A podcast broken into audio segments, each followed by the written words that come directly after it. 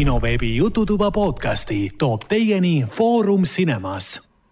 nii, tere kuulaja, tere tulemast kuulama kinoveebi, mis on saja viiekümne kolmandat saadet juba äh,. Ragnarit ei ole, sest äh, Ragnar on aeglane, aga me ei hakka ootama, me paneme puh, hurraaga edasi, sest palju on rääkida, palju on teha, sest eelmine nädal olnud saade oli spetsial ehk siis Oscarid, Oscari live, väga muud rääkida ei jõudnud seal, kui äh, miks Oscarid nii. Äh, jura on, aga, aga täna on siis ja, palju äh, niisugust äh, muud asja plaanis siis arutada, kui ma vaatan pealt meie liste, siis mul on niisugune mõnus list nüüd tekkinud, lõpuks selline tavaline normaalne üle list.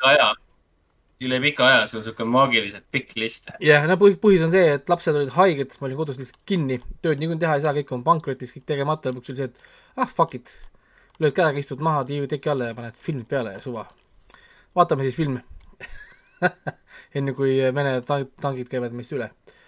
Äh,. siis wow Äh, mis ma siis tegin, ma vaatasin ära terve hunniku Oscari filme nüüd, mul oli tegemata igasuguseid äh,, igasugust kodutööd. Äh,, ma võtsin järgi sarjad, mis ma olin lubanud varem ära vaadata, tegin nendega ilusti.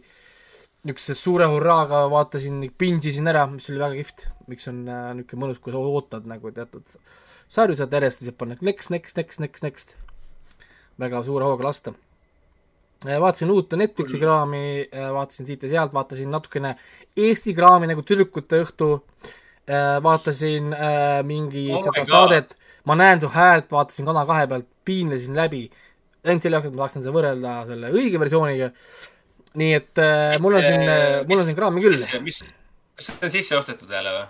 muidugi. mis sa arvad, Eesti teeb midagi originaalset või? oota nüüd, rahune. mis on mingi skandi- kas see on mingi Skandinaavia teema jälle või? ei, kohe jõuan sinna, siis räägin, mis see on.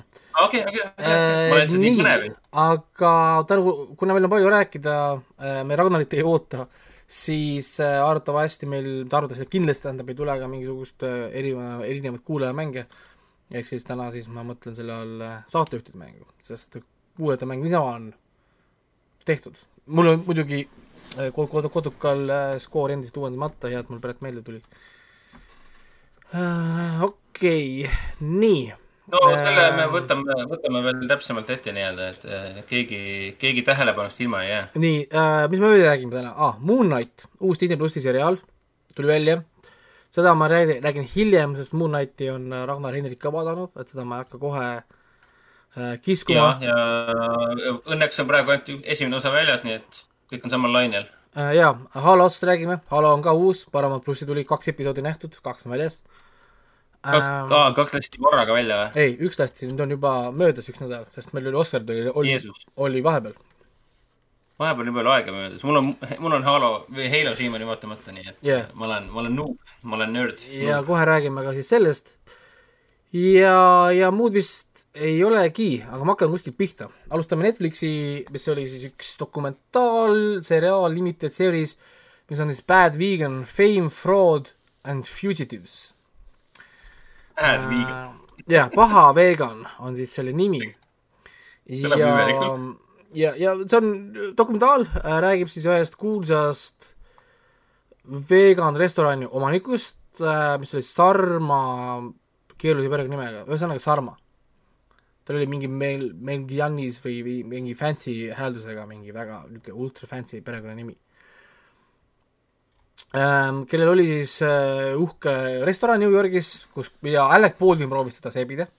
ja siis seal restoranis Alec Baldwin kohtas oma praegust abikaasat, kellega neil praegu on siis hunnik lapsi, mis siis äh, lukustas oh, Alec, Alec, ma pean selle nalja siis, nalja siis ära tegema, et Alec Baldwin läks, käis seal läbi ja paugutas seal ka, jah? jah yeah., paugutas sealt viis last ära ja me jõuame selle, me jõuame selle Alec Baldwin nalja niikuinii teha, kui me räägime Crow uudisest näiteks. Uh.. jah. Siis sellised õelad naljad. Um,. ja põhimõtteliselt lugu on sellest, kuidas ta kohtab äh, mingi läbi Twitteri ühte meest, kes suhtleb Alec Baldwiniga Twitteris. Nad suhtlevad, nad suhtlevad väga mingi sõbralikult, mingi väga nagu äh, tunduvad olevat nagu buddy-buddy või nii-öelda nagu tema ütles seal. Ja hakkavad siis nagu sebima või nagu rääkima ja ta noh, niisugune nagu ja siis hakkab niisugune nagu mingi semmimine pihta. Ja no mees muidugi ei räägi väga oma tööst ja niisugune salapärane värk ja niisugune no nagu mingi hetk siis mainib, et ta on tegelikult mingisugune äh, Black Ops, mingisugune värk, et ta teeb mingi Black Ops umbes üle nagu maailma ja, ja noh, ühesõnaga tundub, et mehel on nagu raha ja asju. Aga muidugi hakkab see pihta, et äkki tal on vahepeal raha vaja ja siis on nagu mingi ohus ja muudkui naine annab talle raha ühe asja jaoks ja teise asja jaoks. Ja, ja muidugi on selge see, et ta on skämm, on ju, et see mees on tegelikult nagu skämmer, aga see skämm läheb täiesti käest ära, noh. et see läheb täiesti nagu sinna, sinnamaani, kus kohas see mees hakkab rääkima, et ta on mingisugune, ma ei tea, haljas vaim, ingel ja kui teda jälgib, siis sa jääd oma mingist või tuleb oma maine keha maha visata, et minna valgusesse ja ja, ja mida iganes veel, samal ajal võtab naisega, kes miljoneid restoranis pumpab raha välja ja mängib seda kasiinos maha kõik. ühesõnaga, noh, selline väga crazy nagu story ja siis see naine ise on siis siin, räägib oma nagu lugu, kuidas siis tema kõik karjäär äh, lendas siis äh, taevasse ja, ja kuidas siis ta kaotas kõik äh,, mis ta oli üles ehitanud ja nii edasi, onju. Ähm, siis, siis äh, noh, peale, peale on muidugi kolm episoodi on liiga pikk, sest noh, neil ei olnud tegelikult seda content'i, nad mõnusalt venitasid, venitasid, venitasid seda natukene juurde äh,, siis teiseks, ütleme, see kogu Netflixi dokumentaal tundub olevat selle naise nii-öelda nagu maine päästmise projekt, ehk siis ta ise nagu räägib, ise proovib oma nagu mainet päästa, samal ajal ikka põhjus, miks ta selle mehega üldse abiellus või selle mehega kokku läks, oli see, sest ta arvas, et mehel on raha. ehk siis ta läks ise sinna abiellusse ja värki sisse ideega, et tal oli raha, sellepärast oli nõus nii kiiresti asjadest kõikidest mööda vaatama, et noh, olgu, et mehel on palju raha. ja siis muidugi leidis ennast väga halvast situatsioonist. Ja, ja raske on talle kaasa, kaasa tunda sellele naisele, sest tal oli nii palju kordi, kui tal oli võimalik saada nagu sellest eemale. sellest saada nagu välja ja ta ikkagist nagu läks ise nagu tahtlikult kuidagi nagu tagasi sisse, tema isegi muidugi ütleb, et oli korralikult aju pestud, oli nagu kultuses põhimõtteliselt, põhimõtteliselt ja ütleme, sellised asjad. no mina ei tea, kuidagi see naine tundub ise niisugune nii ebasümpaatne ja niisugune selline, et noh, sorry, aga kuidagi ei kliki, et, et mi-, midagi sa tegid siin ise. Selline mulje nagu jääb. ja noh, tundub, et mitte ainult minul, sest nii palju, kui ma lugen siin ikkagist mingeid rivi, review'sid, siis äh, paljud said siiski samasuguse signaali, et midagi on nihu. aga ta Netflixis on olemas, kolm episoodi, niisugune klassikaline Netflixi stiilis võib nüüd juba öelda, äh, krimi, niisugune dok, uurimine, asi äh,. nii äh,, kuna Alat on vaadanud ka Ragnar, siis ma jätan Alo vahele, räägime Peacemakerist. jaa ma vaatasin, et ma ei ole eelmises, tähendab, enne Oscarit ma vist ka ei rääkinud sellest ei. finaalist või rääkisin? ei, me ei rääkinud, sellepärast et mina polnud vaadanud ühtegi episoodi ennem ja nüüd vaatasin vahe, vahepeal kõik ära. vaatasin siis ära äh, HBO äh, Maxi originaalseriaali Peacemaker, mis on siis otsene järg sellele uuele Suicide Squadile, kus kohas äh, siis John Cena mängib seda Deadshoti koopiat ehk siis äh, Peacemaker põhimõtteliselt, põhimõtteliselt. või oota, kas, kas mitte see äh, Idris Elba tegelane ei olnud mitte Deadshoti koopia või no,? mis ta no, tegelase nimi oli? Killshot? Killshot, Bullseye, whatever uh,. igatahes mingi täpsus, täpsus, täpsuslaskmisega. üks nendest jah, täpsus, täpsuslaskjatest nii-öelda. jah, Deadshotid, Bloodshotid ja whatever. Ja, et no tema teeb eriliseks see, et tal on mingi ultra science fiction teise dimensiooni mingi kiivrid, mis siis annavad talle niisuguseid nagu erinevaid ühekordseid või vahel mõnikord ka mitmekordseid võimeid või ma ei tea, põhimõtteliselt mingi Ironmani stuff, noh. pluss ja... ta on äh, ekstreemselt äh, rassistlik äh, Ameerika patriootlik öeldes. tema ei ole ise ju. tema isa on White Dragon. No nüüd, nüüd Peacemakeris on ta nagu, ütleme niimoodi, et liigub, liigub headuse või valguse. ta ju ütles, et ta proovib tappa kõiki, kõiki võrdselt. jah Peacemaker selles mõttes tore, et ta vihkab ja tapab kõiki võrdselt. ta ja, ja siis see sari äh, räägib siis sellest, kuidas ta saab haiglast välja, kuus kuud hiljem istub äh, neli aastat, kõigepealt istus neli aastat vangis, siis ta võeti ju filmis vaata välja sealt vanglast, et liituda mm -hmm. Suicide Squadiga ja nüüd ta oli kuus kuud haiglas pärast seda, kui teda kõrri, kõrri tulistati Elba poolt siis. ja, ja nüüd ta siis värbatakse siis uuesti sellise, nendesse, niisugusesse, niisugusesse peidetud tiimi ja nad hakkavad uurima salapäraseid butterflysid siis. mis on nii-öelda nagu salapärased butterfly'd, aga mis see butterfly on, seda pead ise, ise pead avastama ja, ja seda, sest see on niisugune suht crazy. mina, mina olin ka, ma olen väga, väga DC koomik, või oota, jah, Suicide Self ka on. see on DC, jah? jah, mul on juba sassis kõik. pärast seda Morbiuse vaatamist on aju nii ära pehmeks tehtud. aga ma olen nii DC komiksi võõras, et minu jaoks oli see Butterf-, noh, liblikate teema siin sarjas oli ikka väga suur üllatus. väga, noh, meeldiv vanakooli üllatus, aga ül ikkagi üllatus ja, ja siis ta lõpuks ongi niisugune, no ma ei saa öelda, mis asja moodi, siis ma spoil in selle pointi ära, aga ja. klassikaline on, tõesti on. komöödia siiski, sest naerad päris palju. ja nagu ja... heas mõttes klassikaline komöödia, et mulle tundub, et see James Gunnile see klassikaline USA verine ropp meeskonnakomöödia ikka väga meeldib talle. mõni imetab Guardiansi. mis ma sellele Peacemakerile andsin, ma andsin Peacemakerile üheksa punkti see on roisk, ma andsin lõpuks kaheksa, sest mul oli päris palju nit-, nitpikkimist temaga. kuigi kaheksa on päris kõrge hinnang. andsin sellele üheksa, sest tal on väga vähe oli tegelikult nagu kiruda. IMDB-s on ta keskmine ju kaheksa koma neli. jaa, see fänniarmee läks selle kallale ikka mis on, mis on ka tegelikult nagu päris nagu tugev. ja no muidugi noh, see, et on James Gunni loodud seriaal ja, ja tema stiil on siin ikkagist äh, sees kõik ja on, kes arvab, et see on lihtsalt, äh, ma ei tea, executive produtsent äh, tegevprodutsent James Gunni loodud seriaal, siis ei, seda kindlasti mitte. ja ta lavastab, tema lavastatud. ta la, lavastab ka ja pooled episoodid on tema enda lavastatud. see on ikka täiesti tema käekiri, kuigi visuaalselt ja stiili poolest on näha ja tunda, et ta nagu, ta nä-, on, ta on teleseriaali moodi. et noh, ta ei ole ju võrrelda tegelikult Suitsiidi salgaga, filmiga, mis ta ise tegi et on näha, et, et teleseriaalide eelarved on ikkagi madalamad kui kinofilmide et see on see eriti eriti klassikaline vanakool nii-öelda. ole, oleneb kellel ja oleneb mis sari, aga noh, üldiselt, üldiselt seda küll, jah. seda üldiselt, või noh, tänapäeval on kõik nii teistmoodi jälle. Netflix tuleb ja viskab raha ja on kõik. Arkeneid, siis, siis on tuu mingi kolmkümmend miljonit per episood, siis on jaa, see on see, et äh, Riot, Riot, Riot vaatas, oi, Ragnar tuleb, Riot vaatas, et aa, et teil on rohkem raha vaja. Kuule, lihtsam on vist niimoodi, et ma ostan teid välja mingi. okei. Okay okei. Okay.. ja siin ma siin, ei see on see, et, et, et ma, et ma ostan neid välja ja ma annan sulle firma krediitkaardi. Et see on nii tüütu teile selle raha saatmine, näe, here's my credit card. Aga, aga, aga sa isegi ei tea, mis me tegema hakkame teises hooajas.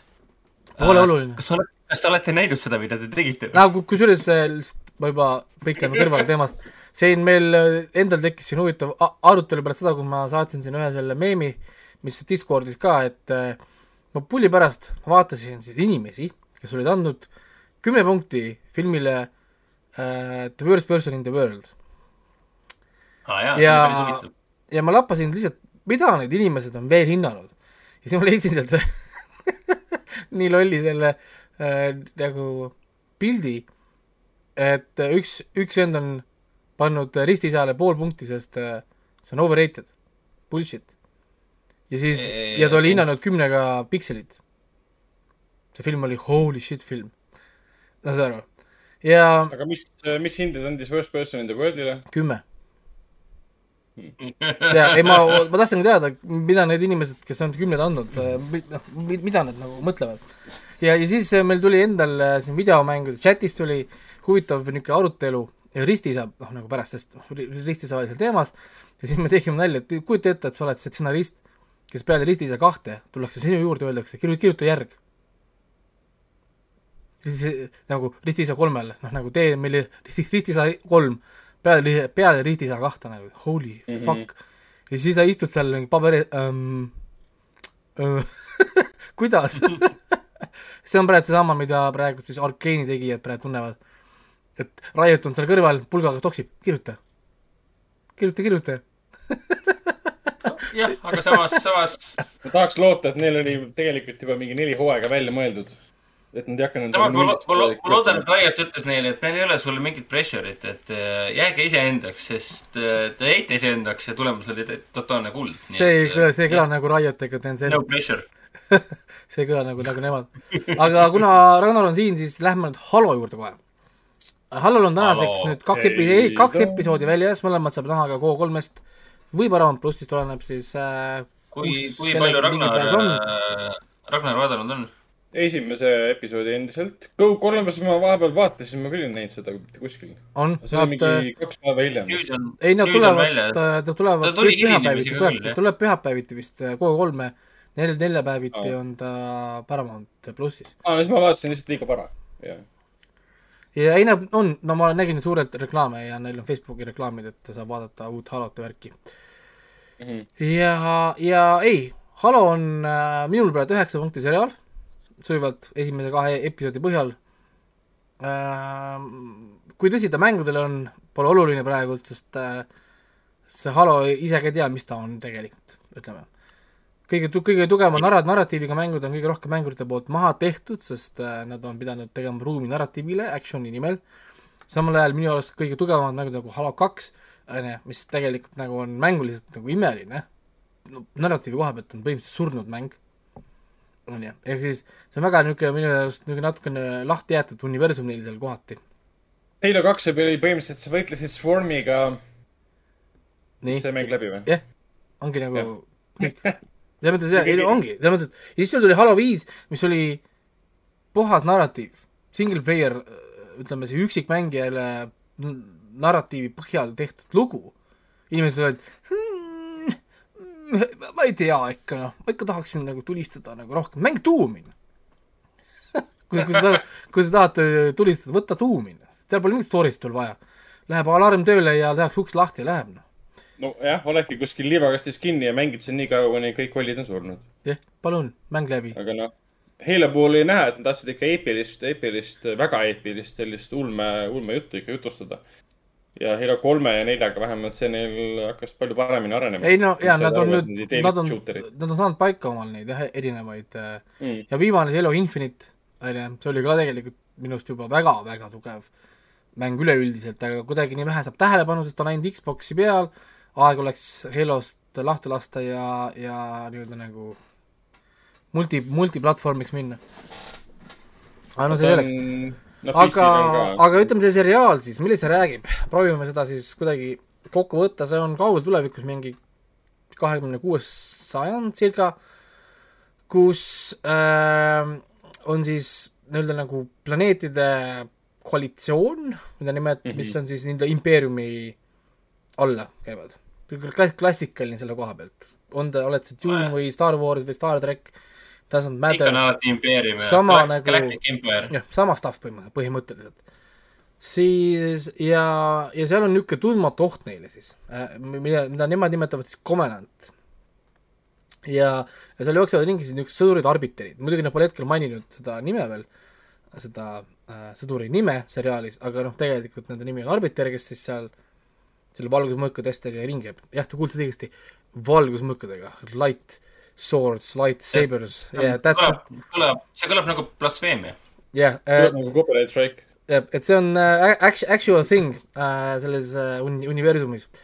ja siis äh, loo niisugune tuumik käib siis ühe nagu tiimi ümber, mis on siis äh, niisugused supersõdurid äh, nimega, ma ei tea, Spartans on neid siis nagu, nagu see Mhm. Koodnimi nendel ja, ja siis peategelane on siis John või siis Master Chief, kes nii-öelda na- hakkab natukene missioonist kõrvale minema. ja tema on siis nagu ongi supersõdur, selles mõttes, et lihtsalt nad on aretatud ja loodud siis selle jaoks. ehk muidugi Nad on loodud siin käske täitma ja nad on põhimõtteliselt nagu, nad ei ole robotid, aga nad on loodud nagu robotid. ja või siis täidavad äh, käsku, lähevad edasi. ja vaadake Van Damme filmi Universa-, universaalne sõ- sõdur, siis saate noh, põhimõtteliselt jah. saate, ütleme, ideest aru. ja, ja siis esimeses episoodis John läheb natukene lappama, ehk siis ta ei kuulu enam käske päris nii, nagu peaks. ja, ja kõik sellepärast, et ta puutub ühte maagilist, või võime öelda maagilist seadet, mis nad siis leiavad sealt planeedilt, kus nad käisid siis selle Covenantiga võistlemas, mis on väga hea avatseen seriaalile. väga hea avatseen sellele seriaalile ja, ja minu arust väga hea viis, kuidas tutvustada neid Spartaneid. et väga pä-, badass väga badass ja viis, kuidas näidata, kui kõvad need robotid tegelikult on, ütleme siis oma nagu töös enne nagu näidati, kui haledad on inimesed versus Covenanti sõdurid, kes tundusid jubedad ja suured. siis tulid Spartanid ja sa vaatad, aa, need- Covenanti suured sõdurid on nagu mõttetud nüüd. Nad on väiksed lapsed, kes ei saa jagu nendest. Nad ei saa midagi teha ju, nad on ju täitsa täiesti abitud. Nii et äh, jah ähm,, ja siis see story siit nagu lähebki edasi, esimene episood on puhas niisugune action sissejuhatus, teises episoodis me kuuleme juba tuttavamaid sõnu nagu Cortana, ma ei ütle, mis Cortana Jaa. on, võite guugeldada või, või jälle uurida, mis see Cortana on, teises episoodis ise visatakse veel siin teatud võtmesõnu, et Halo mm -hmm. fännidele natukene niisugust, niisugust äh, maitseainet anda äh,. kas me mu- muidugi näeme ka neid kõiki asju, muidugi teine teema äh,. mõned nimed, mõned näod käivad läbi, kes on fänn, fännidele kindlasti, see on see Leonardo, Leonardo DiCaprio meem on ju, aga uutele, kes ei tea mitte midagi Halost, absoluutselt ei ole mitte mingit vahet. see on lihtsalt, see on action sci-fi seriaal ja väga, Ja väga, väga, väga väga hästi tehtud. ja kõik on väga lihtsalt nagu paika pandud. absoluutselt mitte midagi, mitte miski selle esimese episoodi juures ei jäänud segaseks. Ma vaatasin seda siukse pilguga ka, et kui ma ei ole eri- mitte kunagi Haloga kokku puutunud, kas jääb midagi segaseks, ei. lihtsalt lahe ulme action, kõik asjad, set-up on kõik arusaadav, loogiline, hakka tühjalt lehelt vaatama. ja on ja teine osa paneb edasi siis samamoodi, ta lihtsalt tõmbab hoogu maha nüüd sellepärast, et sissejuhatus on tehtud, nüüd ta hakkab natukene seda word building ut tegema. ehk siis mm -hmm. klassikaline, no kuidas me lugusid üles ehitame, on ka nagu siin. Nii et äh, mina olen küll väga nagu rahul praegult ja, ja tõepoolest võiks öelda, et siiamaani vähemalt on igal juhul õnnestunud videomängu ekraanile toomine. lihtsalt küsimus on lõpuks, kui truuks ta videomängu läheb, lõpuks on, kas see on oluline, sest see pole tegelikult nii oluline frantsiis, kus peaks jääma truuks. ütleme, ma ei tea, kas see, kas see omab yeah. nagu, nagu loogikat, sest kõigepealt iga, no umbes nagu sa teeksid Doom'i filmi teed. või, või sa teeksid Doom'ist seriaali, sa ei pea jääma. Truuks sellele narratiivile, seal on teatud võtmeasjad, mis peavad olema paigas. on, on teemonid ja on sõdur ja on mingi kuubaas või marsibaas, mis iganes. ja et sul peab olema tuum ka paigas, umbes kui sa teed Metroidist seriaali, siis see muuseas peab olema paigas. kõik mm -hmm. muud asjad sa saad tegelikult nagu, kas Kuigi- see on nagu nii oluline? Halo puhul on ikkagi sellest loost ja kõigest muust kõige olulisem ik- ikkagi, ikkagi Master Chief ja ehk siis John ise. Või no jaa, muidugi, tema on peategelane. ja, ja, ja seetõttu ma saan sellest fännide armee sellest suurest äh, kiljatusest, karjatusest äh, aru, mis siis sündis esimese episoodi äh, lõpust. ma ei tea, kui palju ma tahan seda nüüd mainida. aga see puudutab sama teemat, mida see on siin Star Warsis on läbi käinud, mis puudutab kiivreid ja kiivrite äravõtmist või neid ei mitte kunagi äravõtmist. sest videomängude seerias, vähemalt minu teada, ma ei ole kõiki mänginud, ei ole kunagi John ehk siis Master Chief oma kiivrit ära võtnud. seriaalis teeb ta seda kohe, põhimõtteliselt kohe esimese episoodi lõpus no.. ja, ja ta ei pane seda põhimõtteliselt teisest, teisest episoodist taga tagasigi, nii et äh, ma juba spoil, spoilin, spoilin teile. jah, et Et, äh, aga, aga aga- see, ma ei tea, kui oluline see on, see, tavavaatajale ei. fännid on võib-olla pettunud, et aga ma saan seriaali tootjatest nagu aru ka, sellepärast et Star Wars on sellega juba tegelenud nii pikalt. Et siin veits väga selged paralleelid on tekkimas, et näe, ük, veel üks seriaal, kus üks tüüp ei võta oma kiivrit ära. no ja, ja siin on põhi- põhimõtteliselt niikuinii Star Warsi ja Halot on juba nii palju võrreldud, jah. et ma arvan, neil ei ole vaja rohkem neid paralleele siia enam äh, sikutama hakata kuskile. no mind see isiklikult ei häirinud, aga ma mõistan neid, keda see häiris, kes ootasid sellest umbes, kes on sellesse suhtunud sama pühalikult, nagu on suhtutud Mandalooriani kiirvi teemasse, kes on sellest pettunud, et seriaal ei pidanud sellest lugu. aga no vaatame, kuidas ta edasi läheb, võib-olla teised Spartanid tema meeskonnas, kui nad üldse kokku uuesti saavad meeskonnas um.... Ähm, Nope. kiivrid, kiivrid juba läinud, okei okay., jah, nojah See- siis, nojah siis, okei. kõikidel on ja, ja siin on veel asju, mis noh, nagu mängufännid juba teises e- episoodis, ma tean, tõmbavad äh, vetsa, vetsa võib-olla karvad püsti. Aga sa pead ka saama aru, et see on nagu, kui mina vaatan Mortal Combati filme, siis miks esimene film on hea, on seepärast, et ta võttis selle tuumiku, mis on Mortalis olu-, oluline, mitte see main story, vaid see, et meil on turniir, meil on kaklemine, meil on karakterid, kõik, kõik muu siin ülejäänud, pane sinna tegelikult, mida sa tahad sinna. ma tahan filmis näha seda turniiri, siis ma tahan siin näha seda kosmost, action'it ja Spartan ja, ja Aliens, Aliens ja seda stuff'i. kõik muu on nagu, kas see peab olema või mitte, see on niisugune nagu flavor, flavor. nii et ei tea, muidugi eks see näha ole, kui nad ikka väga lappama lähevad, eks me anname siis teada, et kui, kui see hakkab siin ikkagist päris nagu kõrvale hüppama ja mingit tsirkust tegema, siis, siis selle jätame, jätame siis siiamaani, et kui nüüd seda woke, woke teemat vaadata, siis seda teemat seal nagu ei ole, et ei ole midagi kurgust alla surutud, et näe, lepi sellega, et siukest asja. ei, seda pole, teised ka pole ja tundub, et nad vist ei lähe ka seda teed, seda on nii keeruline teha. see, ma olen üllatunud näiteks, et Star track Discovery suutis seda esimeses hooajas teha. Star track universumis nad suutsid te- tekitada idee, keegi on rassistlik tema vastu, sest tal on, tal on teistsugune nahavärv. tal, ta seisab kõrval mingi kolmemeetrine kuradi kummitsataga koletis, põhimõtteliselt. siis ma nagu, et really? et jah, millest Really? millest, millest me räägime, me oleme tulnukad kuskil kosmoses. Aga siin- mida ta, AVP mainis ka chatis ära, et teine hooaeg on kinnitatud. jah, vastab, vastab tõele. sellepärast, et see oli kõige populaarsem piloot Paramount plussi ajaloos, mis pole üldse nii pikk äh, üldse. Ja see oli vist tänu sellele populaarsusele nad panid esimese episoodi, kui ma ei eksi, siis ainult USA-le tasuta nagu veebi üles ka. et sa ei pea olema liige ega midagi, et seda näha. Äh, okei, huvitav. selge. hea teada, et see on confirmed ähm,. eriline asi, mida ma vaatasin Netflixist on Is it cake?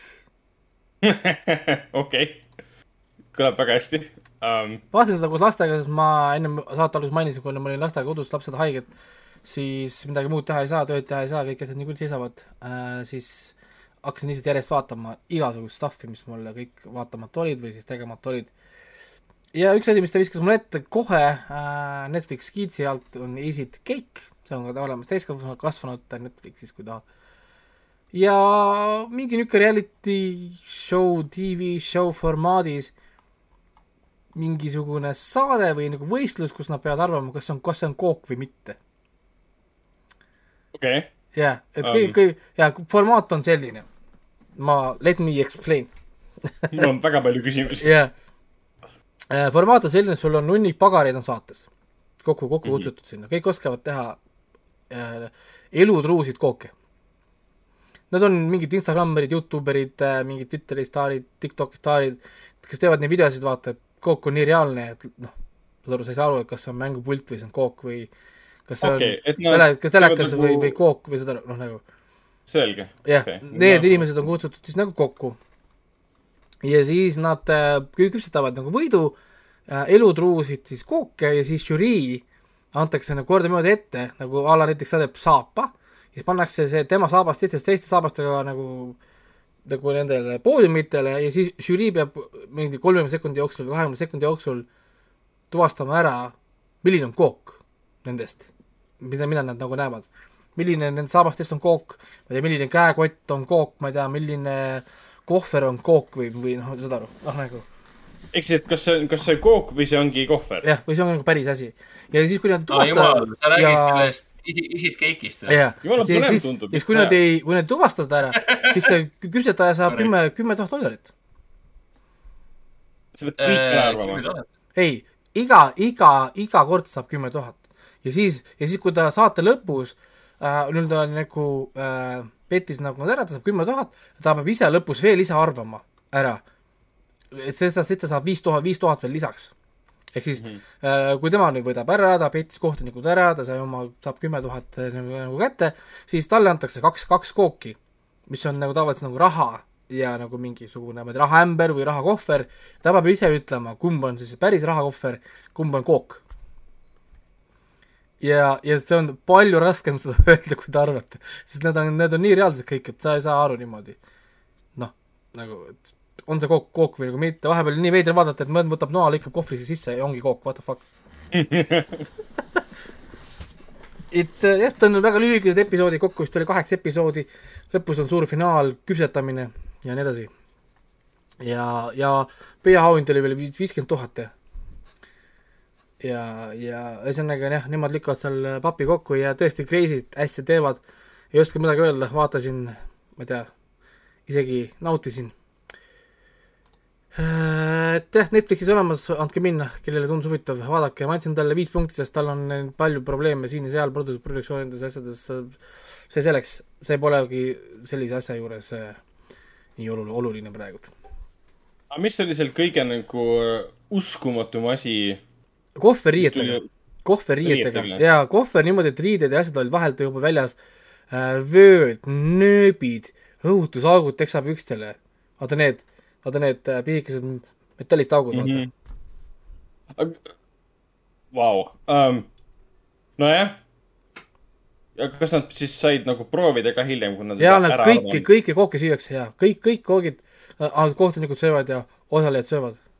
ja kas need on siis nagu, eesmärk on ikkagi teha ja, hea, hea kook? ja, ja põhimõtteliselt, kui äh, mitu osalejat petavad kohtunikud ära, siis võidab, kellel on parem kook. okei, nagu need peavad maitselt olema ka head koogid, nad ei saa olla lihtsalt nagu, aga ma tegin lihtsalt mingi, ma ei tea, kreemist või ma ei tea, voldin sulle mingi šokolaadist mingi asja, vaata, saad aru, ta peab Mhm. olema ka nagu magus kook. väga hea, suurepärane. tegelikult väga hea idee, tore, tore meelelahutus, miks mitte. ja et seal on igasugused lahedad ideed oli näiteks, üks tegi pardi ja niimoodi lõikas pardile pea maha, siis hakkas seda kukkuma seda punast sprinklerit, vaata, nagu, nagu verd tuleks, vaata mm.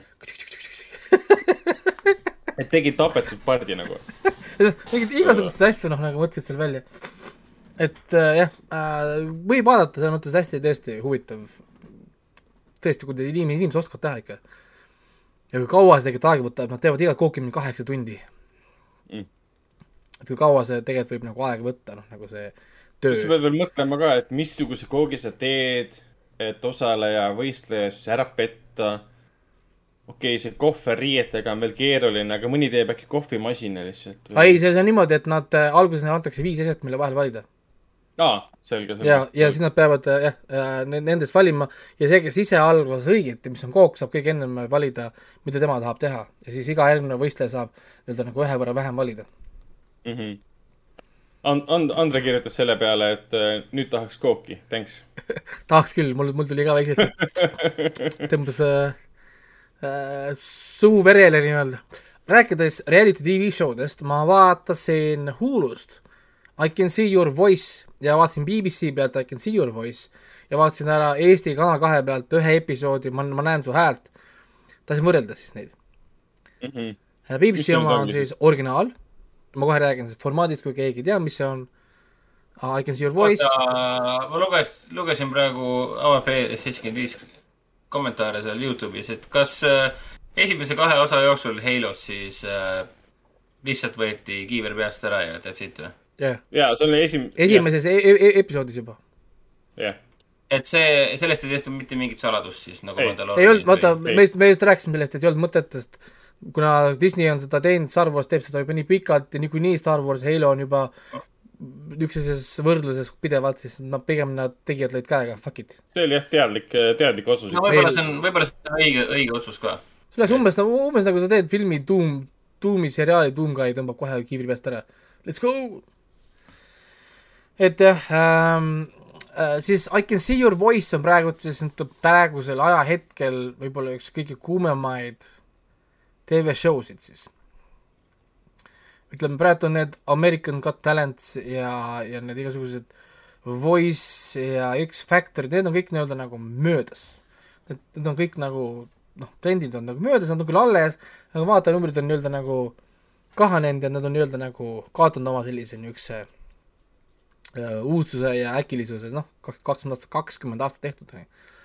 siis nüüd on siis uus tv show, noh, uus, kolm-neli aastat vana tegelikult juba, I can see your voice, mis on siis selline, et saates on siis hunnik inimesi, kes osad oskavad laulda, osad ei oska laulda ja siis äh, saates osaleja peab ära arvama, kas nad oskavad laulda või mitte, ilma et nad kunagi laulaksid ühtegi nooti. vaid nad kõik fake ivad, et nad laulavad, tehes siis seda lip-sync'i. ja sina pead siis arvama kas see inimene laulab nüüd oma hääle, hääle järgi, mis ta lindistas ennem, või inimene laulab kellegi teise hääle järgi, kes oskab laulda. tema lihtsalt fake ib. Issand jumal, kui keeruline. aa, jah, et äh, ja siin ma saan kohe rääkida erinevustest siis ka äh, natukene äh,. nii, räägime siis BBC omast, kus see kõik siis nagu algas äh,. see BBC I can see your voice, BBC-l on siis sarnane formaat nagu Hulu, ehk siis see kõige esimene formaat, ehk sul on üks, üks osaleja, kes tuleb siis saatesse ja tema on siis see arvaja, kes tahab, tahab raha võita, võid võita siis sada tuhat dollarit ütleme, ütleme, võtame selle Hulu näite, räägime dollaritest ja, ja muudest, ütleme nii, sada tuhat dollarit võid siis võita, aga selle jaoks, et sa võit, võiksid võita sada tuhat dollarit, siis äh, viimaseks duetiks ja duettidel laulab alati siis äh, selles saates oleva kuulsa laulja küla, külalisega, kes on juba nii-öelda nagu ähm,, kes on juba see äh, noh, nagu laulja No. no. või noh, tuntud nagu laulja või, või nagu muusik aa, nüüd see professionaalselt. Äh, Ra- Rauno nüüd ütleb, et on näinud sama saadet Koreas viis-kuus aastat tagasi äh,. ma ei tea, kas saadet I can, kas see on Koogi saade või I can see your voice. väidetavalt et on mõtleb äh, Your Voice'i. I can see your voice on väidetavalt BBC originaalne, aga, aga on olemas üks teine seriaal, väga sarnane, on Can you karaoke. väga sarnane asi on ja teine, mis on olemas, on Lip Sync Battle. Need erinevused nende sarjade formaatide vahel on nii väikesed, et ausalt öeldes mina ei oska öelda, kas ähm,, kas ja mis on nii-öelda nagu originaalne ja kust maalt nad võtavad, et see on uus idee Koreas on jaa, I can see your voice mingi üheksa hooaega käinud. aga nagu, et tõesti, need formaadid on niivõrd sarnased, et sa ei jõuagi lõpuks kokku lugeda neid. nii et jah, ma ei tea, et äh, teine on ka, siis on see Can you, Can you karaoke on olemas, siis on see Lip Sync Battle on olemas mm. -hmm. ja mingisugune oli veel, ma, kui, kui ma otsin seda, siis ma nägin mingi foorumit, kus inimesed arutasid ka selle üle, et mis, milline on siis see true formaat. aga iga, igal juhul täna millegipärast seda BBC kas siis omab litsentsi või tema igal juhul on see litsenseerija, kui vaatad Hulut ja näiteks vaatad teisi, siis nendel ongi see, et formaat äh, licensed by BBC aga no see selleks, seda saate ise guugeldada ja lugeda Vikipeediat, see pole tegelikult üldse oluline, vaid äh, lähme edasi, ühesõnaga ähm, sa võidad selle sada, selle sada tuhat siis, kui kõige viimaseks äh, lauljaks jääb laulja, kes oskab päriselt laulda. ehk siis duetti laulab nii-öelda see kuulus laulja ja üks inimene, kes oskab ka la- päriselt laulda hästi. ja aga kui äh, viimane laulja on fake, ta ei oska laulda, siis sa ei saa raha. nii siis siit, siis eh, siin nüüd tuleb näiteks Ameerika versioonis juba erinevus, et iga kord, kui sa igas voorus, kui sa elimineerid ühe paha laulja, sa juba saad äh, selle noh äh,, nagu kümme tuhat dollarit. teises hooajas Huulus oli viisteist, viisteist tuhat dollarit. ja niimoodi kuni siis viienda vooruni, sest sul on kuus inimest siis alguses seal olemas ja, ja siis niimoodi ta nagu läheb ja kuidas see saad, noh, kuidas see nagu välja näeb, see, noh, see sari on niimoodi, et sul on noh, ma proovin kirjeldada seda, no sul on kuus inimest, kes tulevad sinna, nad on kõik ilma nimeta, nad on lihtsalt ühe omaduse, ameti või hobi põhjal nimetatud, näiteks a la basketball player äh,, ma ei tea, shopping clerk äh,, administrator, teacher, whatever, ehk siis neil ei ole nagu nime, vaid on lihtsalt üks mingi nagu amet ja siis niisugune lühikene nagu kirjeldus antakse nende kohta, oh talle meeldib, ma ei tea, mängida malet, aga vabal ajal ta on, ma ei tea, sõidab jalgrattaga, aga tegelikult ta laulab nagu mingi jõhkralt mingi hästi umbes, vaata. ja kõikide kohta öeldakse, et nad on kõik imeimelised, imelised lauljad. aga sa kunagi ei tea, kui palju seal on kuuest halvasti lauljaid. Neid võib olla viis, võib-olla kõik kuus, ma ei tea, ma pole muidugi ühtegi saadet näinud, kus olid kõik kuus on halvad lauljad. kas, kas, kas seda võib saates guugeldada ka või? ma võin ju selle inimese üles leida, kes on professionaalne laulja. Neid no ma saate ajal saate ajal ma usun, et neil ei ole kellelgi telefoni seal käes. ja, ja siis äh, esimesel hooajal oli siis formaat neil niimoodi, et neil oli kolm ja kolm, kolm tükki käis korraga, tegid oma seda lip-sync battle'it ja siis sa pidid kohe ühe elimineerima, siis tuli teine kolm, pidid ühe elimineerima, iga kord peale elimineerimist on see can uh,, can we see your voice ja siis inimene päriselt laulab, kas on siis hästi või ei ole ja siis see ongi nagu see šoki element ja see toimib tegelikult üllatavalt hästi, ma olin, mina olen fänn, naisega koos vaatasime, ma olen rääkinud teemast sees. kui see on Koreas alguse, ma tõmban selle ka siis kuskilt äh, ette endale ja hakkan suure hooga vaatama seda. kui see on muidugi äh, saadaval meie jaoks. ja, ja Hulus kolmas hooaeg, Raiko on, Raiko on nagu tsüklis praegu. jah, ma panen järjest kohe, vaatab järjest kõik erinevad versioonid läbi. vahet pole, mis keeles. ei no Eesti omasid ma ei vaata, ma kohe jõuan Eesti, Eesti omani ka ah,. aga enne kui me sinna jõuame, siis äh, ühte asja tahab küll öelda, et Ameerikas on ikka valida neid inimesi. jõhker. nagu need inimesed, kes seal on, on mingi suvakad, täiesti mingi, ma töötan kuskil mingi kuradi kolistajana kuskil kuradi keskkoolis. ai, ma olen mingi autojuht kuskil seal, vend tõmbab välja endale mingi ooperi hääle kuskilt kuradi tagumikust ja, ja niimoodi põlistab ära ja kõik on jumala perfektsed, vaata see ei ole, ei umbes see, et tal on nagu hea hääl, aga ta ei oska laulda. vennad panevad nagu mingi hääled mängivad, mul on niimoodi, et sorry, igaüks, igas saates ma võiks võtta kolm tükki ja nad tuleks Eestis ja kuradi Euroopas superstaarid. Nendel on, ai ma ei laula tegelikult, ma umbes mingi kunagi kooli ajal tegin mingi paar kuradi duetti kuskil lava peal. Vend tõmbab mingi mikrofonist välja mingid jutud. täiesti nagu crazy, noh nagu, et ah,. Nad peaks, nad peaks Eestisse tulema, nad saaksid Eesti Laulust osa võtta. et jõhkrad hääled on seal ikka vahepeal ja mõni on ikka üllataja ka, näiteks äh, mul endal tõmbas ka siin ühel, ühel äh, ähm,, ühe selle nii-öelda nagu äh, ühe laulja peale tõmbas täitsa suu lahti, oli see, et tuli mingisugune niisugune nagu tavaline niisugune väikse, mitte väiksem mees, aga niisugune nagu, nagu ohutu välimusega mees ja siis, kui ta laulis seda lip-sync'i, hästi madal hääl oli, mega madal, mingi Barry White, madalat häält, kõik oli fake. saad aru, ja siis see vend läks äh, laulma True. vennal on päriselt mingi niisugune mega madal hääl, siis küsis ta ka, et oot, et mis sul tegelikult on? I am Luke Star, mingi, kõigil oli, oota, kas, kas ongi päris hääl? Yes. mingi nagu, kas ongi su päris hääl niimoodi, vendal mingi yes, mingi ultramadal mingisugune, noh nagu, et äh, on, on ikka valida, muidugi seal oli ka, et oota, muidu ei, ei ole laulja, aga ta laulab, laulab Tiktokis, tal on kolm miljonit follower'i. kõigil olid uh,, okei okay,, might be, võib-olla, umbes noh nagu kes kes see, kes see seda teab? see ei pea täna olema ju kuulsus mujal kui ainult ühes platvormis, tegelikult. oh, et olla nagu ütleme, suur kuulsus tegelikult. nii et ma soovitan selles mõttes nagu vaadata, aga mitte võib-olla Eesti oma, sest see on päris kringel. ma täna vaatasin siis Eesti oma, ma tahtsin vaadata ennem siis seda saadet, mõtlesin, et olgu, et ma panen peale, vaatan siis ära, peale selle, et see Telia tv on see rek- reklaamidega kaklemine oli juba niisugune, et oh my god, pange see platvorm tööle äh,. Kanal kahe pealt siis jookseb. ma vaatasin siis esimese hooaja neljandat episoodi, mille lindistus tagantjärgi vaatamisel on kaks tundi ja kakskümmend minutit. halloo, oota, mis asja? halloo, halloo, eestlased, nelikümmend minutit kuidas, see oli eestlaste fucking produktsioon, see lihtsalt tühja lastakse nii palju. kas nad vaatavad mõnda Ameerika sarja või vaadake seda BBC oma, vaadake seda tempo. Cut, cut, inimesed, cuttige, kurat. seal on niimoodi, et, et see saatejuht, Piret või see juhtust, mis iganes see teeb seda saadet, see juhtusaadet, küsib siis, küsib selle inimese käest, miks te siia saatesse tulite? ja siis pole katte mitte midagi, meil lihtsalt ongi nagu full nagu päris reaalajas see vahe. mingi mees ja naine vaatavad üksteisele otsa. et äh,, et me siin jaa, et äh, noh, me oleme me oleme, me oleme need äh, spordisõitjad ja no me kohtusime, oli nagu, oh my god, tehke mingeid katte, juhendage inimesi, aidake neid, noh, tehke midagi, miks ma vaatan seda crap'i. mul oli, ma, ma olin nii reisisin siin kontoris ka, et mul vahepeal tuli vaatama, et mida ma vaatan siin, ma ütlesin, ma vaatan Eesti, Eesti telekanalit, selge, ma sain aru, sain aru. teine asi, ma tahaks võtta kõik Eesti filmi tegijad, tele, teleproduktsiooni inimesed, panna ühte lennuki, saata Ameerikasse õppima, kuidas teha heli. Palun minge õppige tegema heli.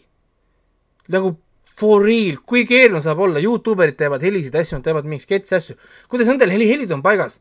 ja ma üritan vaadata Eesti teleseriaali. Koit Toome. kuuled mingit sellist sitta, sa kuuled kaja tagant, saad aru, sa kuuled nagu noh, nagu kajad no, matsutavad nagu niimoodi. vaata, sa kuuled seda kuradi äh, huulte kinnijäämise hääli, neid ja mingi niisugust asja. aa, need ja, jaa. ja, ja. sa kuuled neid, siis sa kuuled kaja tagant, mingid kajad on kuskil taga, siis kui see laulja laulab, onju, mis on nagu production on ka niimoodi, see on fake on kõik, siis see, kui need nagu saates osaleja tahab kommenteerida, nad peavad nagu sisse lõikama tema hääle niimoodi, et see tagumine kaja muusika jääb üle peksma, mul on nagu, et kes te olete, inimesed? ja mis iganes teile raha makstakse, teile antakse liiga palju seda raha, siis noh, nagu see heliprobleem, see on, see on, siin meil on saade, mis on laulmisest, mis on helist nagu teemal ja te ei suuda heli panna paika. see on, see on nii noh, nagu halvasti ja me ja ma ei taha kuulda enam seda eestlaste vabandust, kallis on, Eestis tootmine on kallis. mujal maailmas tehakse väiksema rahadega palju paremat sitta, sorry, aga nagu midagi on paigast ära meil siin. et te kuulate seda heli, miks see nii pikk on? miks see saade on kaks tundi? nii et oota, aga loo moraal on siis see, et äh, sitta võib teha, aga sitta saab väga hästi teha. ei no sa saad seda teha, selles mõttes küll, väga hästi sa tegelikult saad teha. pidevalt on see, et oo, meil oli väike eelarve kaheksasada tuhat euri. kaheksasada tuhat euri, sorry, Oscari filmid on sul kuradi neljandiku tehakse Oscari filme. mida sa ajad nagu, et ei saa teha? inimesed teevad, kui iPhone'iga võidavad Sundance'i siin kurat. ja, ja, ja, ja mida sa nüüd vingud? meil on kaheksasada tuhat euri.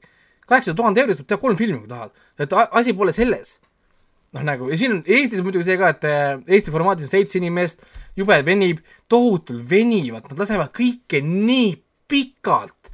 näiteks, mida teevad ameeriklased, sel ajal, kui laulab see noh, nagu inimene, kes teeb seda lip-sync'i, nad panevad, lõikavad väikeselt siia alla nagu nurka, noh nagu kohtuniku kommentaari, mis on tegelikult peale laulu. aga no juba laulu ajal näitavad ära. Oh I think you know this is that, that, that, next, next, next, next, next. me, me, me ei pea selle jaoks tegema. laul on läbi, meile lastakse äh, viisteist sekundit kuradi aplausis, kaamera liigub selle saatejuhi, õhtul saatejuhi juurde, vaadatakse mingit laivi. inimesed, kas te saate aru inimesed, et te saate võtta programmis see kuradi kääride märk tähendab cut. Sa saad minna kohta, kuhu sa tahad minna, vajutad uuesti kääride märki, cut, vaid selle joe peal see klepi ja paned delete. ja siis lohitad need kaks tükki kokku. et seda võiks, seda võiks nagu proovida, sest no nagu what the heck. et, et täiesti crazy ja siis, siis, siis ongi niimoodi, et sa vaatadki nagu umbes seda äh, mingit asja kaks tundi pikka, muidugi noh, see reklaamipausidega ongi niimoodi, et üks laul ära, kaksteist, kaksteist minutit, noh fucking reklaamipausid, ma unustasin viis korda ära, et mida ma vaatasin sel ajal, kui ma oma tabelit siin täitsin, et ah õige, ma vaatasin ju seda, ma kuulen su häält. õige, mul läks meelest ära see nagu, nagu et jube ah, hästi niisugune ebamugav on vaadata neid asju. mul on sees ka see, et noh, miks see nii halb on, mul, mul endal hakkab nagu piinlik ja see on siis nagu eetrisse lastud prime time Eesti game show. suured staarid ja värgid ja asjad. ja, ja kui huvitav on see, et set tegelikult näeb jumala hea välja, see ütleme noh, nagu kus nad seda teevad, see näeb tegelikult hea välja. see ei ole üldse nagu niisugune odav, ei näe odav või halb välja. päris ilusti näeb välja, valgus on paigas, see valgusega mängimine, varjud on paigas, heli on total nonsense, production, cut, lõigake oma asjad lühikeseks, inimesed. palun lihtsalt nagu cut'ige, monteerige ei, oma asju see on juba inimlikul tasandil nagu röögatu. Mis mõttes, miks ma peaksin vaatama mingit muusikasaadet kaks, üle kahe tunni? see on iga episood, iga pühapäev on kaks tundi või? nagu, miks? see on film, Isegi- see on pikem kui film. kes tahab saada miljonäriks, vanasti oli mingi vaevu tund aega. ja, ja on selles, et kaks tundi, see saade käib mille peale, mis on Eestis auhind? kaks tuhat eurot. kaks tuhat eurot on, on Eestis auhind. ja, ja kaks tuhat eurot läheb jagamisele siis nagu kahe inimese peale, sest Eestis on kaks, kaks inimest korraga. ja, ja Eestis No. pole isegi mitte mingeid garantiisid, vaid kui võidab siis see nii-öelda see nagu teeskleja, siis teeskleja saab selle raha endale. miks sa peaksid üldse saatesse minema, kui sa võidad tuhat eurot? no see on Eesti, meil on, me oleme Enda kõik ala- äh,, enda nagu alandamiseks võib ju, ma ei tea. ei no, ei no kui sa oled selle saate külaline, siis sa ju ei alanda ennast, sa lihtsalt ju noh, jah, sa üritad aru, aru saada, kes on kes. aga nagu noh, veider asi, et Ameerikas on see formaat, et sa korjad iga vale arv, noh nagu halva laulu eest sa saad nagu raha ja siis enne viimast duetti sa võid raha välja võtta, mitte riskida sellega jälle, et lähed saja tuhande peale. võid võtta näiteks oma kümme tuhat või ma ei tea, viis tuhat või kolmkümmend tuhat välja, olgu ma ei riski, ja, ja, ja ma ei usalda seda, et see viimane on äkki halb laulja. onju, ja, ja see tekitab põnevust küll, sellepärast näiteks äh, Hulu teise hooaja esimeses episoodis oli viis õiget, ehk siis viis hästi lauljat ja ainult üks halb laulja. Mhm. aga mõtle ise, et seda, et sa jõuad vi- viimasse vooru niimoodi, et sa oled elimineerinud ainult ühe halva laulja ja neli head lauljat, siis enamus inimesi ju ei võta ju seda riski, et seal on veel üks hea laulja lõpus. miks sul peaks olema veel üks hea laulja? neli head olen juba välja võtnud. tõenäoliselt viimane on ju halb, siis võta seda, võtad oma kümme tonni välja, tegelikult viimane on, on, on, on hea. ühes episoodis oli viis halba vend jäi kõigest rahast ilma, ta sai, oli kuuskümmend tonni kokku kogunud enne seda viimast, ta mõtles, issand, ma olen ainult ühe hal-, ühe hea ainult teinud.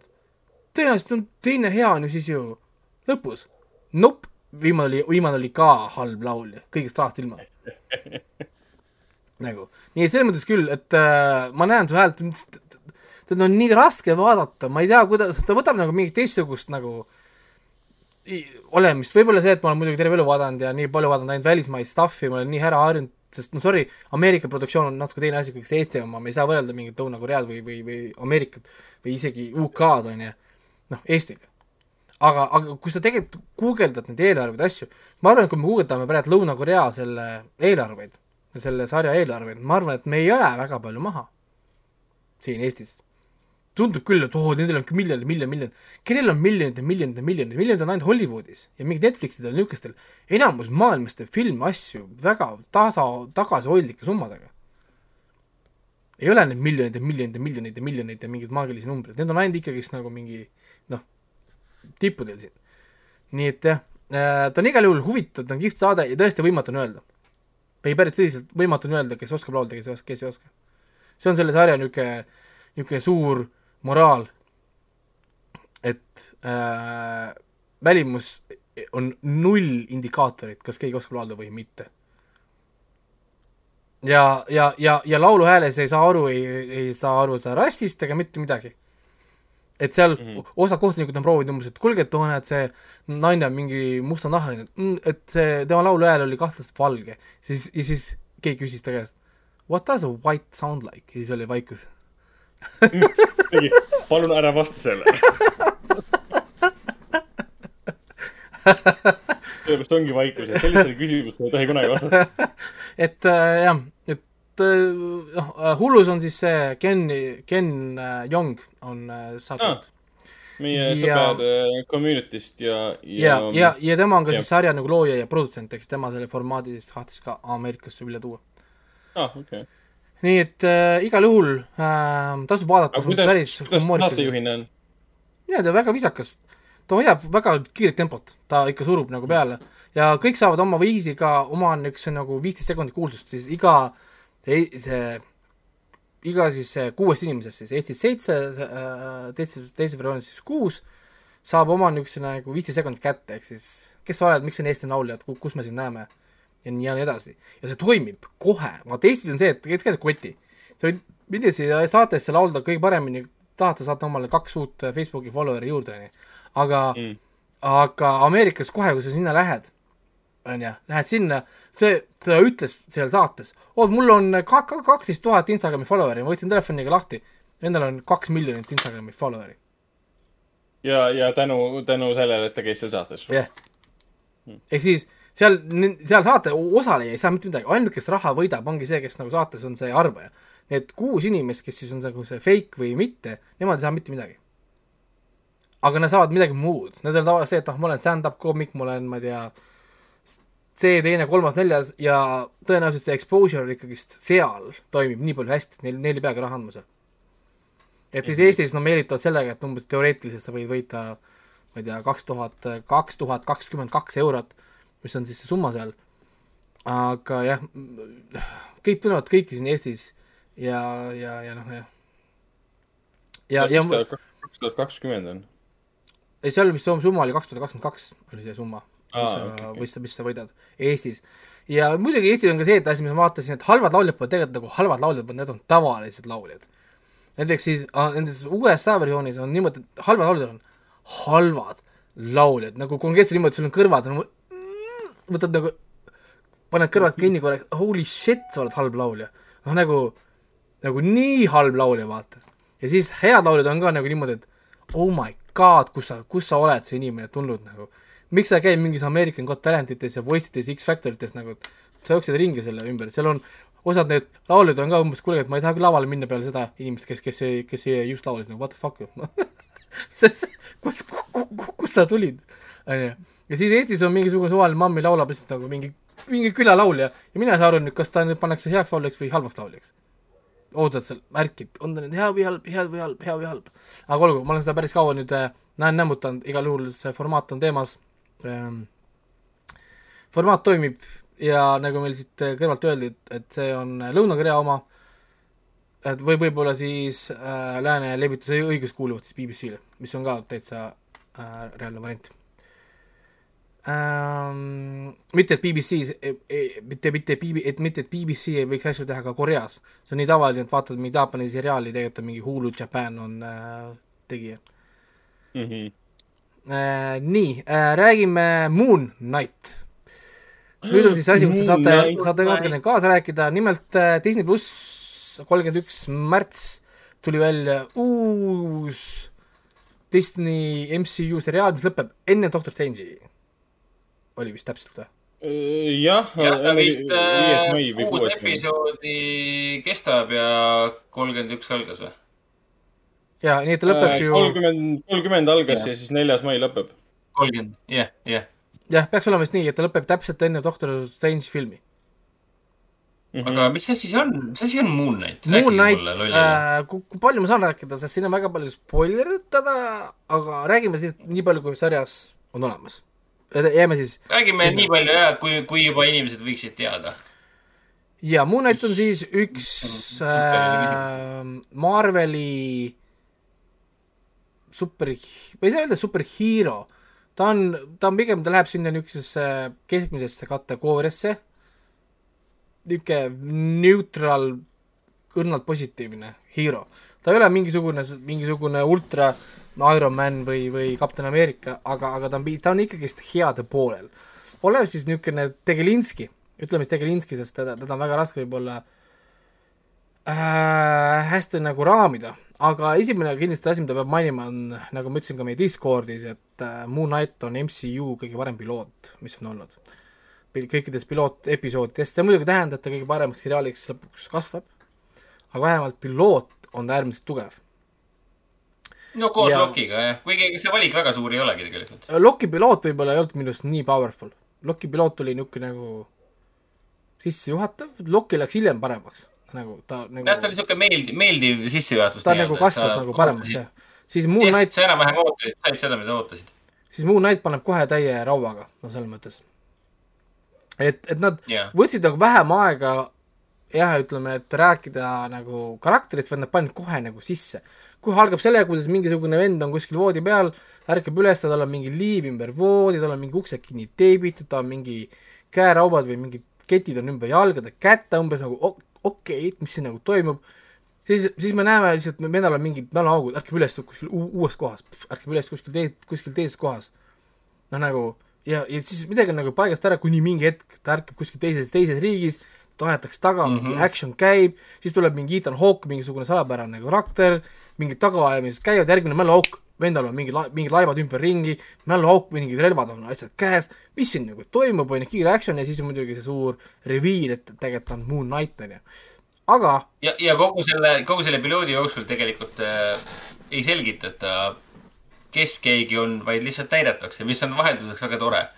Et meil ei pea rääkima iga viie minuti järel, et äh, see on see tegelane ja tema nimi on see ja ta on pärit sealt, et noh, see on värskendav nii-öelda. ja, ja see on tegelikult siis, äh, minu arust kihvtilt üles ehitatud, et meie vaataja oleme samas paadis kui see vend ise. Tema ka ei tea mitte midagi. tema on ka samasugust, samasuguses segaduses, tema jaoks ka aeg lihtsalt kaob, päevad kaovad ja, ja mis siis tegelikult nagu toimub. aga jah, Moon Knight ise, kes on mänginud äh, Marvel versus Capcom kaklusmänge, te teate Moon Knightist väga, väga palju, sest ta on peksukarakter, ehk siis talle meeldib peksta inimesi rusikatega, siis ta sobib Uh. ta sobib ide-, ideaalselt sellesse siis kohta nagu, nagu kaklusmängudel on ju. ja kui te olete Batmani fänn, siis tasuks äh, vaadata kindlasti Moon Knight seriaali äh,. Neil on võib-olla rohkem paralleeli, kui peaks olema äh,. võib-olla isegi No, liiga palju liiga palju paralleele, nagu on siin vahepeal osad fännid öelnud. Aga esimene pi- piloot on tõesti väga hea ja Oscar Isaac on siis tõesti Disney suur lemmik meil, olles olnud siis nüüd mm -hmm. nii Star Warsi universumis äh,, X-meni universumis ja nüüd ka siis põhimõtteliselt MCU-s, mis on selles mõttes huvitav. sellest X-meeste debüüdist, kus ta mängis, tegi oma debüüdi, sellest ei pea nagu pikemalt rääkima. see ei olnud eriti tore. Ei no ta oli ikkagi seal, selles mõttes, et sellest ei saa, noh, umbes nagu Jared Leto on olnud no. MC, ei tea, ei saa. MCU-s siis öelda, vaid see Sony universumis ja, ja siis selles tei-, teisejärgulises MCU-s nii-öelda. see on see MCU, keda ei lasta paari, paari tagumisest uksest sisse. nii jah, aga jah, siin äh, AVP meil siin äh, saate chatis räägib, siis mainin üle, et meil on ka saade laivis, kui tahate näha meie, meie lõustasid ja seda chati, siis seda saate vaadata siis Youtube'ist ja Twitch'ist äh,. siin chatis korra mainib, et äh, äge oli, et action'it ei näidatud, aga me nägime seda Mm. tagajärge, mis siis mm. -hmm. mis siis peale seda nagu toimus ja, ja huvitav siin oli huvitavad reaktsioonid, näiteks see, kuidas ta jääb hätta, järgmine hetk on asjad möödas, tal laibad on ümberringi, inimesed kõik taganevad ta nagu um,. Ja siis tal umbes ja tema on ikka meie aga- jaoks täpselt sama süütukene nagu ennem. jah, et aga ma ei teinud midagi ju. nagu see käed, käed on verised vennal. et selgelt sa midagi, midagi sa midagi sa tegid, et päris niisama need inimesed su ümber pikali ei kuku. aga, aga need, vaatasin mingi artiklit ka, et juba hakatud rääkima sellest, et see esimene osa tabas päris hästi ka täitsa päriselu selliseid eh, psühholoogilisi probleeme, eriti kui sul on stress ja ärevus ja sa ei saa öösiti magada ja oledki selline äh, ööloom või siis noh, Moon Knight nii-öelda. ehk siis sa ei suudagi ärevuse tõttu eriti magada ja siis sa püüad kuidagi tegevust leida nii-öelda. ja ei, siis tekivad sul päeval need mäluaugud nii-öelda, sest sa ei mäleta, mikrouned ja kõik siuksed asjad. ja, ja, ja muidugi see kogu see moonwalking teema. Moonwalking, ei sorry. ma tahtsin öelda mitte moonwalking, vaid see, Sleepwalking. kui sa, sleepwalking, jaa. Moonwalker Vau, sa oled. Moonwalker. see oleks päris hea, et ta öö- öösel teeb Jacksoni seda Moonwalki. nii, vaatab liiva peale, ah, Aga- panen jälle moonwalkingi. aga Moon Knight on jah hetkel Disney plussis, millal ta Eestis jõuab, ei tea, Disney pluss on muidugi varsti siin, nii et äh, kaua ootama ei pea. juuni, oli vist juuni või juuli, midagi sellist. midagi taolist jaa. ilmselt on ka ju. mitte, et see meie jaoks Selleks midagi ajaks, kui- palju muidugi tähendaks, aga noh, Mm. aga vähemalt no eestlastele, siis, eestlastele uus Disney asi. pluss jõuab Eestis, Disney pluss jõuab Eestisse umbes samal ajal kui äh, äh, võiks öelda, et Doctor Strange on lähenemas juba siis Disney plussi reliisile või? või kaua see nüüd aega võtab tegelikult, enne kui ta jõuab? nelikümmend viis päeva või midagi sellist? kuues mai tuleb film välja ja siis mingi nelikümmend siis seitse päeva oli praegu. Nii et jah. kuskil, kuskil, ma ei tea, see, need päevad muutuvad kogu aeg, nad lubavad kogu aeg erinevaid aegu. Aga jah, mina mõtlen, ma tegin vist kaks tuhat üheksateist, kui see tuli, nii et mul sellest saadik olnud, algusest saadik, nii et lihtsalt äh, midagi otseselt ei muutunud. see on mõnu, mõnus on küll. ainuke vahe on see, et ma saan teda vaadata läbi PlayStation nelja nüüd, et ma ei pea teda vaatama läbi brauseri. noh, see on see siis, see on on nüüd see on see mingi pesantite probleem. mina saan ikkagi vaadata nii läbi Playstationite või äh, muude no asjade. vabandust, mina praegu ei saa, mina pean vaatama teda siis Jah. läbi brauseri ja ta ei lase nagu minu arust läbi, ta ei näita kvaliteeti, et ma ei tea kunagi, kas see on full HD või 4K. no see on äh, brauseriga on üldse halb jah, brauseritega on see halb küll, aga kui sa vaatad jah läbi nagu, nagu Apple TV või Miibox Jah. mul on kaks varianti äh,, Siis ju nendel on küll, see võtab alati maksimumini, mis sul see, see, see lubab, kui noh, kui ei saa ja, ja Playcariga peaks samamoodi olema, et peaks alati ja, ja siis on selles mõttes äh, jah, on ta nagu mõnusam ja nagu parem, et ja, ja brauseris vaadates on alati see neti äh, kõikumise teema alati rohkem tuntavam kui läbi äpi või mingi muu asja, et see. no brauseriga on küll tüütu ja ma olen nõus sellega, et, et on halb. selle jaoks ostke endale Apple TV või mingi muu selline seade, Mi Box näiteks, Android TV, saate samuti vaadata väga lihtsalt VPN-iga, ei pea isegi muud viisi ja- jamama. maksavad all mingi paarkümmend, paarkümmend euri ainult. Nii äh,, vaatame edasi mul on tegelikult palju maini- rääkida, tegelikult me peame minema edasi, sest äh, ma mainin, mainin, mainin ka lihtsalt korraks, et Moon Knight mulle ka väga meeldis. kõik on maha teinud äh, Oscari siis äh,, Oscari siis seda aktsenti nii-öelda, et see olevat niisugune veider, mis iganes Londoni aktsent, aga see tema karakterile, see aktsent annab väga palju juurde. eriti ja tuli eriti arvestades seda, mismoodi räägivad, jah, ütleme niimoodi, et teised, siis, siis see, see erinevus ongi vajalik tegelikult, et, et me suudaksime eristada. ja, minu meelest on see väga hea idee. see on klassikaline võte ka, et on siuke wimp nii-öelda ja tal on wimpy voice ja wimpy accent ja kõik siuksed teemad. et äh, ja kusjuures seda ma, Seda- seda, seda ma nägin küll kuskil, inimesed küsisid, et londonlased küsisid, et ma nägin kuskil artiklit, et londonlased küsisid, et kes kurat räägib si- niimoodi, et ta ütleb kellelegi later skaters. et Läheb nagu siin oli later ja britid ütlevad later skaters ja siis keegi kommenteeris, et minu meelest viimati tehti seda üheksakümnendatel. ma, ma olen veendunud, et, et tema seda ema pole olemas ka, sest mul on tunne, et ta räägib lihtsalt, ta on hull ja siis ta räägib telefoniga. arvab, et ta räägib emaga. ema ei ole jah, ta räägib iseendaga. Ja selles mõttes ma olen kõigega nõus, mis ma räägin selle seriaali kohta, see on tõesti hea. siin on see õudus ja psühholoogiline element on vahelduseks äh, olemas. varasemates Disney asjades, plussides, filmides pole seda põhimõtteliselt üldse olnud. välja arvatud nüüd hakkab see siis tulema, õudus ja kõik muud asjad sisse tänu multiversile ja nii edasi. ja, ja need horrori elemendid, eriti mis puudutab ühte tegelast, kes nii-öelda kriipib ligi, see mulle väga meeldis, see oli kohati väga creepy. Et Mm. mm. see veits Jah. muudab liftiga sõitmise natuke huvitavamaks. ja rääkides horrori elementidest, kasutame seda äh,, et minna üle Aa, Race by the. Wolves teise hooaja juurde. aa, Ah, ja, ja, ja, ja, ja. teine hooaeg, mida on vaadanud ainult äh, Raiko ja Hendrik ja mina ei ole vaadanud. Pole jõudnud jah. et äh, vaatame siis korraks äh, Race by the Wolves äh,. mul oli püüa siis, tegelikult püüa siis ennast tagasi hoida ka. mul oli tegelikult üldse, ma olin vist vahepeal ül- üle töötanud, mul endal oli korraks väike blackout siin neljapäeval, siis ma paar päeva tööd ei teinud, igaks, iga, igaks juhuks. ja siis ma mõtlesin, mida ma mida ma hakkan vaatama siis. ja, ja hakkasin siis äh, vaatama, nii-öelda võlgu lik-, likvideerima, miks ma siis tegelikult üldse vaatasin siin neid äh, Peacemakereid ja igasuguseid asju, võtsin no uusi asju ei tohi vaatama hakata. võtsin, võtsin järgi, mis on meeldinud ja väärivad seda lisavaatamist. ja Race by the Wolves oli mul esimese hooaja põhjal niisugune kaheksa punkti tugev, oleks võib-olla üheksa olnud, lõpp läks, läks, läks, läks lappama. siis nüüd te, teine hooaeg, see on nüüd, see on äh, teistsugune ooper, ütleme siis nii. esimene hooaeg oli niisugune mõnus rahulik build-up, niisugune noh, Niisugune- rahulik, Scottilik creepy horror sci-fi filosoofiline.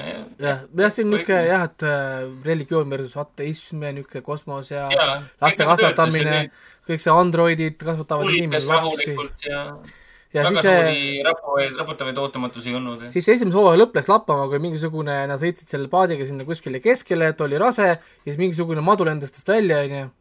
siis kõigil oli nagu, et jah, ja siis lõppes ära pigem. is going on.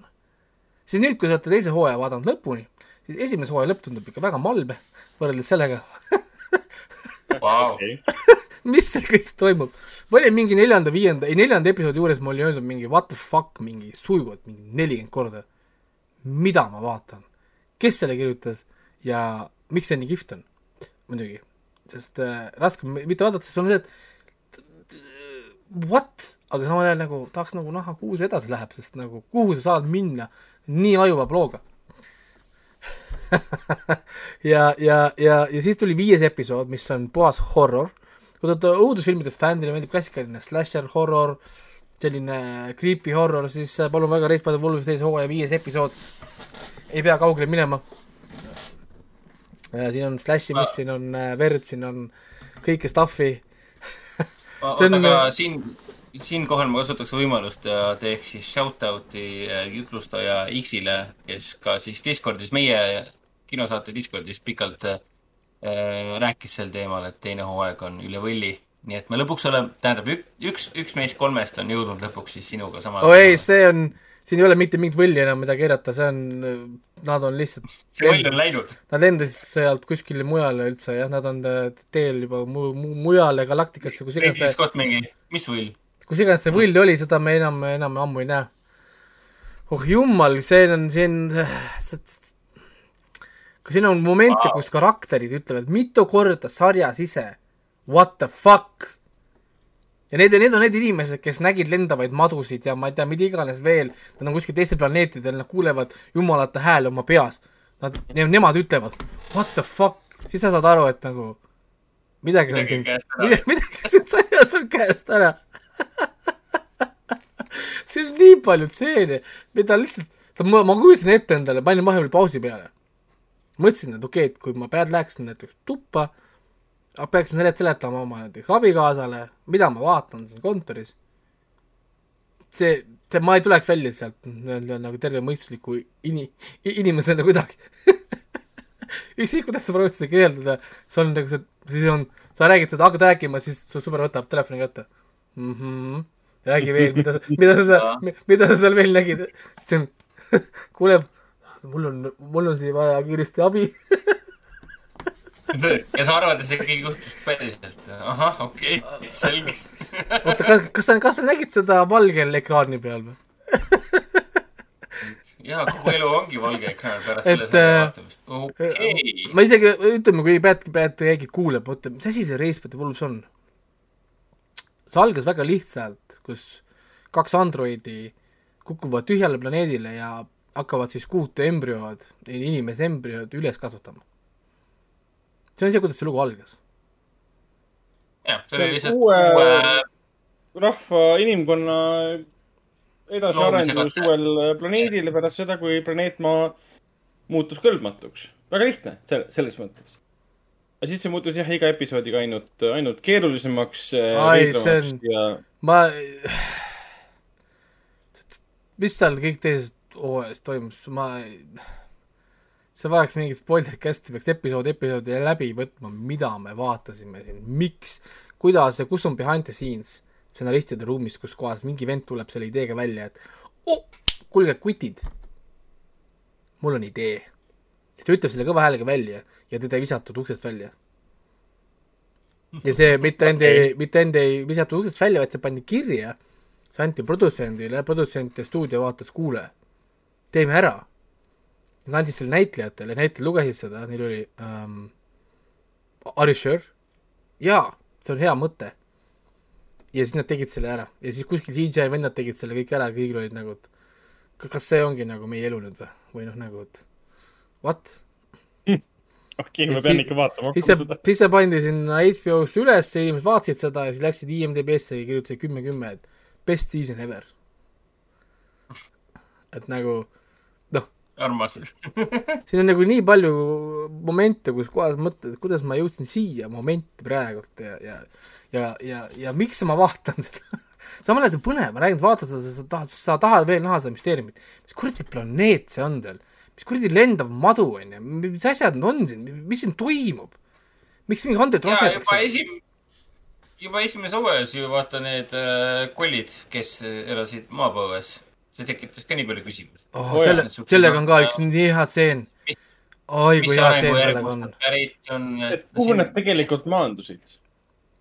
sellega on nii hea tseen, selle selle kolliga maa seest on üks nii hea tseen siin teisel hooajal oh,. ilus, ilus tseen. ja ja, ja räägid sellest, kuhu nad maandusid. siin on ka üks, nad teevad vaata huvi, hu, huvitava leiu, teevad siin teises hooajas. miljonid aastad vana Oh. huvitav asi. mis on, läheb ka, läheb ka käest ära.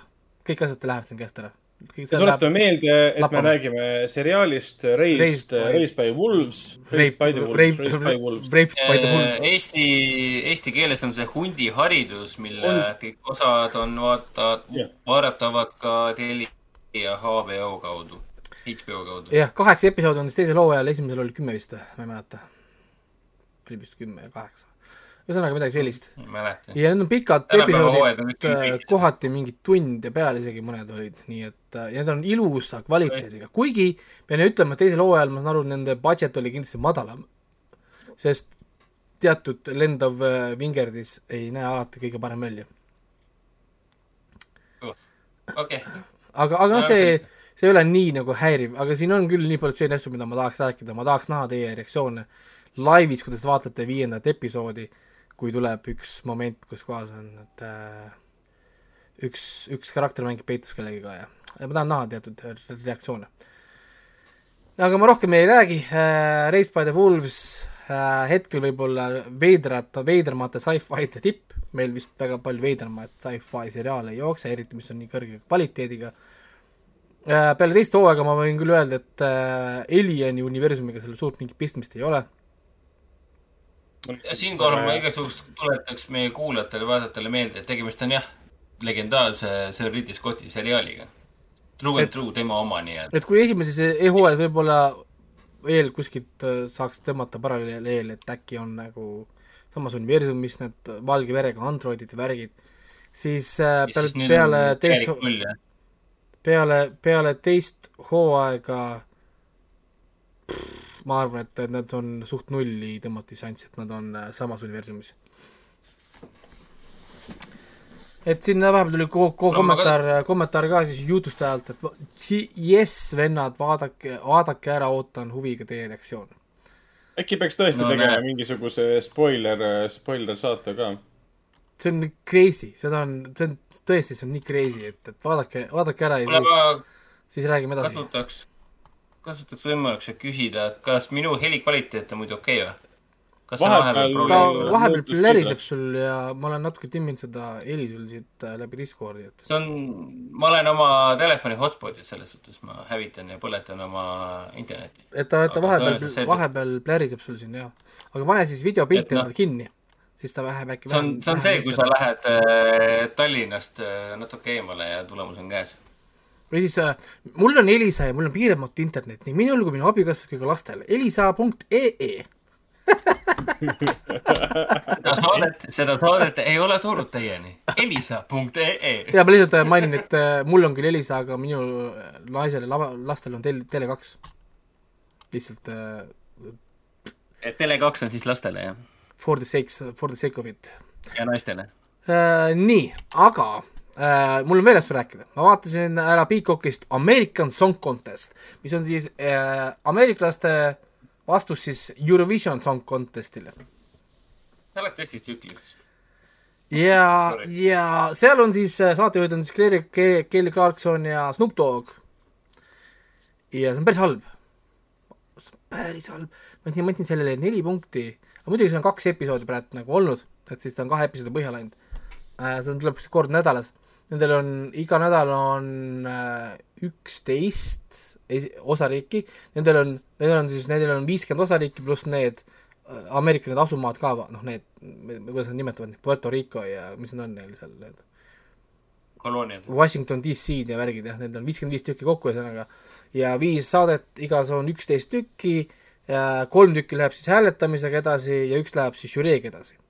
ehk siis kakskümmend tükki läheb nagu edasi, poolfinaali siis on kümme ja kümme, poolfinaalid, saad aru, noh nagu mis, kus siis tehakse vist kuidagi või, või veerand, veerandfinaalid, siis sealt omakorda tehakse kuidagi see ma ei tea, viis ja viis ja viis ja siis on pärast kümme, kümme ja siis viimasesse jääb kümme ja siis niimoodi selgub siis nagu see Ameerika parim äh, osariik siis.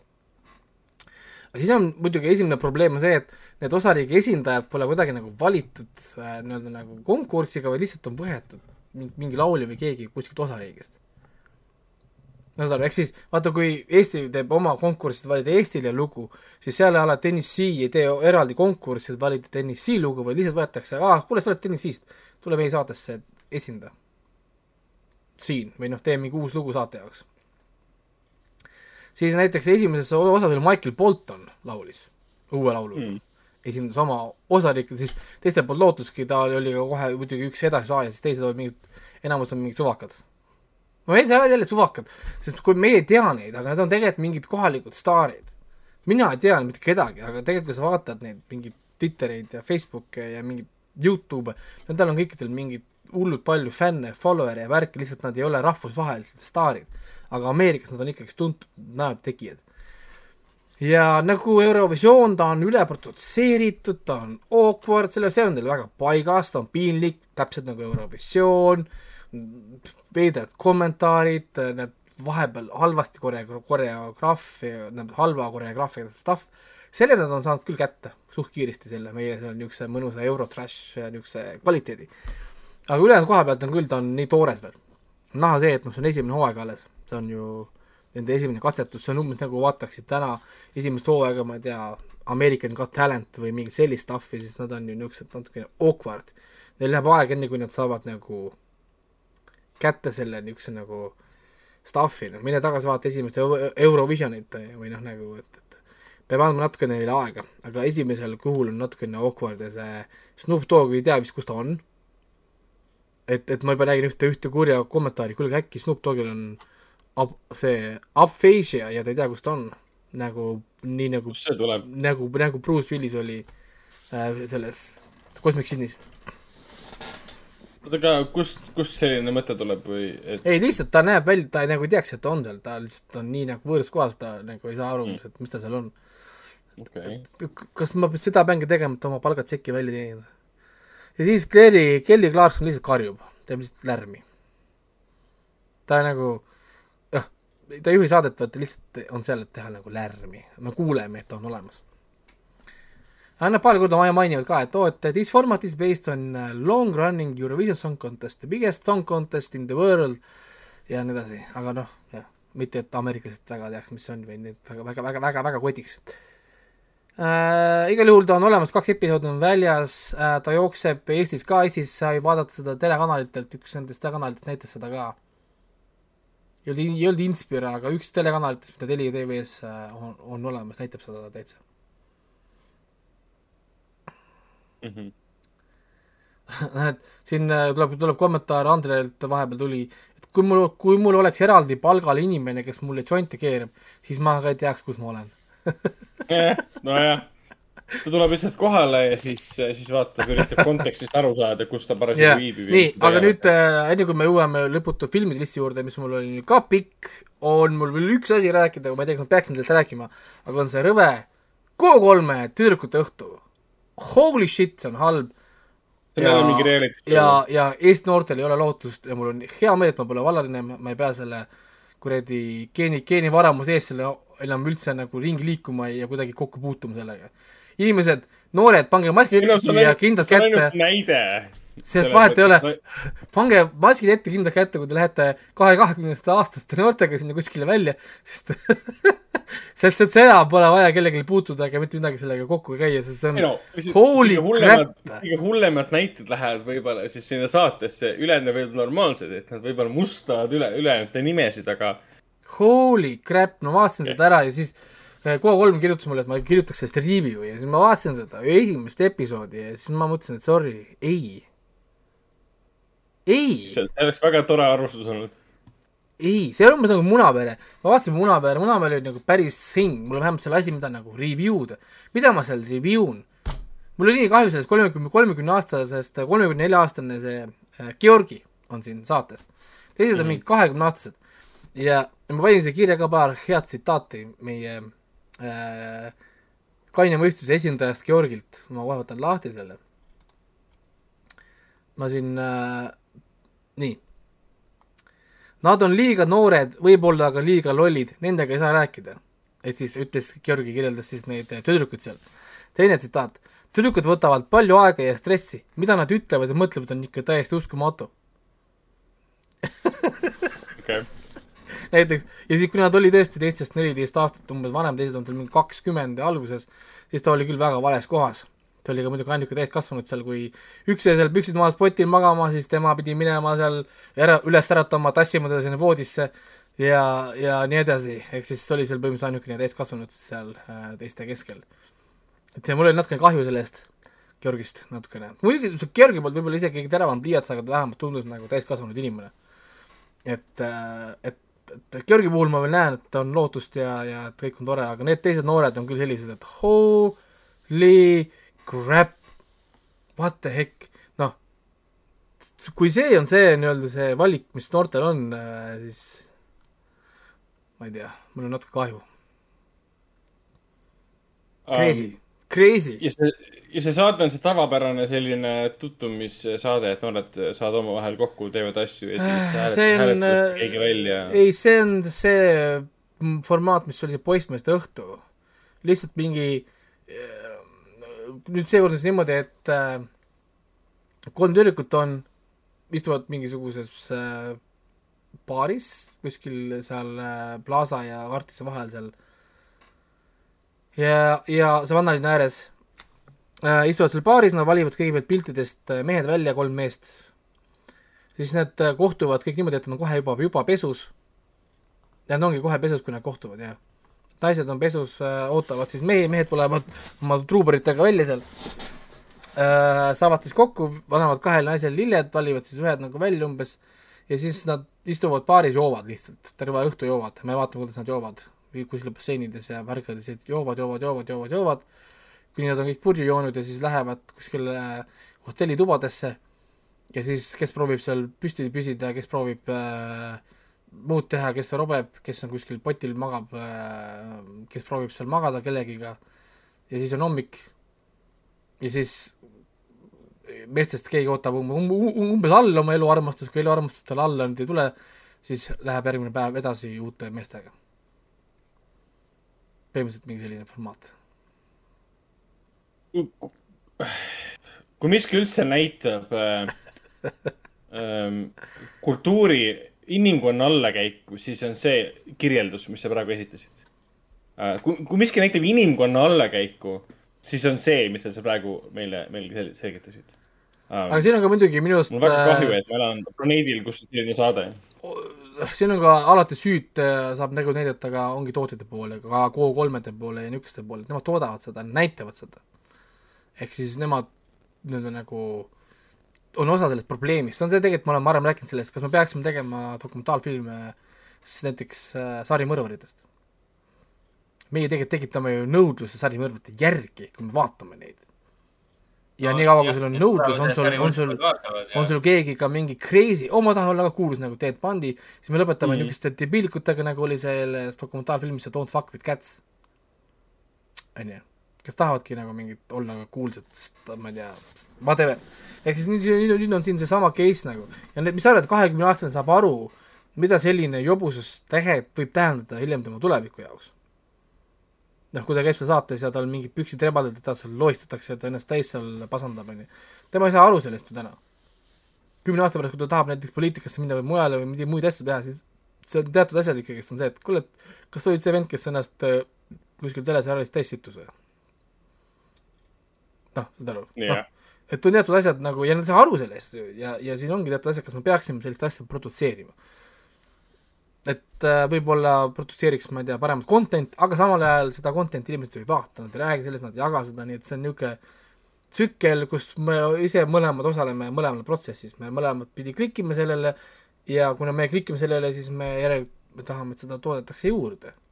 Nii et jah, et tahad teha head content'i, oh teeme mingi matemaatikaseriaali, siis kõigil on ähm, skip. ja, ja nii, niimoodi see käib. nii et selge, see selleks, ühesõnaga minu kvaliteetne äh, üks osa on vaadatud, ma tõenäoliselt teist osa ei vaata. nii et äh, tüdrukud õhtu Go3-s palun mitte klikki anda, et nad lõpetaks selle et äh, kahjuks äh, Raiko arvustust ei tule, Ei kui tule. fännid äh, seda ootavad. ei, ma ei hakka, ma ei, ei, ei aitab küll, ma juba vaatasin seda, ma juba rääkisingi sellest, ma olen juba kaks korda teinud kahju en,. Endale tegin kahju, et ma vaatasin seda ja tegin teile kahju, et ma rääkisin sellest. nii et uh, you are welcome aitäh. sulle. aga nüüd, aga nüüd, aga nüüd, aga nüüd, aga nüüd, aga nüüd äh, palju, palju filme, ma tõmbasin äh, listid, päris palju filme maha, mis mul olid maha jäänud. lisasin ka mõnda uut. alustame uutega, mis mul ei olnud maha jäänud, aga ma lihtsalt lisasin tal ära, alustame kiiresti, Turning Red. Äh,, lastega koos vaatasin ära, tegin neile live-tõlget, tahtsin kinno minna, keeruline, lapsed haiged. Äh,, kütus kallis, Venemaa on sõjas. Ja tood siis äh, suva, vaatasime kodus. Disney plussist. Äh, ja, ja siis tegin live tõlget jälle, nad on juba nii harjunud sellega, Turning Red on huvitav igal juhul, ütleme siis nii, ma andsin sellele, ma ütlen kohe kaheksa punkti. Andsin sellele, sest äh, mulle ta meeldis. ma räägin siis, mis ta, mis, mis, mis, mis ta eesti keeles on, punane panda või? punane pandaplika. punane panda plika ja, ja, ja iseenesest hästi nagu kihvt, hästi humoorikas, niisugune nalja jagub. ja siis see Meilini karakter on nii kihvt, et mul kolmeaastane ütleb Meilin panda. see on nii kihvt, et kui ta Yeah. kui, kui ta näeb seda pilti kuskil, siis on see, ei, ta ütleb Meimei Meimei panda, ütleb Meimei panda või siis Meimei karu. ja see on nii nagu kihvt, et ja muidugi noh, siin on jah, nagu aga kas see nimi mitte ei olnudki Mei-Mei või, oligi või? ei, Meilin on ta nimi, Meilin on tegelikult, aa, aga Mei on nagu eesnimi. jah. ja ta tegelikult, tegelikult talle vist paar korda filmi jooksul öeldi Mei Mei ka vist, hüüdnimi äkki või? ma mõtlengi, et treileris minu meelest ka ta ise nimetas ka ennast Mei Meiks. äkki, äkki, äkki, äkki äkki või? võib-olla oli. aga ühesõnaga nüüd, millest see räägib, kiiresti räägin üle, et see on kolmeteistaastane tüdruk, kes on äh, siis, kellel on pere saladuse või päranduse tõttu äh, needus või ma ei tea, õnnistus, et kui ta muutub äh,, kui ta muutub äh, liiga ärevile või ühesõnaga läheb liiga emotsionaalseks, ta muutub punaseks suureks pandaks. jah, nii lihtne see ongi, ta muutub lihtsalt suureks karvaseks pehmeks pandaks ja see tekitab muidugi pro-, probleeme Punaseks sest äh, noh, panda, panda on noh, ühesõnaga jah, see tekitab obvious probleemi nii-öelda. ja siis see noor äh, Meilin või Meilin, mis ta, mis tal on see, Meilin Lee on ta nimi, karakteri nimi, on siis kolmteist ja muidugi see on selgelt niisugune Turning Red, see on see obvious Pixari niisugune mm. ja Disney viide siis, et äh, menstruatsioonitsükli algustele ja muudele asjadele ja nii edasi. aga noh, läheme sellest nagu üle, siis ta on lihtsalt story, kuidas olla ise või leppida sellega, kes sa nagu oled. ja, ja kuidas vanemad ei mõista, et sa, sa oled, kasvanud vahepeal suureks, et sa ei ole enam nende see väikene Mei-Mei, vaid nüüd sa oled kolmeteistaastane suur Meilind, ehk siis sõna otseses mõttes nagu suures kasvamise lugu või? klassikaline, jah, ja kõige lihtsamas mõttes, siin on minu, on nii andekaid kohti, kus ta tvergib oma emale, et vaata, kas sulle ei meeldi see või, ja teeb tverki, ma naersin seal ikka korralikult. muudkui aga tvergib, tvergib, tvergib ja, ja ei lõpeta ära. kas sulle ei meeldi, et ma teen nii või? ja muudkui aga annab agu, agu, agu, agu, agu, onju. et ei, lastele väga meeldis, selles mõttes, ta muidugi jah, tõesti lõpus läheb nii käest ära see värk, et eh, kuidas nad sellest tagasi tulevad muidugi, no ütleme noh, seal elada seal edasi seal universumis peale seda, kui sa oled pool linna ära, ära hävitanud, on muidugi tore. Wow. no mis vahet, seal on, ta on juba eel- eelmine aasta oma Oscari võitnud juba ja vana asi. mis Oscari võitis, see on selle aasta film. aa ei, õige, Encanto oli, see, hakkab võitma Oscarit. ta hakkab võitma Oscarit. hakkab võitma jaa, seda kindlasti. kui just meelest ära, ära ei lähe vahepeal. jah, ei, siin oli hästi palju niisugust head nalja äh,, muidugi siin on hästi palju ülekantud nalju ja muidugi see ema äh, niisugune ülekaitsev, mis tekitab rohkem kahju kui kasu, sest äh, noh, nagu ikka, see on see, mida mulle meeldib teha lastel. viin hommikul kooli ette ära ilusti, tütar läheb kooli, siis ma annan signaali tšau-tšau, issi-mussi, mops-mops-mops, kolli-kolli. lehvitad kaasa ja värki. siis ta paneb käe mingi- niimoodi. ma ei tunne teda mis see võõras politsei, mingi võõras mees on siin. ja siis on vahepeal see, et helistad, helistad, kuule, kas ma tulen sulle kooli ette järgi või uh,? kuule, tule sinna Selveri juurde, et ära siia kooli juurde sõida. see Selver, mis on viie kilomeetri kaugusel. oota, miks? et ei noh, samal ajal see on nii lõbus endal, endal vanemana, aga, aga noh, mingi hetk peab saama aru, et ei ole mõtet äh, kiusata ka, tekitada ilma nojah, seda küll, seda küll, seda küll. probleeme. poistega on lihtsam, kuna mul on äh, kontor täis videomänge ja suuri ekraane, siis seal ei ole väga võimalik, et ma saan kuidagi olla see mitte lahe papa. seal on Jah, see, et vastupidi äh, just, sa jah. oled kohe instant, instant teema. mul on Minecraft 4K-s, kuule kutid, let's go. nii et äh, Ro-, Ro-, Ro-. Roblox ja Fortnite ja värgid. nii et äh, ei ole variante, aga igal juhul ei Veits- cringe, aga okei.. Turning Red, tõesti hea asi äh,, olen rahul on. ähm,. kas ta nüüd Aga- parima animatsiooni Oscari saab, ei tea. Encanto sai, võib saada muidugi ka Turning Red. no eks siin Disney jälle konkureerib Disneyga siin eelmisel aastal, nii et äh, no Tõenäoliselt oleme saab siin aprillis veel, et ma ei tea, mis see aasta veel, aa, see Lightyear tuleb see aasta välja. aa, baaslighter. jällegi Disney Disney tuli- konkureerib Disneyga jälle. no eks tal mingi variante väga ei ole. rääkides asjadest, asjadest, mis mulle meeldisid, ma vaatasin Paramountist ära Jackass Forever. See nüüd liikus pa- Paramountist, sest tal sai Ameerikas selle levitusaeg mööda. ja ma vaatasin seal äh, halosid ja, ja lappasin seal muid asju ja siis viskas ette, et Jackass Forever, mõtlesin, aga miks mitte. kunagi ma olin Jackassi fänn, no vahepeal kadusid nagu Jah, ära sama. ja siis nad enam nii väga mind ei tõmmanud. ja filmil nad algselt ei kottinud mind sellepärast, et äh, vanad mehed, noh, mida ma vaatan seal. no tek-, tekkis nagu mõte, täpselt nagu me teeme Jackassi uuesti ja aasta on kaks tuhat ja, ja, ja samal ajal, kui hakkasin seda muidugi vaatama, siis see intro sequence on äh, legendaarselt geniaalne lihtsalt. Holy crap, kes selle lava- lavastamine ja tegemine. see on üks veidramaid ja või? asju, aga see sissejuhatav stseen filmil, Jackass Forever, see on äh, see on, huvitav. see on tõesti huvitav, see on äh, üllatusi täis, ütleme nii. jah, ja, ja on siin, mida, mida Andrei ütleb, et Jackass Forever oli asi, mida vaadates oli tore süüa, siis äh, tõepoolest söömine võib-olla ei ole kõige parem idee selle aja, aja. köögisuu kaob kiiresti ära, sest seal on äh, üllatavalt palju siukseid, ütleme Freudil oleks väga põnev seda filmi vaadata ja neid vendi analüüsida. jah, et, et peale selle, et nad teevad need äh, stantid ära, küsimus on alati selles, kuidas nad, kuidas nad nende peale tulevad.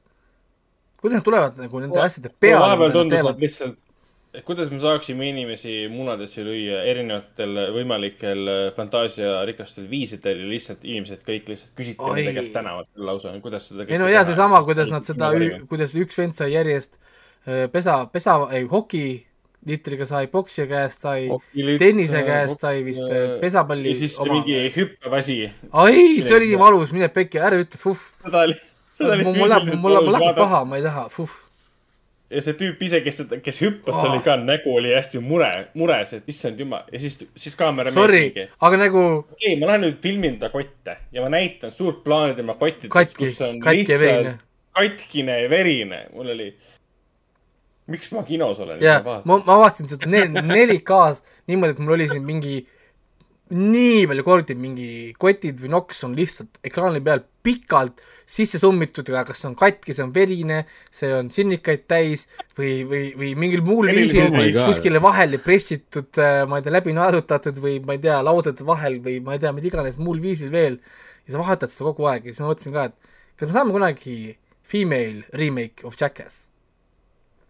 et seal korraks nagu käis läbi see teema ühe naisega. aga korraks oli jah, et, et kas mul on sinu consent, et sinult see skorpion rinna pealt ära võtta. Have my consent, consent, Jaa. consent, võta ära. jõhker. selleks on vaja kunst. ja, ja siin oli üldse, osad naljad olid ikka nii crazy'd, see pimedas majas, kus nad, majas pandi tuled kustu ja siis nad siis nad ütlesid, et seal majas on üks lõgismadu, vaata, ja siis ta käis seal uud-, ma nagu, tal olid need äh, night vision prillid, need öövaateprillid, ta käis selle võltsussiga neid hammustamas, vaata. nagu tegin neile ja siis, ja siis nad jooksid majas vaata eest ära selle ussil ja siis tegelikult äh, ma- äh,, tuba oli siis täis riputatud pudeleid ja põrandad olid täis neid knopkasid ja hiire hi,, hiirelõkse. issand jumal. Kas sa naerad? Jah. see on nii loll, see on tegelikult piinamine ju tegelikult noh, inimeste piinamine. see on piinamine jah jah., ja aga, aga samal ajal sa naerad. aga ma saan aru, et teil oli naljakas. see on naljakas, tõesti, see on naljakas, sorry, aga nagu kohutav. Nad teevad seda kõike muidugi ju ise vabatahtlikult, ega see ei ole umbes keegi sund, sund, sunnib neid tegema seda. ei noh, konsent väga palju tengid ka selle eest. ja issand, see üks nali, ma ei oska öelda, kas on nali, aga kust see karu tuleb jaa. ja, ja Oli, üks äh,, üks vend pannakse tooli istuma ja ta on kui toolis kinni ja siis ta valatakse üle lihaga, mingi meega ja pannakse talle kottide vahele lihatükid ja siis lastakse karu Mis temaga samasse ruumi. mis asja? ruumi või? jaa, ja see Ega hirm midagi., see nägu, see hirm, ma pole niisugust hirmu vist kunagi näinud kaameras. Aga see vend oli- et, et ka karu, karu tuleb sinna ruumi, talle ei öeldud seda. jaa, talle ei öeldud seda. lihtsalt pandi kinni ja, ja öeldi, et noh, oota nüüd. ja Siis nad tuleb läksid- metsloom. Nad lä- läksid ise kõik sinna ja siis see hirmu nägu, mis sellel oli aga, see on ikkagi metsloom, see oli jube, see nägu oli umbes selline. oota, aga mis siis? juhtus? see paneb talle see karu paneb talle käpa, vaata vahepeal korraks sinna kintsu peale. käpa, sorry, karu küüned on mingid takoised. mingi yeah. terve sõrme pikkune vennal. sa näed seda venna hirmu. Holy crap, mul oli nii kahju sellest vennast. pärast ka, kui ütleme, see karu siis viiakse ära ja vend on noh, obviously ta jäi ellu, sest noh, selgelt meil muidu seda ei no. Pandaks sinna. ma oleks kuulnud seda varem juba, et keegi sai käkes võtetel surma, karu sai ära, onju Jah.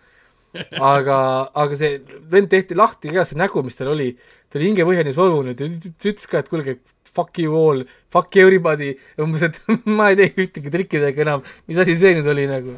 veits oli küll see I m calling it quits nagu aitab küll.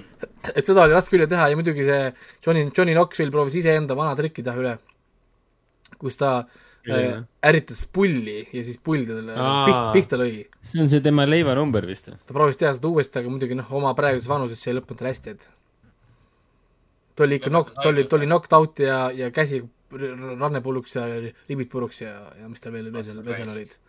ta ikka viidi kiirabiga mees kiir, kiir, kiirabiga minema sealt.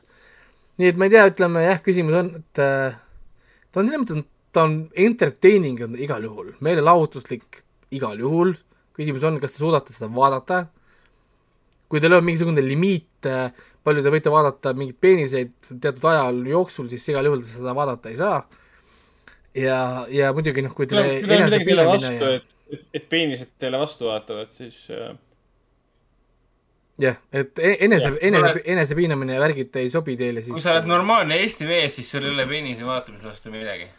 jah, täpselt. see tähendaks nõ- nõrkust, vaata, kui sa tunnistad, et sa ei suuda. jah, aga ei, crazy igal juhul, nii et ma ei tea, ma loodan, et nad rohkem ei teeni, sest veitsa nagu ei tahaks, et nad päris äh, ära tapavad ennast, et nojah, siis kui see Knoxville sai selle härja käest, härja käest löögi, vot see oli küll selline, et need kiirabiarstid tulid ja panid sinna peale, ma hakkasin kohe mõtlema. Need kiirabiarstid vaatavad pealt lihtsalt, kuidas need vennad ennast nokki lasevad. Ja siis arstid mingi, okei okay,, nojah, eks me viime sind jälle mingi kümne tuhandet korda haiglasse kuskil. et see on minu päevatöö, et ma nüüd siin lihtsalt passin järgmised kaheksa tundi ja ootan, millal seal oli üldse see, istud see okseratas ja puh, okseratas. ja nad teevad sinna okseratast ja nad lähevad kiirelt liikuva ratta peale, siis nad peavad jooma piima kõik hästi palju. ja siis nii, nii, nii kaua, kuni nad, kuni nad hakkavad, hakkavad kõik ropsima. see on ka haige, see on ka mõttetu. On ju, siis nad, kõik nad kõik ropsivad ja siis neil on väike üllatus pärast seda ka, mida neile öelda, kes on oks-, okseratta peal. nii et jah, tõesti debiilne. siin on neid trikke nii palju, see ultra veggie ja oh my god. noh, mõeldakse ikka lollused välja. nii, aga selge, liigume siit edasi, Jackass Forever. jah, Jackass, ühesõnaga, sellega on kõik, kõik öeldud äh,. räägime Netflixis dok-, kriimidokist, millega nimi on Trust no one, The hunt for the crypto king äh,. väga sarnane dokfilmile Don't fuck with cats, The hunt for the internet serial killer, or the internet killer siis see on Trust No One, The Hunt for the Crypto King äh,, osad tegijad on samad, aga ei ole kindlasti nii hea ja ma saan aru sellest, senise ei ole lahendust, vaata äh,. räägib siis ühest, ühest nendest paljudest krüptoskeemidest, kus siis in- inimesi skännid, skämmiti rahadest tühjaks, mille jaoks siis krüpto on ideaalne või miks ta tegelikult üldse eksisteerib nii et kui te soovite oma rahast kiiresti ilma jääda, siis äh, soovitan teil investeerida Bitcoini, Ethereumitesse ja muudesse, väga lihtne viis kiiresti ennast äh, nulli lasta. Why the fuck not? või lihtsalt mängige ka kasiinos, same stuff. Siis äh, siin ongi lugu siis tervest pundist inimestest, kes äh, Quadrica, mis oli mingi CX või mis iganes firma vahetusplatvorm äh,, võttis enda rahad ära, tõmbas minema siis äh, sadade miljonite dollaritega kui oli see suur krüptobuum. Ja siis see lugu räägib nagu sellest äh, asutajast ja mis selle taga kõik siis tegelikult nagu oli, see on üks film, see on mingi tund nelikümmend äkki oli niisugune tavafilmi pikkusega ja siin on huvitavaid arenguid küll nagu ja kui vähe kontrolli ikkagist tegelikult teatud asjade üle on ja kui idiootsed teatud asjad on, näiteks siin kui tuli välja, et see Quadric, ütleme, see on tegelikult ajalooline sündmus, see pole spoiler, aga Quadrica CX tegi ja see asutaja suri nagu ära ja siis põhiline argument mm, -hmm. mis siis neil oli, et nad ei saa raha tagasi maksta, sellepärast et ta ei andnud kellelegi oma ligipääsu oma wallet'ile.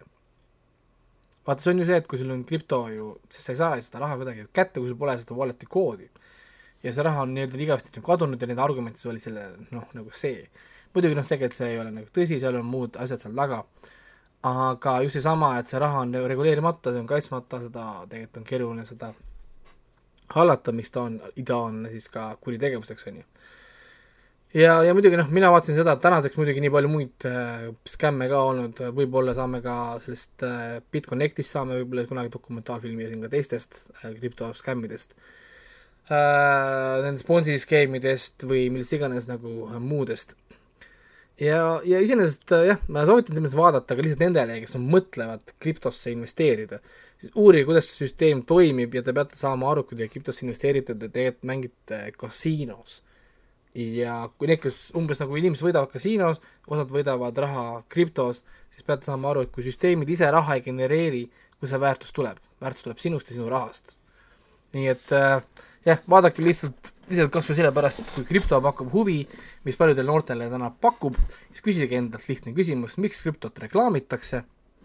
reklaamitakse sellepärast, et sind on vaja, sina oled toode, et miks, miks, miks rikkad inimesed ei, ei reklaami, et ostame kõik koos kinnisvara, teeme renditurgu, ostame kõik kulda, sellepärast nad ei taha sind sinna, nad ei taha sinuga jaga, jagada oma kulda, nad ei taha jagada sinuga oma õli, aga nad tahavad, et sina ostaksid krüptot, sest tal on krüptot ja tal on vaja, et sina seda ostaksid niimoodi see käib, aga ei, selles mõttes, et äh, tal on teatud äh, huvitavad nüansid seal küll, seal on mitu huvitavat pööret äh,, mitu huvitavat niisugust asja, kahjuks tal ei tule sellist nagu suurt reviili, nagu oli selles Don't fuck with cats dokumentaalfilmis.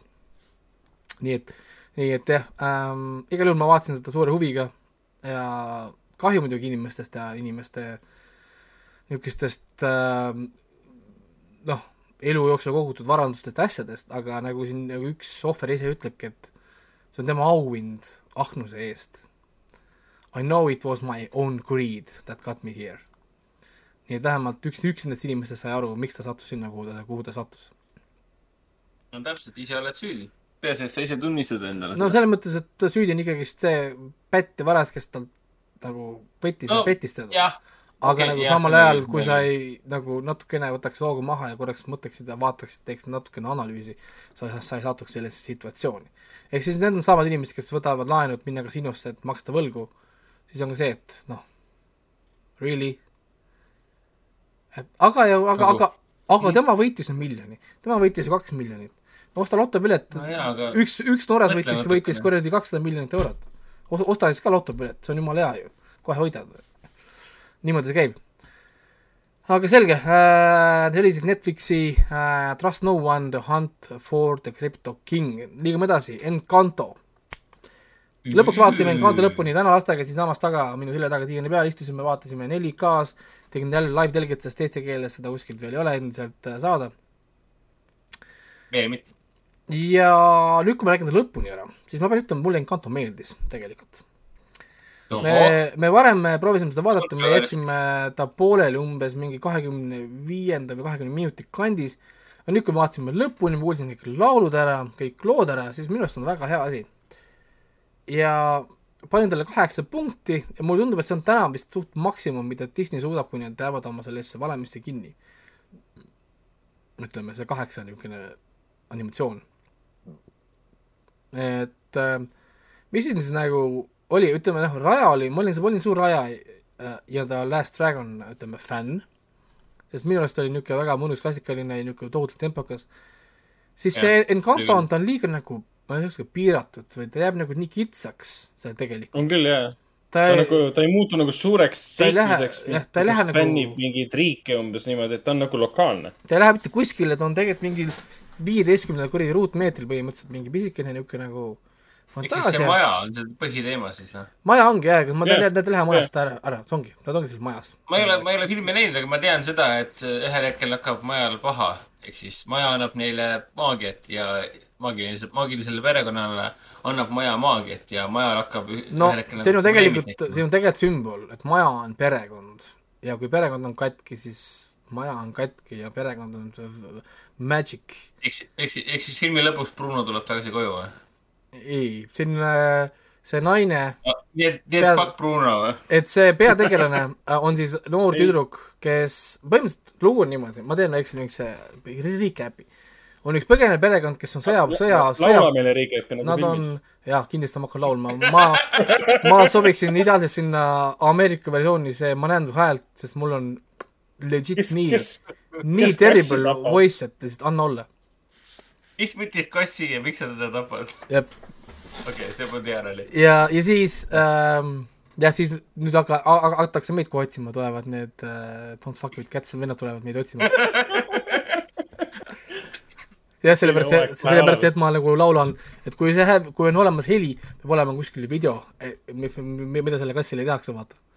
Noh, sellised naljad.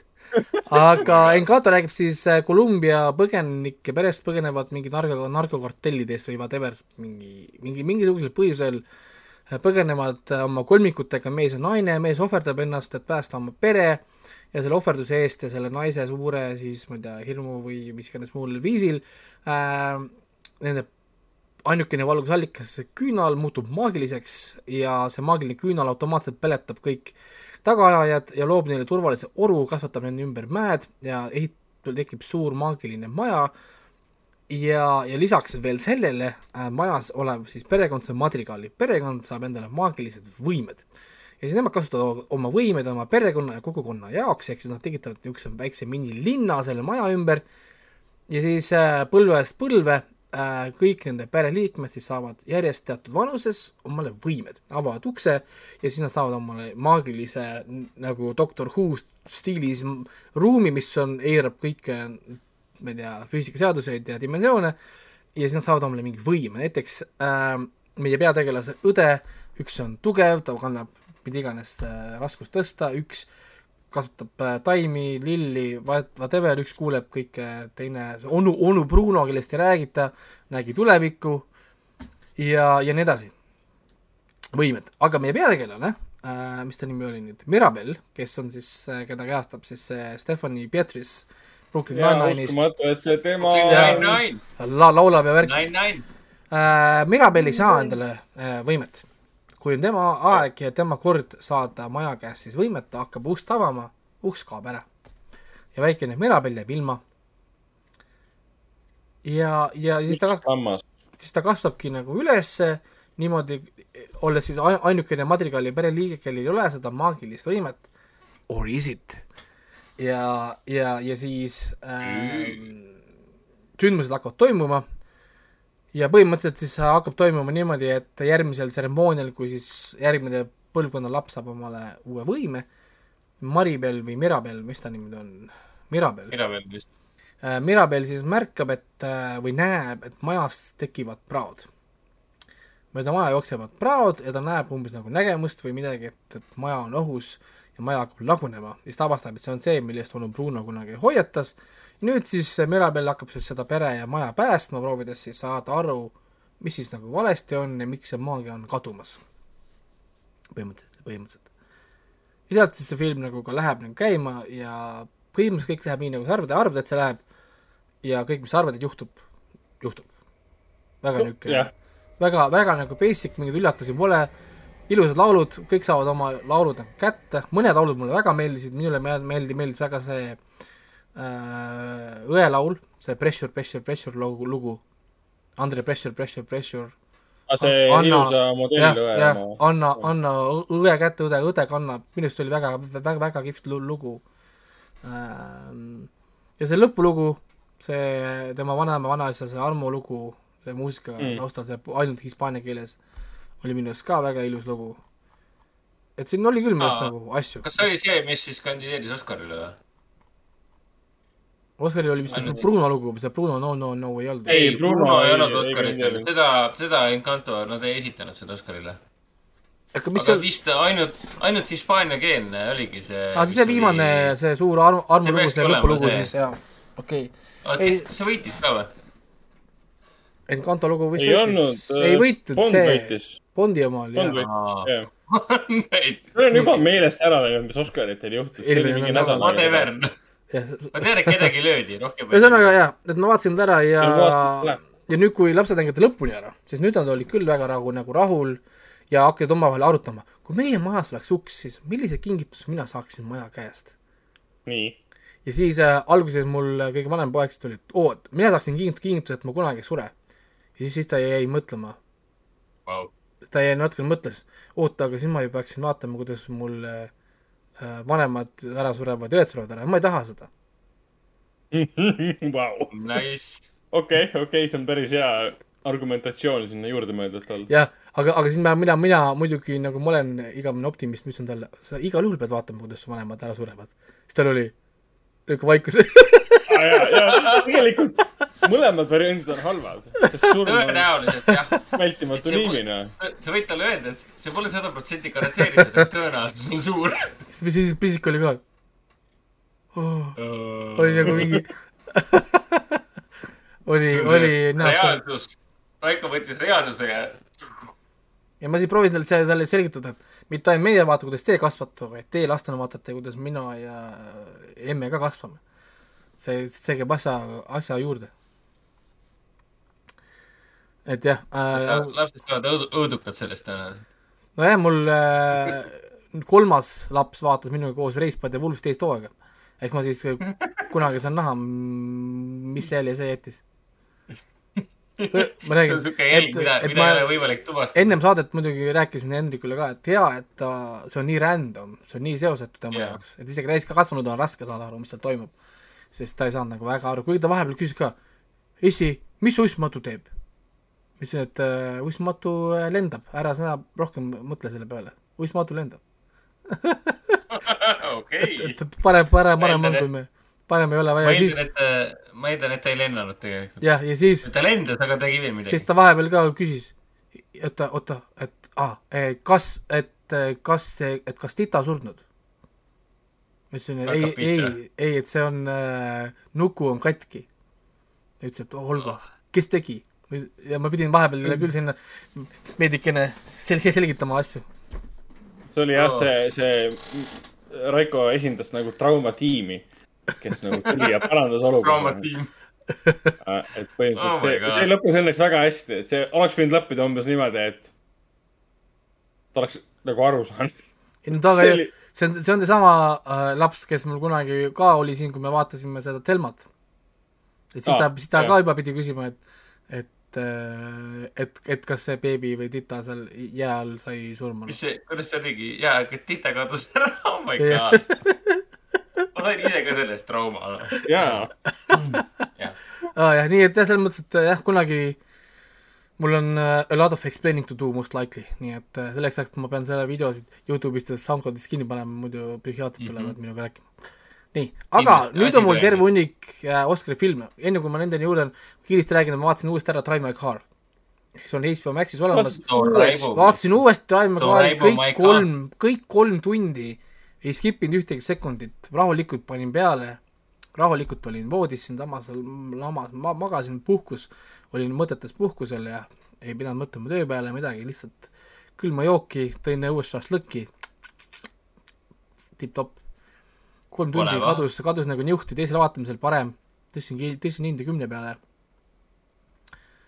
parem film äh, teist korda mul ei ole midagi, midagi öelda, esimesel korral ma andsin üheksa koma viis, tundus võib-olla natukene tempoprobleemid, värgid, tegelikult ma olin väsinud PÖFF ajal lihtsalt. palju suur tempo, palju see on filmi, mingi õhtune aeg kell üheksa kuskil. nüüd kui ma olin nagu puhanud, rahulikult sain vaadata, siis tõesti parem film kui äh, esimesel vaatamisel. Time Magar on lihtsalt kunstiteos, mul, mul ei ole midagi selles mõttes, et öelda, ma olen juba rääkinud sellest nii palju, me oleme rääkinud sellest igatepidi läbi ja lõhki ja Hamaguchi mm, tõesti äh, imeline töö ära teinud la- lavastajana. kuigi olles nüüd näinud kõiki teisi filme, ma olen nõus Oscaritega, et äh, parim Oscar tõepoolest pidi minema The Power of Dog lavastajale. ja siit Mm. ongi kohe edasi liikuda äh, filmi juurde The Power of Dog. lõpuks vaatasin selle ära, see pealkiri ei oma mingit loogikat, enne kui sa vaatad filmi ära. kui sa vaatad filmi ära, siis sa, siis sa saad aru, mida see pealkiri tegelikult nagu tähendab. siin on kaks tähendust sellel fil-, sellel pealkirjal, juba minu arust juba see pealkiri on tegelikult väga andekas ja tegelikult väga mitmekihiline ja annab nii palju power'it filmile. Mit-, mitte, et oleks Fun Game The Power of the Dog. see on väga nagu huvitav äh, nagu nimi juba. esimese lool see tundub nii veider nimi, The Power of the Dog, what mis, asja, koera võim või mis, mis mis see tähendab? aga vaatate filmi ära, pöörate natuke tähelepanu teatud detailidele, siis aa, okei okay,, that's spoiler. That title is a spoiler põhimõtteliselt küll, jah. jaa. aga jah äh,, seda vist on siin saates varem räägitud ka. mina andsin sellele filmile tugevalt kaheksa ja pool punkti äh,. kuigi jah, siin ma saan aru väga hästi tegelikult, miks inimesed jagunevad kaheks selle filmiga, kes ütlevad, et see on igav, see on mõttetu, mingi nonsense, on ju, ja samal ajal siin on nagu teised, kes ütlevad, see on räägib hea film, see on geniaalne film ja siis ta oli parima filmi nominatsioon. Ja siis Jane Campion, kes sai parima lavastaja au- auhinna selle filmi eest, olles selle filmi parim, parim lavastaja, selle filmi lavastaja, siis ma olen tegelikult nõus, et ta sai, ta on teenitud, sest see on imeliselt lavastat-, lavastatud film. arvestades, kui vähe siin tegelikult on narratiivi tegelikult, tegelikult siin story's, kui nonsensical story tegelikult on, see, ta ei ole tegelikult üldse oluline lugugi minu arust, mida nagu rääkida, aga kui ilusti ta selle kokku pani, kui hästi see on lavastatud, need nurgad, see tempo, millest on nii palju asju, mis teeb kadedaks, see tseen, kus kohas Benedict Cumberbatch viskab ennast sellili, paneb mm. selle rätiku näo peale näiteks, või kui ta, et seda köit paneb kokku ja ta näitab seda puusa pealt seda nagu seda tõmbamist. mingid siuksed väga spetsiifilised detailid. jah, väga, väga kihvtid. mõni teine reisijal ei keskenduks. Väga hästi üles otsitud nagu need momendid, seesama, kus kohas ta vaatab seda vees, kuidas see Cumberbatch ujub. seal mm. see, tema see õe, venna, naise poeg venna, naise poeg, Jah. täpselt. vaatab teda ujumas ja niisugused teatud kihvtid, hästi tehtud, hoiab neid kaameraid ja need stseenid ja, ja, ja oskused lõigata, ehk siis Kanal kaks, cut tool, please, oskused lõigata filmi oli ka minu arust nagu väga hästi ja noh, tõesti, lavastuslikult on see tõesti tugev film. kuigi ma saan siis- aru, miks, miks siin inimesed on nii-öelda nagu polariseeritud siis selle nagu narratiivi kõik kõige suhtes miks Sam Shepard filmi maha tegi ja ei, ma saan aru sellest, jaa, sest olgu, ütleme, siin on see Jesse Plemons, Kristen Stantz ja Benedict Cumberbatch, ütleme selline trio, kuna me teame, et Stantz ja Plemons on tegelikult ju abielus, on ju. jah, täpselt nii, nad olid Oscaritel äh, ka kohal. Siis ma sain äh, teada, et nad on abielus. enne ma tegelikult ei teadnud, selles mõttes- fakt on see, ja- et ma ei ole kursis staaride eraeluga jah. Jah. ja, ja sellest tulenevalt, noh, nendel chemistry works because it's real. ja, ja Benedict Cumberbatch on hea näitleja, me seda juba teame, selles mõttes, et äh, noh, see ei olnud nagu midagi nagu üllatavat, aga see lugu ise on nii vähetähenduslik või kuidagi nii random. kaks venda elavad kuskil päraperses, vend võtab äh, lese naise koos äh, pojaga, kes tõenäoliselt on gei vist, otseselt välja seda ei ütle, aga noh, so is so.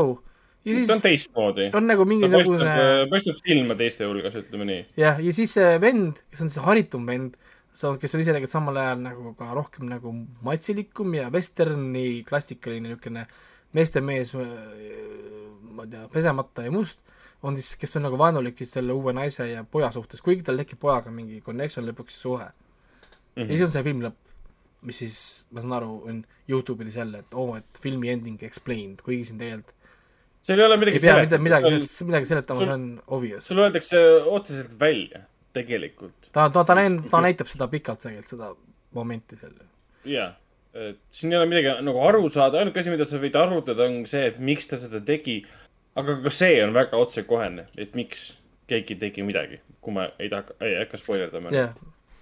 nii et selles mõttes jah, ta muidugi, minu ainuke kriitika võib-olla lõpuks oli see, et, et eh, mul kaks kriitikat. pikkus tal oleks pidanud olema võib-olla viisteist minutit lühem. ta on umbes, mis ta on, kaks tundi, mingi viis minutit. ta oli, midagi sellist, ta võiks olla tegelikult tund viiskümmend, võiks olla, minu arust. siin peaks teatud momendid ära lõigata, algus võiks teha lühemaks, näiteks see, kus nad seal karjamaalt tulevad, see on lihtsalt exposition, seda tegelikult ei olnud vaja.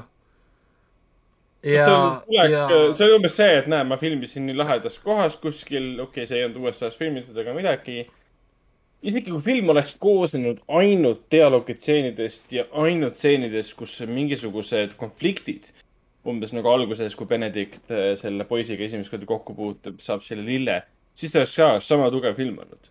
Aga lihtsalt kuna see on vestern, see on justkui kohustuslik element, et sa pead näitama seda karjatamist, sa pead näitama seda loodust, sa pead seda rõhutama seda žanri olemust nagu. ja ma saan aru küll, jah. ja siis, mis, mis, mis mind häiris, muusika. ma reaalselt, oli üks väheseid kordi, kui ma panin vaiksemaks. ma tavaliselt ei pane muusikat vaiksemaks, panin vaiksemaks, sest see kuradi viiu, üks sama viiuli see mingi monotoonne stuff hakkas kõrvadele lõpuks, mul oli, oh my god, aitab. et ma lõpuks panin, panin panin panin küll alla. Keeras neli alla, ma enam pole teinud juba ammu. ma ei keera tavaliselt filmidel hästi neli alla. Eesti asjadel ma panen põhja, sest ma, ma ei saa aru, sest kõik on blurri, mikrofon lastakse kõik üle, üle täiega. aga välismaal tavaliselt seda muret ei ole. et igal juhul kuigi muusika kandideeris isegi Oscaril. võib küll, aga siin oli häid lugusid, lihtsalt üks konkreetne lugu lasti kogu aeg üle, mingi niisugune viiuli niisugune tõmbamine mm. -hmm. lõpuks sa lihtsalt lõikas, lõikas, lõikas ajusse lõpuks, mul et aitab, aitab, ma ei, ma, ma ei, ma ei taha enam, et ma Need jah, erinevad äh, variatsioonid ühest ja samast äh, siis teemast. ähm,. siis äh, Tick Tick Boom, järgmine film, kohe Netflixist, kohe vaatasin järjest. võtsin siis ette äh,, Garfield kandideeris sellega parima meesnäitleja Oscarile, ma ei tea küll, miks. väga õigustatult, ei, mina tean väga selgelt, miks. absoluutselt ei olnud. suurepärase rolli, kuhu ta andis äh, kogu oma olemuse ja see on fantastiline film, kõik, mida Raiko järgnevalt äh, äh, Raiko suust kuulete, on mingisugune biased äh, Vale. lüürik. et äh, esiteks nagu oli siin, minu, minu arust siin on nagu palju nagu vigu, ma andsin filmile seitse punkti, mis oli minu arust väga nagu niisugune lahke tegelikult, no tabeliga tuli kuus koma kaheksa kandis äh,. esiteks Ise- minu arust see, kelle põhjal see põhineb, see Jonathan Larson pole üldse huvitav inimene piisavalt, et teha tast filmi. ma saan, ma saan aru, et ta suri noorelt ja ta kirjutas Rent ja vau wow., aga tal ei ole tegelikult materjali, ta on suvaline vend, kes elab lihtsalt äh, üürikorteris ja ta proovib oma muusikali läbi suruda. That's the whole sellest, movie. That's literally the everything. see on kõik, mis siin on. tal on girlfriend, ta käib tööl, ta kirjutab muusikali. jah, Where, ja ta isegi the nagu seda story? muusikali, Kust millega on ta popiks sai. kus siin story on? story oligi selles, et kas ta saab sellega lõpuks hakkama või mitte, kas ta saab äh, selleks äh, teatrikirjanikuks, lava, lavakirjanikuks, nagu ta soovib või mitte või ta lõpetabki ja jääbki samasse rolli, kus tema tüdruksõber arvab, et ta nagu on, et ja püsivalt jääb sinna, ehk siis töötab mingis suvalises daineris, eksisteerents joob ja umbes niimoodi. Et kogu loo nagu küsimus oligi see, kas ta suudab oma igasugused hirmud, kartused, probleemid eraelus äh, sõpradega ületada ja lõpuks valmis saada selle ühe, mille põhjal ta arvab, et ta on geniaalne, mille põhjal teised arvavad, et ta on geniaalne. no me teame tegelikult, et see juhtub, me teame, et ta sai selle valmis, aga noh, film keskendus sellele protsessile. ja see protsess mulle nagu meeldis ja sobis. kuigi ma olen sinuga nõus, et see probleemi püstitus filmis ei olnud just kõige nagu keerulisem, sest sa võid Vikipedia lahti võtta ja näed kohe ära, et see juhtus, ta sai selle asja valmis. nii. mis see ülejäänud, milles see ülejäänud pinge, pinge nagu seisneb siis? no ja, ja, ja, ja siin, noh, mis siin veel oli, ütleme, okei okay,, jätame kõrvale selle Larson, see pole võib-olla aus niisugune kriteerium ka, sest noh, iga inimene ei peagi olema, elama mingit imelist elu, et teha imelisi tegusid, sest pigem on asi tema elus polnud, vaid selles, mida ta tegi. ehk siis see Tick Tick Boom, see teine show, esimene show tal ei läinud läbi ja siis kolmas show Rent, mida me siis kõik teame ja kõik viisteist korda söögi alla ja peale meile pähe taotud, onju ähm,. ehk siis noh, see pole võib-olla kriitika, aga miks on Garfield siin filmis?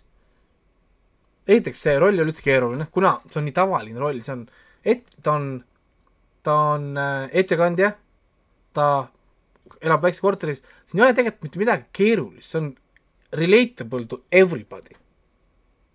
ehk siis palju lihtsam oleks olnud, kui kästida laulja, õpetada teda näitlema. meil on vähe neid lauljaid, kes on nagu päris lauljad, kes näitlevad ka alal mingi Lady Gaga suguseid on meil tohu joba valida.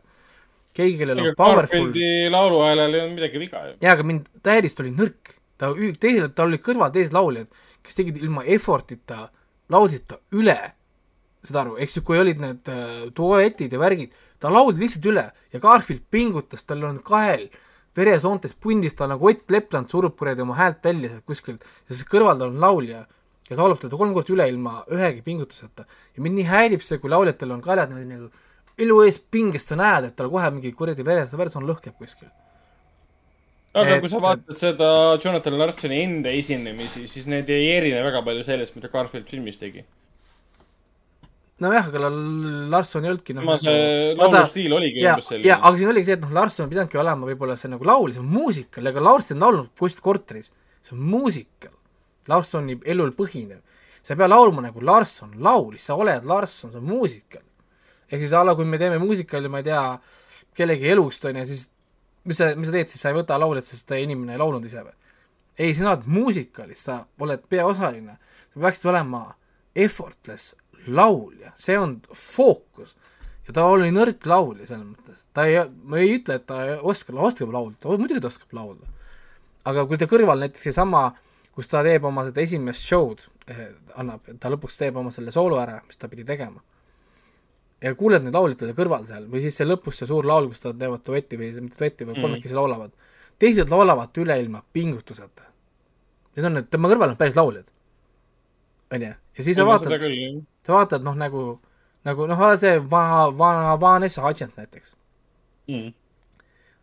Nad laulavad nagu, see on nii, sa näed seda, see lihtsalt, ta nagu räägiks, aga see heli, kõik see power, sa tunned seda, et aa ah,, see on laulja. vägev ja siis Garfield proovib kuidagi seal taustal nagu olla ja see hakkas mind nagu häirima ja tõmbas mind kogu aeg eemale filmist ja mulle ei meeldinud see üldse. ja muidugi ma räägin, ta ei olnud ka kõige põnevam teema üldse see, kogu see protsess selle juures. ja siis alguses see film oli mul kaheksa hinnatud, aga siis ma vaatasin West Side Story't, tõmbasin hinda alla. sest West Side Story näitas mulle ära, mida nagu, tuletas mulle meelde muusikali power'it ja stuff'i. ja siis see tõmbas nagu noh, nagu tagasi kohe. et jah ta põhimõtteliselt räägib ka ainult, ma tuletan meelde, et ma räägin Tick-Tick Boom, see on Netflix olemas, kõik saate vaadata iga kell äh,. lihtsalt Andrew Garfield siis ehk siis Amazing Spider-man äh, kehastab siis Jonathan Larson, kes on siis muusikali looja ja põhimõtteliselt lõi muusikali rent. ja ta rohkem jõudnud äh, teha, sest ta suri ära. ta suri kolmekümne viie, kolmekümne, kolmekümne viieselt suri ära mingi äh, südamerikke või ajurikke või, või mis tal oli seal? geneetiline vist haigus vist oli veel olnud, lõi ja. väga ootamatult sisse. ja, ja ta ei näinud isegi oma seda äh, show'd laivis, vaid suri enne show'd ära. ja see on isegi ei saanud, ei saanudki teada, kas ta nagu sai edukaks või mitte. ja see on siis äh, lavastatud siis äh, Lin-Manuel Miranda poolt siis ehk siis Hamiltoni looja ja Inde Heights muusika tegi, noh nagu kirjutaja aga Inde, In Inde Heights puhul oli luu-, lood olid nii palju paremad kui Tick Tick Boomis. nagu üüber suur vahel, kuigi Inde Heights ei olnud ka mingi üüber, teie siin olid palju probleeme, me rääkisime sellest kunagi varem, siis äh, ja miks ma toon võrdluseks, on sest nad ilmusid samal aastal, Tick Tick Boom ja Inde Heights olid samal ajal. sest nagu samal aastal nad olid nagu sama aasta nagu raamis ja noh, ütleme ka, võib-olla isegi sarnased tegelikult mingi, mingil nagu määral isegi väga sarnased, isegi asukohad on, on, on sarnased, tegelikult üldse väga palju sarnasusi on Inde Heightsil ja Tick-Tick Boomil.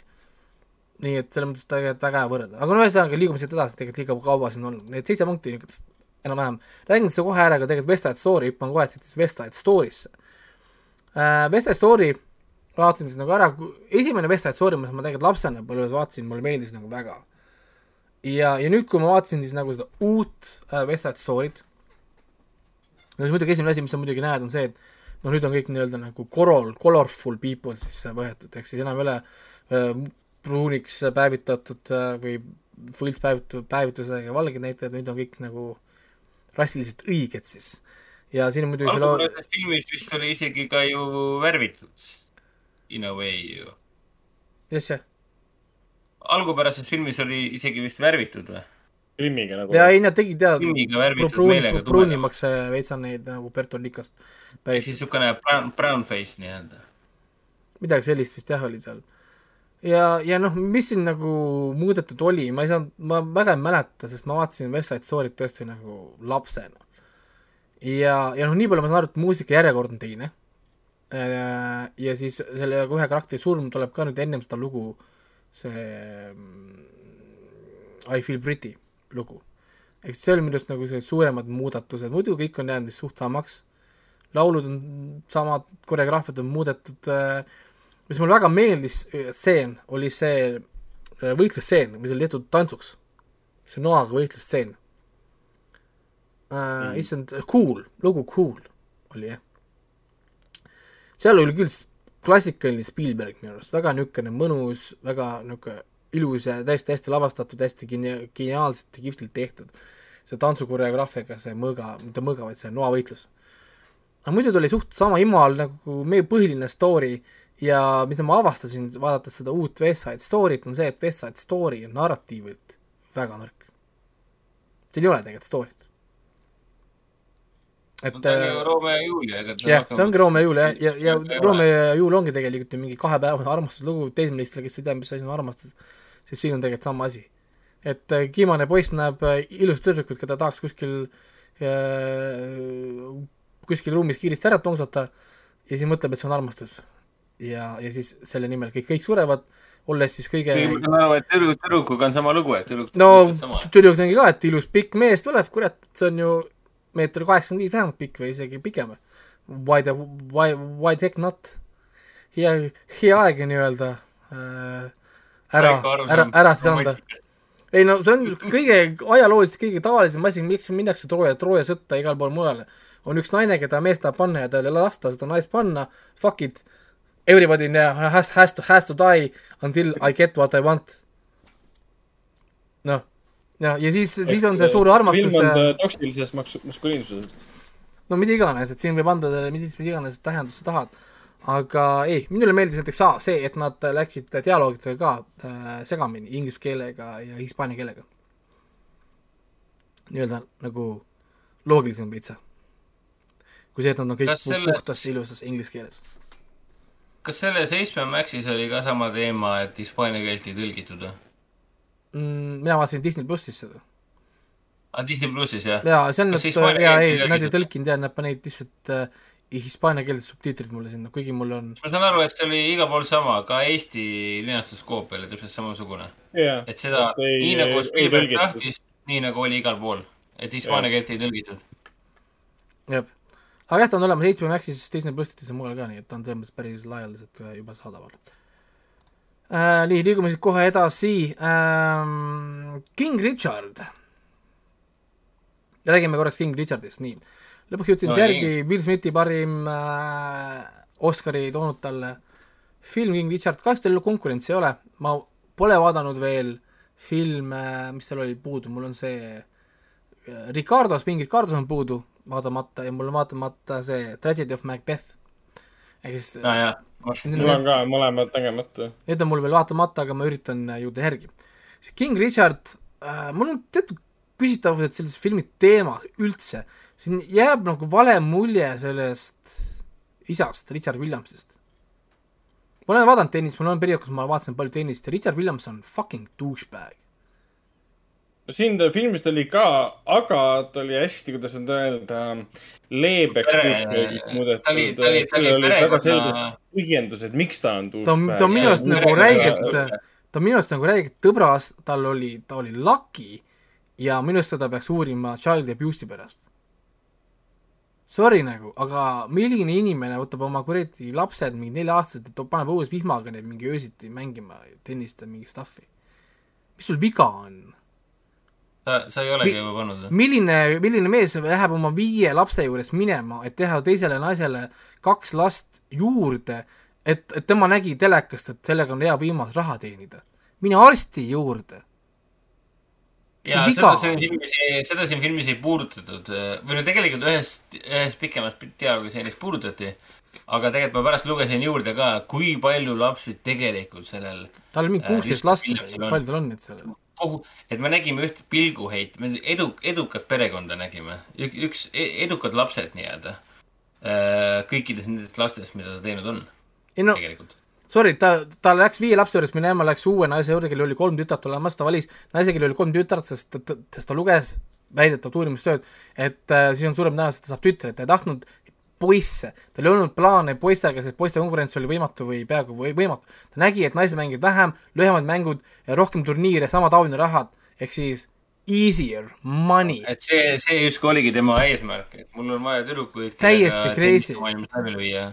noh, ja siis ta tegigi omale kaks uut last, unustas need kolm eelmist ära, see keskmine tütar proovis natuke mängida tennist, sellel tekkis kohe mingi vigastus, mees lükkas selle kõrvale, ah fuck this shit, mul on kaks oma, oma tütart, sa naine võta oma kolme tütrega, tee midagi kuskil mujal.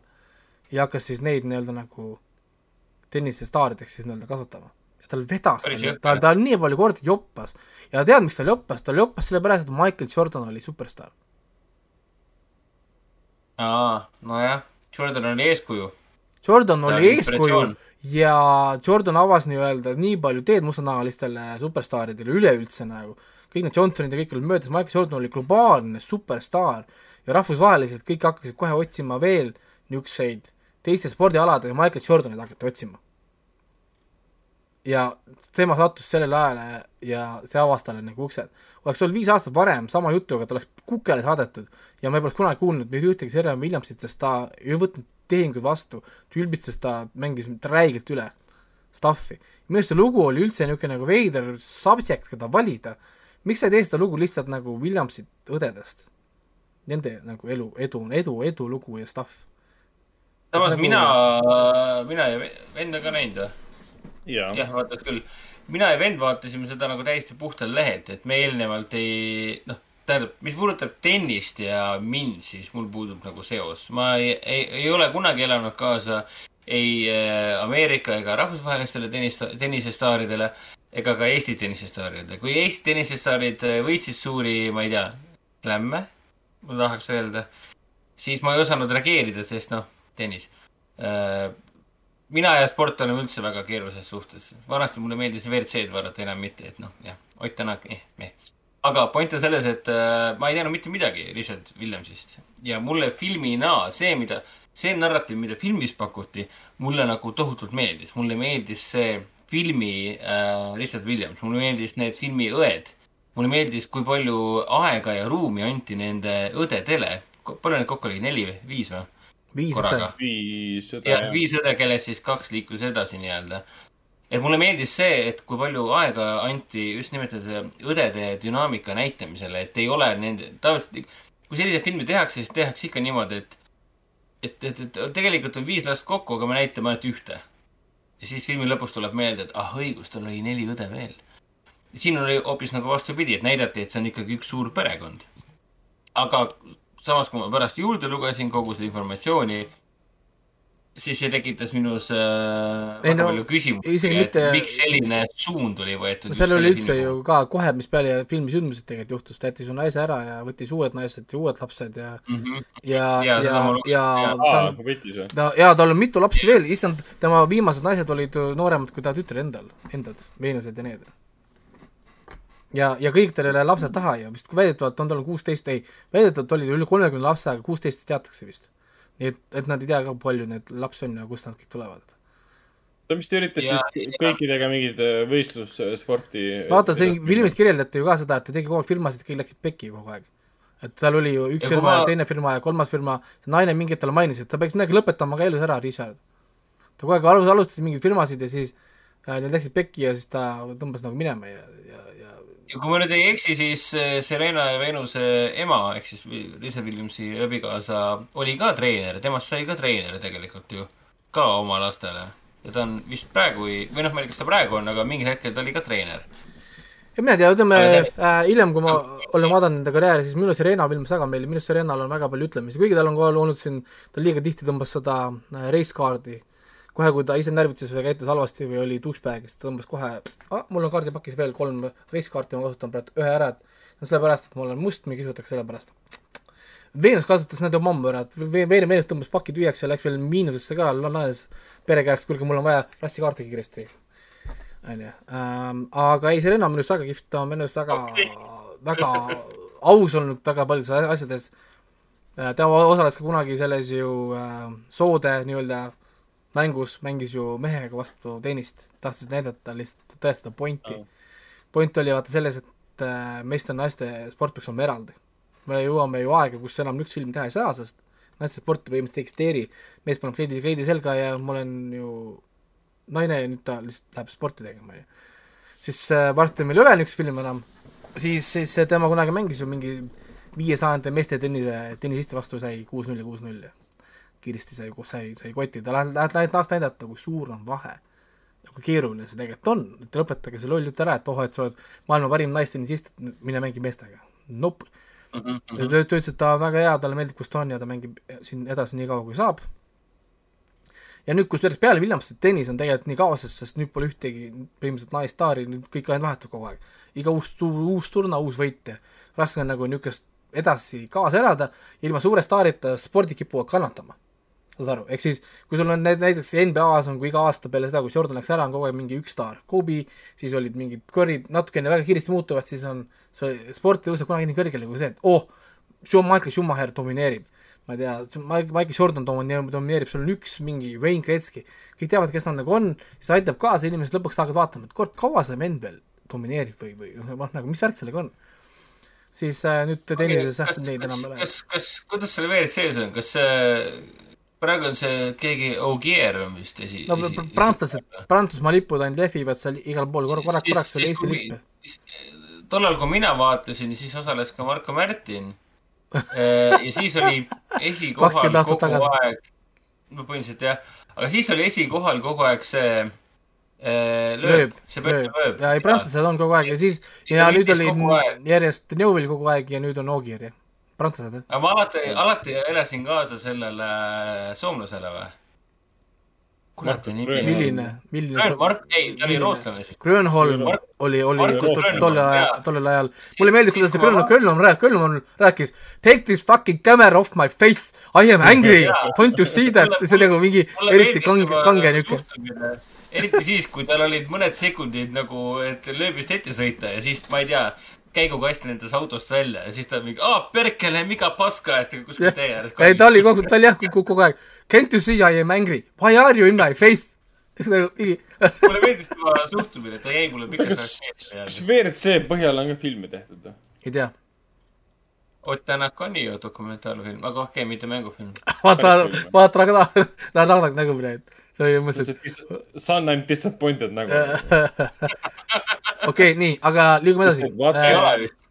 nii, King Richard äh,, ma ei tea, ma andsin seitse punkti niuke, oh, möh film, minu arust äh, Subject Matter jätab soovida, rolli alt ka teab, mis eriline ei no, roll oli küll eriline. konkurents võib-olla ma ei tea, ma ei tea, ei olnud väga impressed, et äh, selles mõttes ma saan aru, mulle- kui ma, kui ma võrdlen praegu selle Benedict Cumberbatchiga, mis ma olen näinud, ja Andrew Garfieldiga, siis igal juhul on parem, sest Cumberbatchil polnud eriti midagi teha, Garfieldi oli lihtsalt meh, siis mit-, jaa, nendest on kindlasti parim, aga ma pole näinud hetkel veel seda äh, Bing Ricardost ja ma pole näinud Resident of Macbethi, seega mul ei ole ütleme seda täiuslikku veel pilti ees.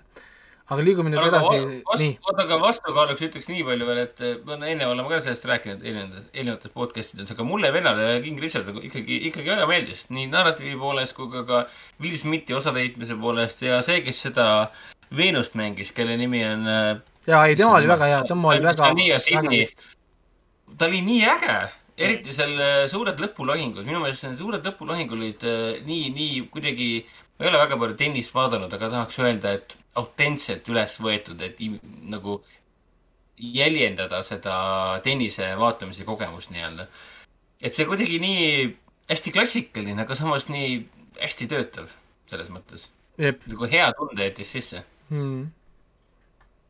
Nonii, aga lähme edasi. nii, ma liigun nüüd edasi, jah äh,, parima filmi võitnud film Coda Apple TV plussis, lõpuks vaatasin ära, lõpuks ütlesin järgi ja andsin üheksa pool punkti, natukene vähem kui Carile, sest Drive My Car on parem. aga ta väga palju maha ei jää äh,. eelmisel aastal listis oleks Tra- Coda olnud mul number kolm, peale siis Mugen Traini, Coda. Cari ja siis oleks Coda tulnud Raimo ja Koda. äh,. lihtsalt äh, kiiresti räägime üle, Coda, oota. äh, on Child of Death Adults või siis kurdide vanemate äh, laps. ja see, ja lugu põhimõtteliselt sellest Jah. nagu räägibki, ehk siis sul on klassikaline Oscari film, sul on mingisugune minority grupp ja siis vastik Oscar Peit, noh. kõik, väga klassikaline Oscar, Oscar, Oscar jube vastik film, mõttetu film, mina. sa vaatad filmi ära ja siis mingi. aga see on tõesti, see on, see on hea film, ta on On, hästi lavastatud film, kõik on paigas, näitlejad on paigas, kõik on nii, nagu peab olema. ütleme, kui keegi, kui see, ütleme, kui mingi produtsent kuskil oli, siis see film tuli täpselt nii, nagu mingi produtsent tahtis, kõik läks nii, nagu pidi. ja sellepärast ta sai kohe selle parima filmi Oscari. ma, ma saan aru, miks Drive My Car ei saanud, sest no siin on teatud asjad nagu see pikkused, seal on keeruline, ta on mitmes kolm keeles, tundi ja Jaapan, see on mit, nagu. mitmes keeles värgid, siis Koda on universaalne film tõesti kõikidele sobib. sa võid vaadata seda oma vanematega, oma lastega, oma parimate sõpradega, vaenlastega, whatever, Kodat sa võid vaadata kõikidega. ja ma garanteerin, et üheksakümmend üheksa protsenti nendest naudivad seda filmi. ehk siis ta on universaalne, hea film, tõesti, igale, iga, igale maitsele, kõik tunnevad siin midagi ära, kõigile, kelle, kellelgi on igale kuskile relate ida, siin ei ole mingit woke black plöga umbes, et, et surutakse sulle kurkust alla, et peab olema see või teine või kolmas, kõik on nagu paigas ja siin on hea lõpp. siin on happy ending. erinevalt siis, ta on sarnane teema, mis on King Richardis, kus kohas vanemad kasutavad oma lapsi ära, et oma elu paremaks teha. sarnane nagu King Richardile. Siis erinevalt äh, King Richardist, mis on tegelikult, ei ole happy ending, lapsed jäävadki oma vanemate alla, kuni töötavad nii kaua, kuni vanemad kuidagi ära surevad, siis Koda puhul vähemalt on happy ending ja laps saab ikkagist nii-öelda nagu, nagu noh, nagu vabaks. Et ei, tõesti, hea, hea film, siin ei pea väga midagi nagu rääkima sellest, lihtsalt pange peale ja vaadake, see on hea tuju film, see on muusikafilm, siin on äh, ta on tugev draama, ta on, ta on klassikaline draama, Siin on- väga, väga siin ta, ei ta on nalja ka, ma isegi ütleks, et ta on isegi komöödia kohati. jaa, ei, muidugi, muidugi. aga lihtsalt, et ta ei ole kindlasti nagu mingisugune ülimalt unikaalne draama. kui me võtame siin, mis iganes, Manchester by the Sea, see ei ole ka unikaalne draama, selles mõttes neid lugusid on varem jutustatud, aga sõltub, kuidas sa seda lugu jutustad. Ja Koda saab sellega, et kuidas seda asja teha huvitavaks ja teistmoodi väga hästi hakkama. kumb, film parem on, Manchester by the Sea või Coda, kui rääkida draamafilmides, mis Manchester saada by the Sea. Manchester, by the Sea, kohe jaa parem., sest, sest Kodal on üks puudus. No ja see on äh, kodel ei ole vau, vau, vau-efekti pole. Ja see paistab välja režiis näiteks. kui sa vaatad Power of the Dog'i, sa mõtled, vau, siin on režissöör. see on, need ilus film, sa pidevalt jah. imestad kogu aeg, holy crap, täpselt, kui sa vaatad Kodat, siis kõik need on kaadrid, mis on järjest, sest nad funktsionaalsed, timeline töötab, kõik on korras. see võiks olla lihtsalt tehtud, see võiks olla arvuti poolt lavastatud, see on nimetu. mõnes mõttes küll sul ei teki isegi huvi, kes on režissöör, sul ei teki huvi, kuidas on see lavastatud, sest ta on lavastatud nii, et ta töötaks ja ta töötab. ja samas, kui sa paned no. siia kõrvale Manchester by the Sea selle, selle vau, vau momendi, mis seal oli. Politsei- politseijaoskonnas. Shit. jah, see politseijaoskonnas. see enne seda, mis juhtus ja siis politseijaoskonnas ja. Mozart siis... mängib seal taustal ja, ja, mitte miski pole enam endine selle siis on küll mingi oh my god, mis filmi ma vaatan, nagu holy shit mm.. ja jääb sulle nii kauaks meelde, vaatad nagu seda Jah. The Boy in Pyjamas või vaatad Grave of Fireflies, ühe korra vaatad ära, suurepärane, ma, aga no more, see on nagu, ma rohkem ei taha, mulle aitab. Mm. siis see Koda on jah, ta on na- natuke nagu geneerik jah, et tal ei ole seda käekirja, lisaks ta on remake ka ja alati, kui sa oled remake, sul on alati kerge vari sinu kohal, et miks sa originaal ei ole. aga, aga ma saan aru, et sellest sõltumata ta on väga selline elujaatav ja, ja, ja rõõmus ja samas nagu dramaatiline film, mis haarab sind väga endasse kaasa ja sul on hea olla seda vaadates ja üld- üld- üleüldse suurepärane film. jah, et äh, üks asi, mis ma va- avastasin, on see, et see remake'is, tähendab see originaalis siis see kaks tuhat neliteist prantsuse film, see The Belier Jah. Family või see De la Famille, ei, De la Fi-, mis see on, La Famille Belier on äh, see peaosaline, see naine on Karin Viard või Viard või kuidas- seda siis äh, hääldatakse, on nii sarnane nagu välimuselt selle Marli Mat-, Matliniga, kes on siis nagu Kodas pea peategelasega või? Et kui te panete pildid üksteise kõrvale praegu, et Marli, Matlin ja Karin Viard, tead ma saaks ju panna siia netti korra. Aga ma saan aru, et nendel mõlemal filmil, nii originaalil kui see ka, sul kaob ära nett, kuule, remake'il on sama produtsent ka veel.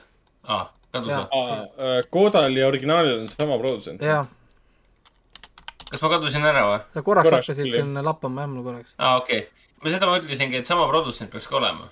et see ei ole nagu umbes nii, et me ostsime õigused ära ja nii edasi. no ma praegu ka mingi mingi ühe, ühe luhaka pildi äh, leidsin, kus ma saan võrrelda neid kahte äh,. noh, ühesõnaga, vot siin on, ei ole ka vist seda pilti äh,. ma tahan korra võrrelda, see on nii huvitav, et nad on leidnud äh, nii nagu sarnased füüsilised näitlejad äh,. pean tegema siis, teen mingi suvalise screenshot'i siit, see, see pilt ei lase ei lase mul äh, seda võtta siit. Ma siis olen äh, piraat ja teen screenshot'i, näitame niimoodi.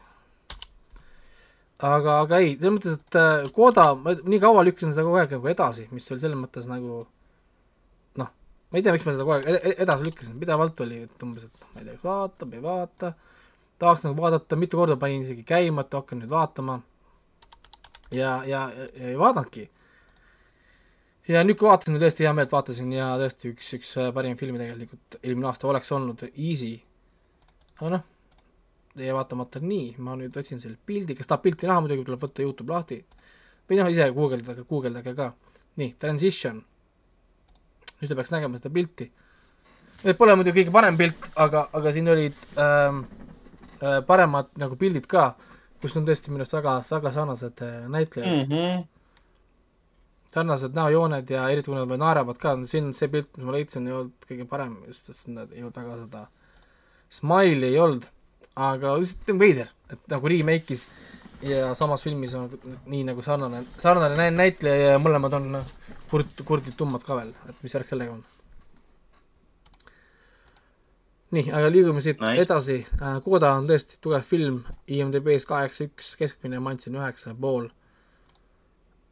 Ja kuule, kas äh, keegi, keegi vahepeal küsis ka Raiko sinu käest, et kui palju Oscari filme sa vaatasid äh, selleks, selleks, selleks äh, podcast'iks ja siis sa vastasid, et jah või?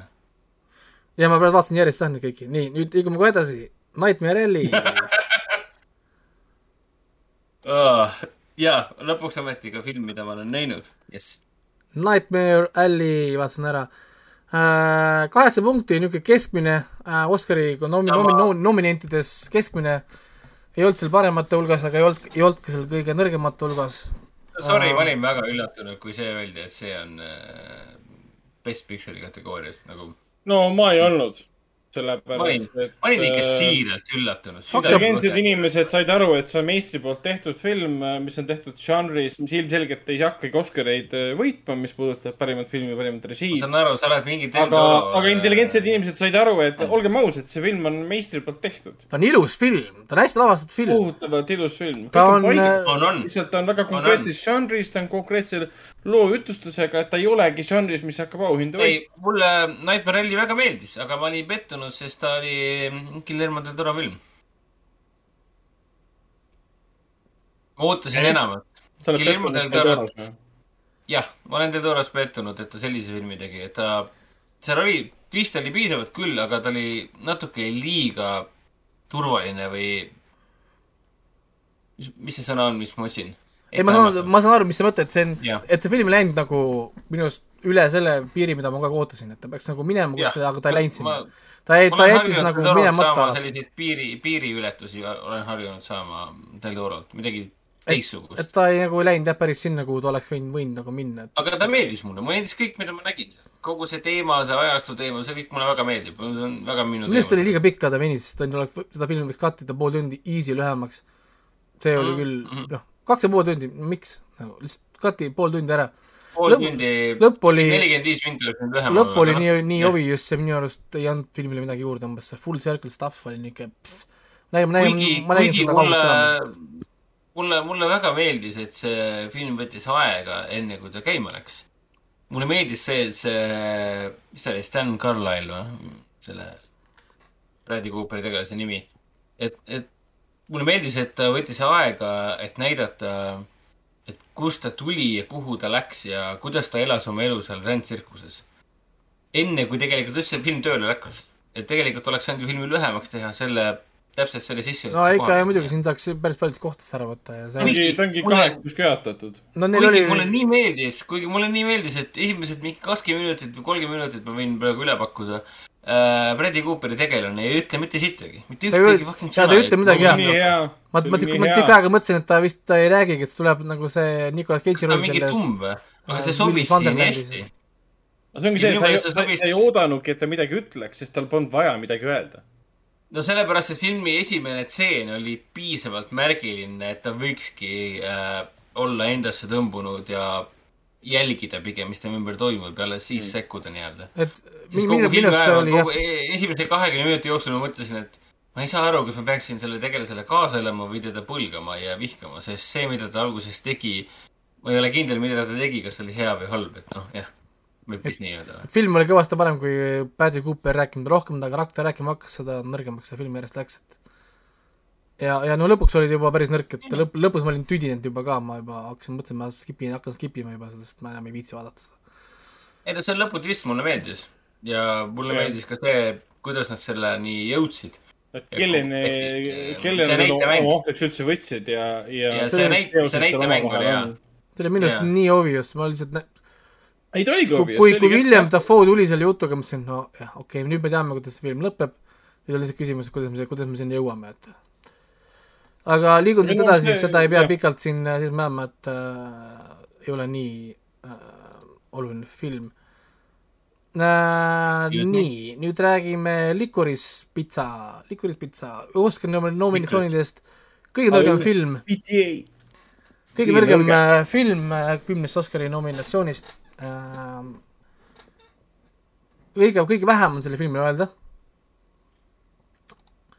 Igal juhul, muidugi mul on hea meel, et siin peaosas on äh, Cooper Hoffman, kes on siis äh, ühe teise Hoffmanni, vara lahkunud Hoffmanni poeg, kes on nüüd, nüüd siis läinud oma isa, isa, isa jälgedes ja, ja tal on see tõesti see Philip Seymour Hoffmanni niisugune olek ka, mis on selles mõttes huvitav, et poeg on võtnud nii palju isalt ikkagist, ikkagist üle. ja Licorice Pizza ta ei räägi tegelikult mitte midagi, see on Paul Thomas Andersoni film, ma saan, ma saan, aru, et ähm, Andersoni fännid on kõik, et jess, et see on teema ja, ja värk ja väga, väga meeldib. ja umbes, et see on There will be blood, see on mingi whatever, ühesõnaga äh, see film tegelikult ei räägi mitte midagi, mis on selles mõttes nagu veider, sa vaatad filmi, tegelikult see film ei ütle mitte midagi. Wow. ei, päris Päris selles mõttes, et, et, et, et selles mõttes see on nagu kulg, vaata, mina kirjeldaks seda filmi sarnaselt äh, mis filmiga ma võrdleksin seda, The Worst Person in the World jälle, see on hea, hea näide. me kulgeme sisse, mingi kulgemine, keegi, meil on üks, üks karakter, kes, kes kulgeb, tal on oma mingi story meie korraks püülume sisse aknast korraks. me ühte momenti vaatame korraks ja siis me lähme nagu minema. ongi kõik, me nagu, me ei lähe mitte kuskile. saad aru, me tuleme sisse mitte kuskilt, me ei lähe mitte kuskile ja me lihtsalt oleme kaasas lihtsalt lühikene aeg nende nagu elus. Ja sarnaselt nagu First Person in the World, kus kohas karakter ei õppinud mitte midagi, ta ei läinud mitte kuskile, on ka siin. see Licorice Pizzas, see ei lähe mitte kuskile, okei okay,, millest see film räägib? see on põhimõtteliselt siin on äh, kaks tegelast, meil on Alana Kane, kes on umbes kahekümne viie aastane naine, kes äh, pildistab keskkoolis äh, seda yearbook'i pilte, Eestis meil pole seda aastaraamatut, aga seal on Ameerikas hull mingi teema sellega. Ja on siis see nagu fotograafi, fotograafi abi või whatever, kes neid pilte nagu pildistab. ja seal ta kohtab siis selles õpilaste järjekorras kohtab viieteistaastase poisiga Gary Valentine.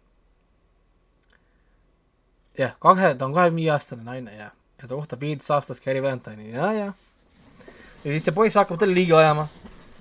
poiss on selline hustler, jutukas, hästi ettevõtlik, ta on näitleja, ta on mingis osades fil- äh, filmides rolli teinud, ta on oma business'i pannud püsti, public relations business, ta ema töötab talle, ta on niisugune hull elu ta on niisugune eluvend, onju.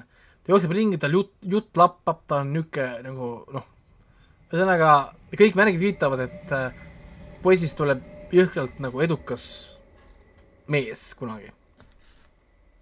mida see naine talle paar korda ka ütleb, et miks sa minuga vahepeal aega raiskad.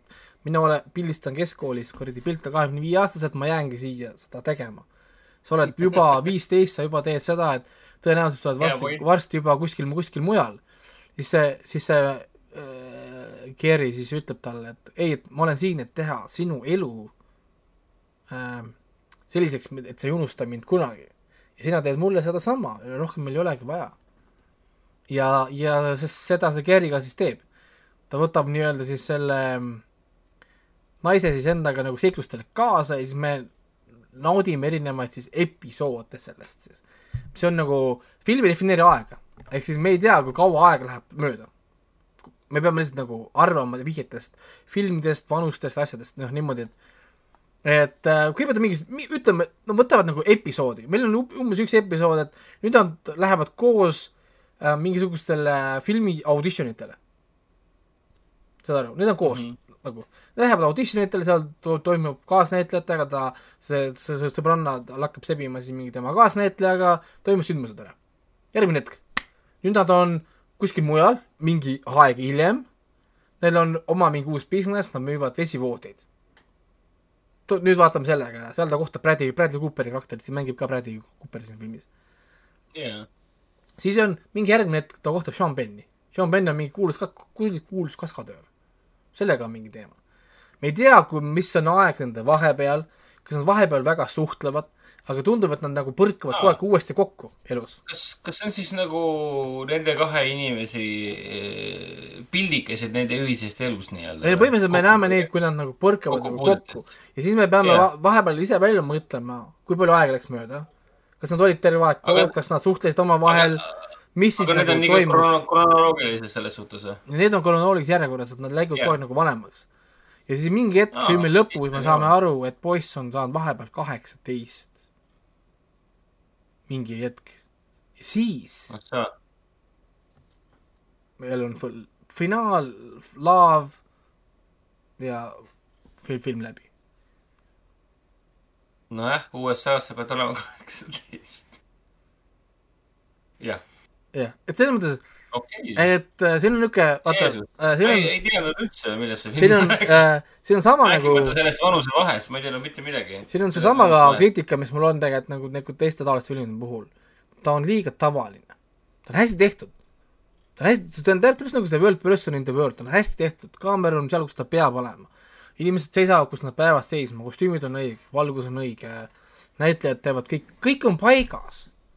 Aga siin pole mitte midagi, millest kinni võtta, et vau wow., vaatad Power of the Dog'i näiteks sul on seal pidevalt, oh issand, kui ilus stseen, kui andekalt lahendatud kuradi üks, teine, kolmas, kui nagu või, või mingi pikk stseen, kus Benedict Cumberbatch teeb seda enda seda äh, haiget stseeni seal Power of the Dogis.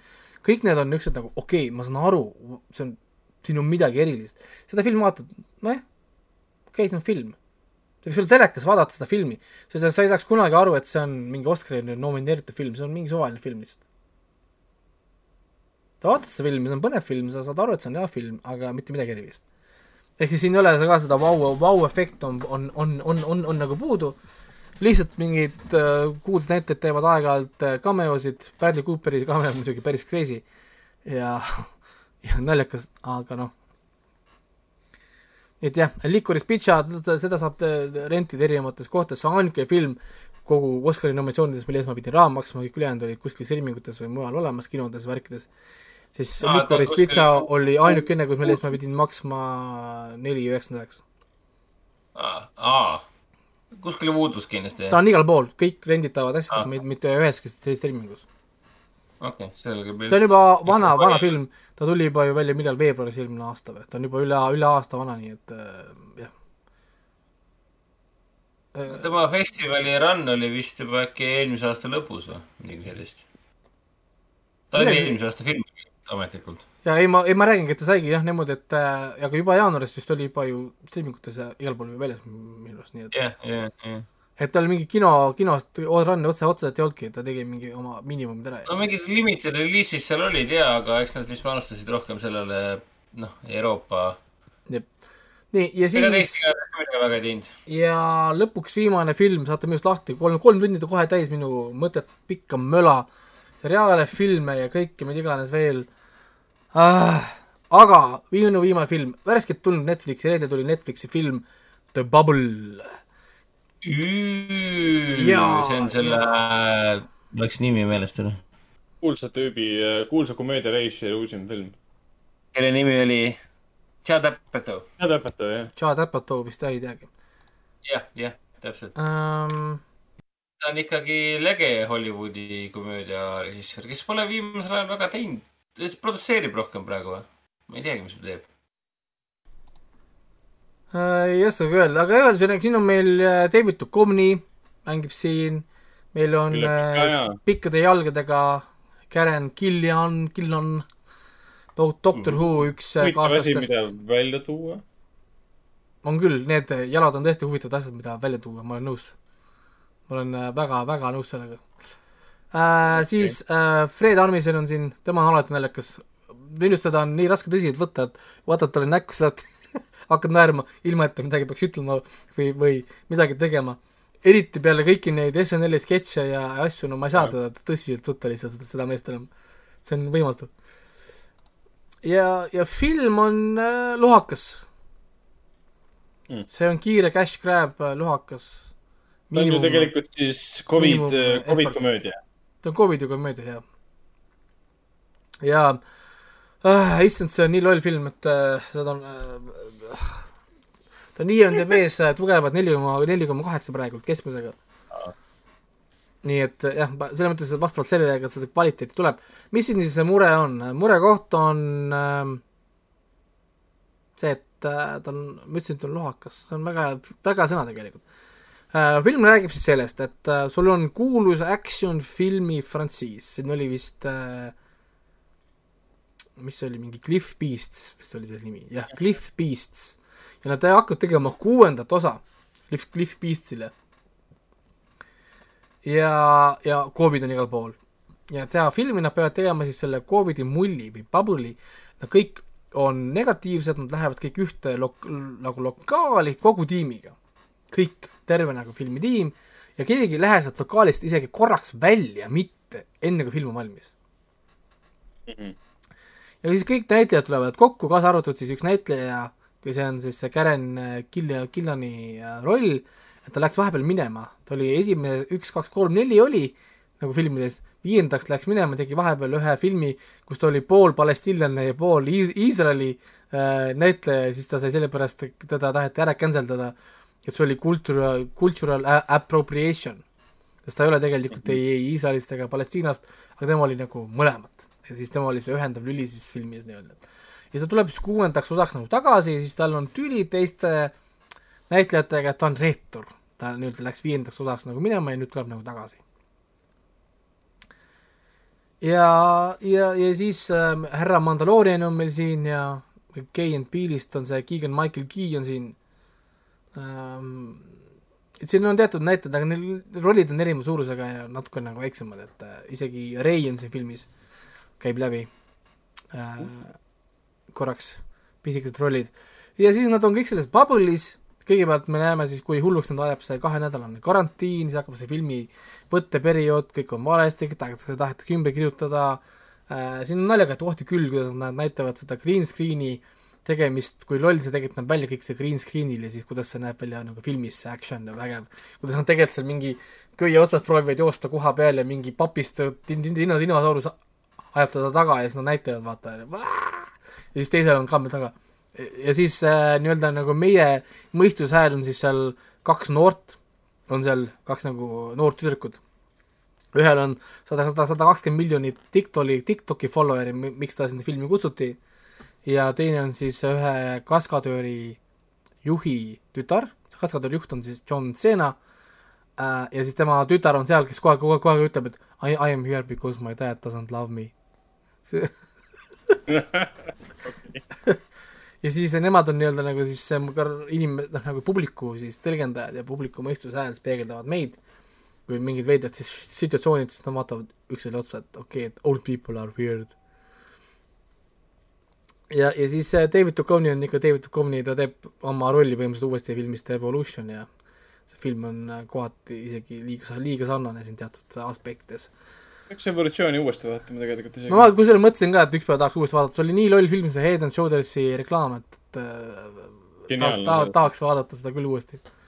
ja see loogika kehtib jah, et me saame otsida, oo, et okei okay,, meil on süs-, süsinik, siis nendel on seleen, on ju, et sa saad näpuga niimoodi jah minna, et see on, et see on science.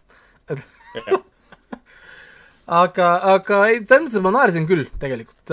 Pedro Pascali need stseenid, kus ta proovib ühe selle hotellitöötajaga seksida, kohati on nagu geniaalsed. et nagu noh, Mhm. ja, ja, ja see on nagu noh, põhimõtteliselt on niimoodi, et see algab nii, et ta, nad on tükk aega olnud nii-öelda kuival ja siis see Pedro Pascal käib lihtsalt ringi, küsib kõikide naiste käest uh,. Do you want to have sex with me? noh, ja kõigil on nagu oi, mine minema, vaata, fuh ja mingi värk ja siis läheb ühe selle hotelli administraatori juurde, ütleb, et hey, do you want to have sex with me? Yes, yes, but I have something better, I can love you ja siis võtab tal näppudest kinni. Does it feel so nice? ja siis on, ja siis see Pa- Pascal paneb vaata nagu jooksu ja siis see äh, hakka, hakkab tal käima ukse taga näiteks ja siis Pedro Pascal annab talle oma mustad nõud ukse vahelt ja tahab seda siis- sisse astuda naist, siis naine puudutab, puudutab ta sõrmi. Does the love feel so nice, right? mingi, mingi mingi sellist, selliseid lullisid on ja siis ta ongi, ongi nõus meiega magama, muidugi ma magan sinuga, aga ennem veel äh, me, me, me peame kirjutama ühe dokumendile allkirja, siis sa pead mu vanematega tutvuma ja värki. Ei, seal kõikidel on mingi mini storyline'id seal, sellel Karen Killani karakteril on mingi oma mini storyline, et tema on nagu see ülalpidaja. Ja siis, kui nad on nii pikalt kodus ära, siis mees hakkab äh, võõraid naisi tema majja, majja, majja tassima. Ja kõikidel on oma mingid mini storyline'id, siis David Duchovnil on hiljuti adopteerinud omale kuueteistaastase poja.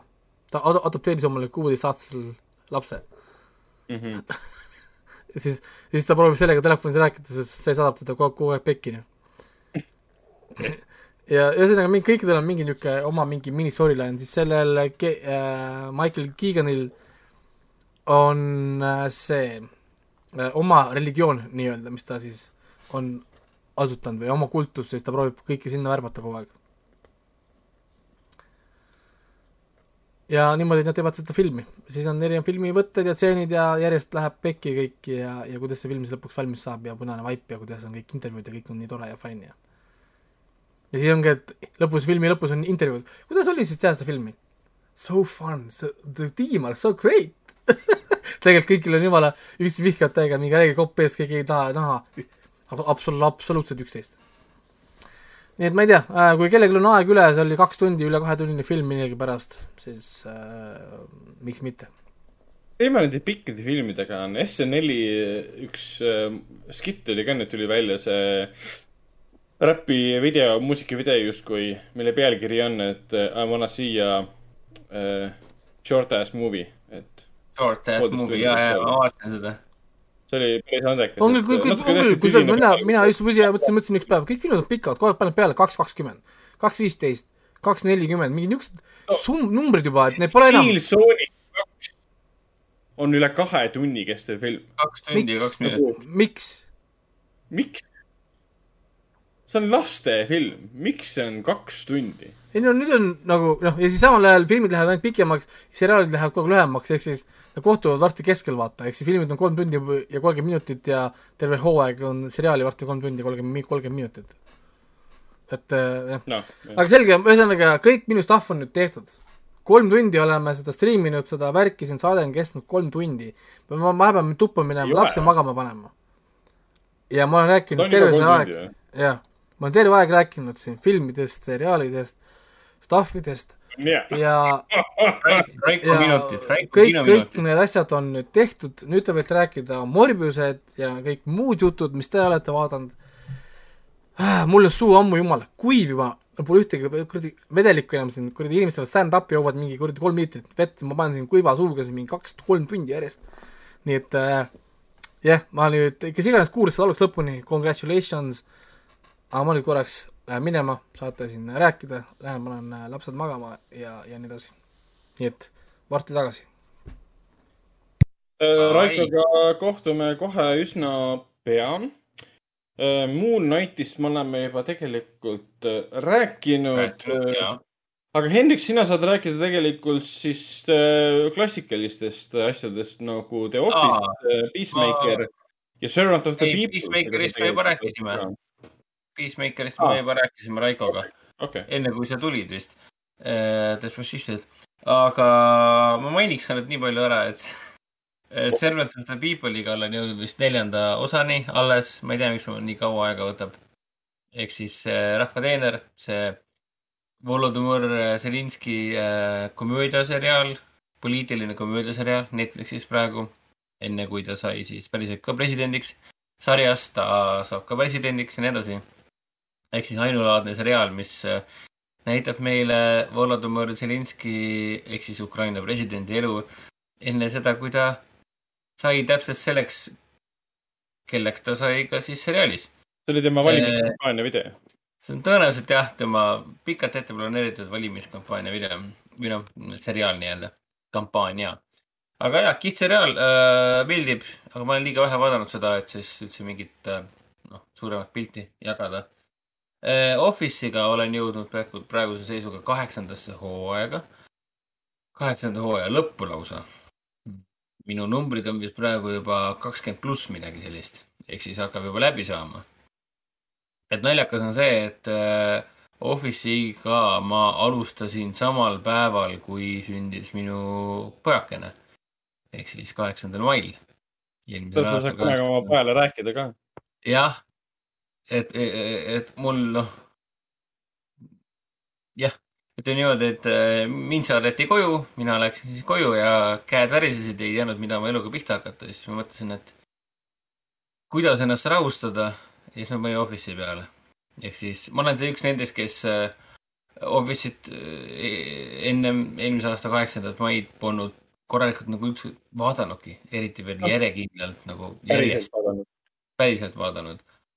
Ja nüüd ma olen siia jõudnud kaheksanda hooaja lõppu ja mul on plaan jätta üheksanda ehk siis viimase hooaja viimane osa on plaan jätta siis poja sünnipäevaks ehk siis viimase osa vaatan ära poja sünnipäeval, ehk siis nii nagu ma alustasin, nii nagu ma lõpetan ka. mis muidugi annab tunnistust sellest. jah, see on ka muidugi, muidugi annab tunnistust sellest muidugi, et äh, ma olen suuteline vaatama üheksa hooaja, hooajalist seriaali aasta aega. Mõni teine vend vaataks seda siin poole aastaga ära. ei no, mis poole aastaga, mõni, Raiko pinsib mingi kahe tunniga mingisuguse neljakümne tunnise seriaali ära. Annad Raikole ette, ta vaatab sulle üheksahooajalise seriaali tunni aega ära, et vahet ei ole noh. Ehm, aga jah, ega mul rohkem ei olegi midagi rääkida, et mul on siin äh, kaks filmi, kaks äh, nüüd peab kindlasti kasuta-, kasutaja nimega AVP seitsekümmend viis kõrvad lahti tegema, siis me, ma ei tea, kas me hakkame kohe rääkima või? ma arvan küll äh,. Lõuna-Korea kahest äh, piraadifilmist.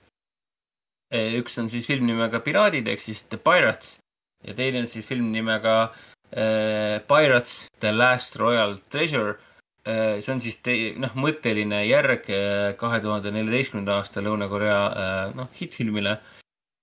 ja teine osa tuli ka Lõuna-Koreas kinodes välja ja siis Netflix ostis ära õiguse, et seda rahvusvaheliselt näidata.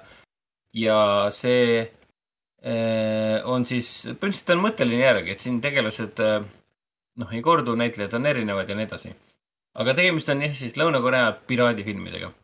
ja need on ikka omaette nähtused, need kaks filmi ah,. E, Piraadid kaks ehk siis The Last Royal Treasure, see tuli alles, tahaks öelda, et paar, kolm nädalat tagasi äkki Netflixi, midagi sellist. suht alles, jah. väga hiljuti mis praegu on, aprill, no märtsis tuli. ja, ja see esimene osa Netflixi on, on vaadatav, ma tean, et Rakuten Vikist on vaadatav ma ei tea, kas ka Eestis või peab minema VPN-iga sinna USA-sse. ja võimalik, et ka Lõuna-Korea Netflixis oli see olemas ka. ma ei mäleta, kummast ma seda vaatasin lõpuks. tähendab, esimene film ei ole Eesti Netflixis, aga teine film on. Ja, aga minu meelest see esimene film on Korea Netflixis saadaval mm. -hmm. ma lihtsalt ei mäleta nagu, kuskaudu me seda vaatasime. see on nii random'iks muutunud ära. aga kuidas siis tundus?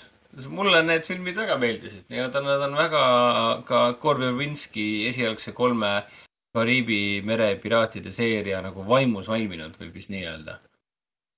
et kohati umbes sama jantlikud, äh, sama pööras seiklust täis. Äh, ulmeline as-, või noh, mitte ulmeline, fantaasia aspekt on ka omal kohal täiesti. aga see kõik on nagu siukses Lõuna-Korea kastmes, et et kui sa küsid, et kui jaburaks võib minna, siis jah, Lõuna-Korea filmis võib ka sealt minna väga-väga jaburaks, jaburaks, see on lihtsalt crazy, kui jaburaks on võimalik minna. nojah, selle koha pealt ongi nagu, tekibki küsimus, et kas piraadifilme üldse saab teha ähm, nagu väga tõsiselt. sest tegelikult neid ei ole ju olemas ähm,. vähemalt modernsel ajal pole tehtud tõsiseid piraadifilme, meil on Krimmi mere piraadid, mis on täiskomöödiat. meil on Lõuna-Korea kaks suurepärast filmi The Pirates, Pirates kaks, mis on täiskomöödiat. ja kui me läheme kaugemasse minevikku, isegi Cutthroat Island oli täis äh, äh, nagu, nagu huumorit.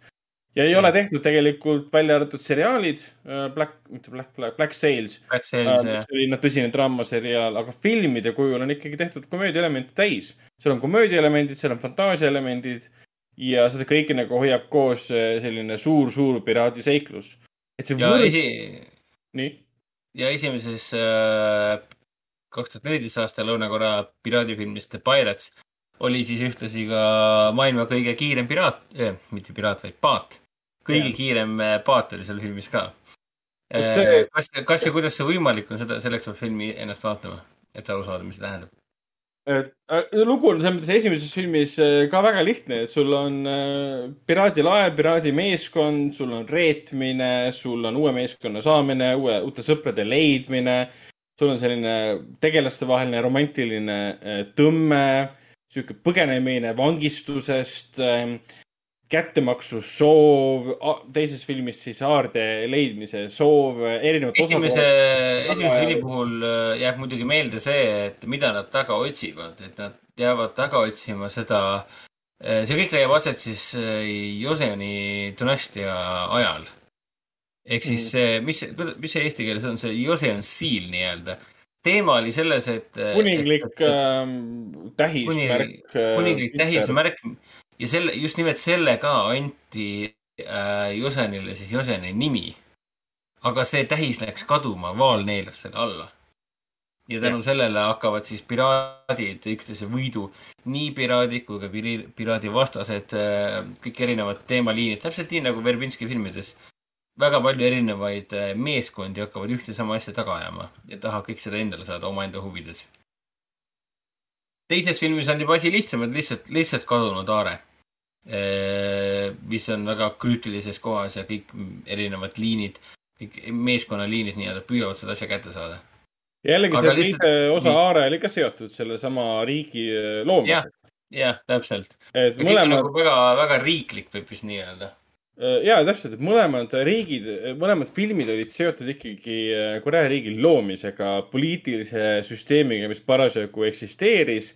et see ei ole lihtsalt piraadiseiklus kuskil, mis ei puutu üldse maailma asjadesse, et siin ikkagi on seotud riigile tähtsad, tähtsad sündmused kokku sinna. ja see oli päris vahva, vahva element, et sul on sellised eh, noh, põhimõtteliselt nagu bandiidid, barbarid nagu riigi, riigi äärealal tegutsevad isendid puutuvad kokku siis riigi asjadega. saades aru, et see, mis on kadunud, on riiklikult väga-väga oluline, järelikult see on raha, see on money, see on tengi-tengi. hakkame tegutsema. ja ütleme, esimese ja teise filmi võrdlusmoment võib-olla suurim on ikkagi see, et äh, teine film on muidugi suurem igas võimalikus võtmes. esimeses filmis on siis efektid natuke tunda. et kuna seal on palju yeah. nagu ookeanis rallimist, lainetes rallimist, siis natukene andis tunda. Aga see on nagu väike kriitika, sellepärast et nad on isegi kohati Korv Verbinski siis äh, Pirates of Caribbean'i filmidest äh, fantaasiarikkamad. ja siin on siuksed uskumatud jaburad hetked, mille peale sa ei, jaburad on nagu võimalikult soojas mõtmes siis, mille peale sa ei tule. et näiteks sul üks peategelane siis, et naine, tal on mingi äh, käe, käe, kee siis äh, kett näiteks äh, ja tuleb välja, et tal on mingi isiklik side vaalaga, kelle ta kunagi päästis kuskilt, kui ta vaal oli pisikene, siis kuskilt võrgust. ja siis vaal ilmub äh, mingil väga tähtsal hetkel, kui tema elu on ohus, kui see naise elu on ohus, lihtsalt lambist välja ja päästab ta ära, sest ta kuuleb ookeani vees seda käeketi nagu äh, häält. sellele vaalale, kes on juures kasvanud, tuleb meelde seesama käekee vibratsioon, see hääl, mida ta vees tekitab, see vibratsioon, see tuleb talle meelde. see on seesama naine, kes mind tollal päästis minu, minu hukatusest nii-öelda Jah, ma ütlen teda välja.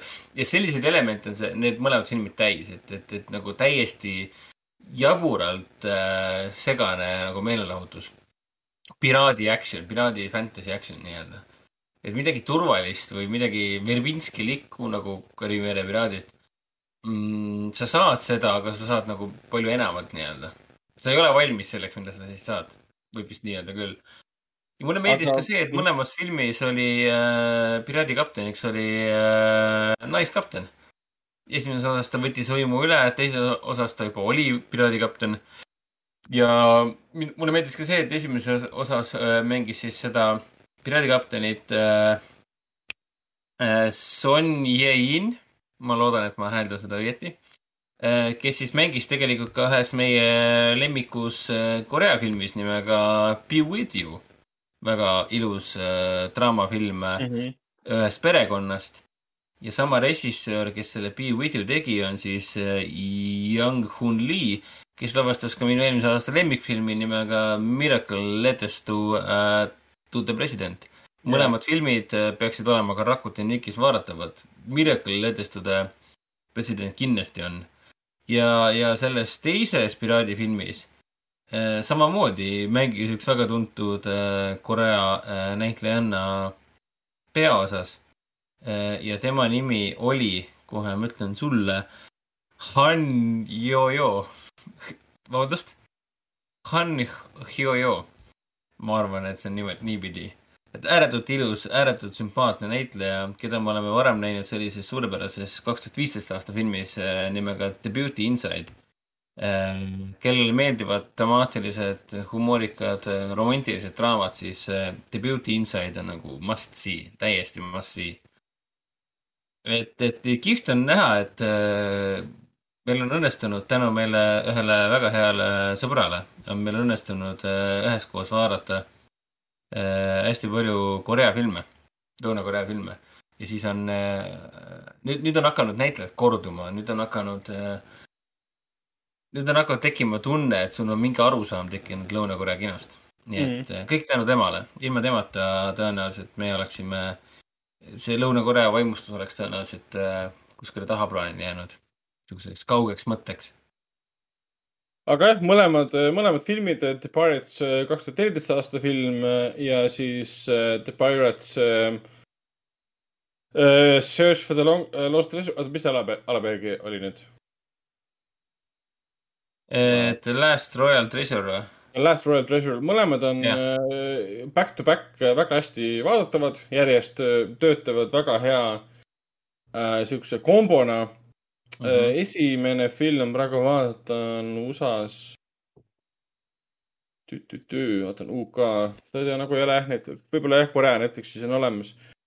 et nende suurim võlu on see, et nad on tõesti väga meelelahutuslikud jah, seal on korduvad elemendid natukene Verbinski filmide jaburamatest eh, momentidest alates noh, sellest, et eh, laev sõidab eh, karile või siis tohutu suur puust sihuke ratas veereb eh, keskkonnas, kus eh, tegelased on selle rattaga seotud ja võitlevad seal väga pikad sellised action stseenid, mis on täis põgenemist, tulistamist, löömist ja nii edasi äh, linna hävitamist, ütleme nii, ühelt poolt tegelased võitlevad, teiselt poolt tegelased põgenevad äh, vastaste eest, see kõik on väga naljakas ja pöörane. ja ta on liigutav ka kohati ja ta on noh, selle koha pealt naljakas, et äh, kuna sul on kaks tegelast tegelikult, sul on mees ja naine, et see kõik on nagu Mhm. paigas ja esimene film ei lähe nagu sellise romantilise saaplotiga kuskile väga kaugele, aga seda on väga naljakalt äh, nagu esitatud, kuidas nende tegelaste vaheline suhe nagu areneb. et mis või..., vaata, mul tuleb meelde see, see, see oli esimeses filmis vist või? jah, kui nad välja visati jah, pa- äh, piraadilaevalt ja siis nad ööbisid seal äh, ühel üksikul saarel. ja siis nad olid äh,, nende õnn- õnnetuseks mees ja naine, naiskapten ja siis äh, mees bandiit nii-öelda. Nad olid siis käeraudadega kinni aheldatud. Neil ei õnnestunud neid lahti lüüa. ja siis nad magasid ja hommikul siis naine ärkas mehe kõrval, noh, sa pead olema tema kõrval, sest sa oled ju aheldatud. ja, ja, ja siis samal ajal mees magas räigelt. Ja siis järsku hakkas äh,, naise käsi hakkas alla liikuma mehe nii-öelda kubepiirkonna suunas. ja ainult seetõttu, sest mees magas ja ta sügas oma mure läbi une Jah. ja siis tõesti naine vaatas mõtles, et issand jumal, sellega siis mehed tegelevadki. ja meil oli täpselt samasugune reaktsioon, et oh my god, kas ma tõesti tegelen millegi sellisega või? jah, Jah. ja kuidas äh, kaks piraati, kes on äh, saarel, lähevad äh, WC-sse, kui nad on kokku aheldatud um,. Nad lähevad, lähevad mere, istuvad, seisavad meres lihtsalt ja, või ookeanis ja siis, siis ajavad oma asja seal. ja siis ühel hetkel mees lihtsalt laseb seal ja siis lükkab seda vett naise poole nagu milleks, mida sa teed? see on siuke Aa, ei, ta lõi, ta lõi nagu aega surnuks ja lükkas seda vett nagu naise poole ja siis naine vaatas seda mingi.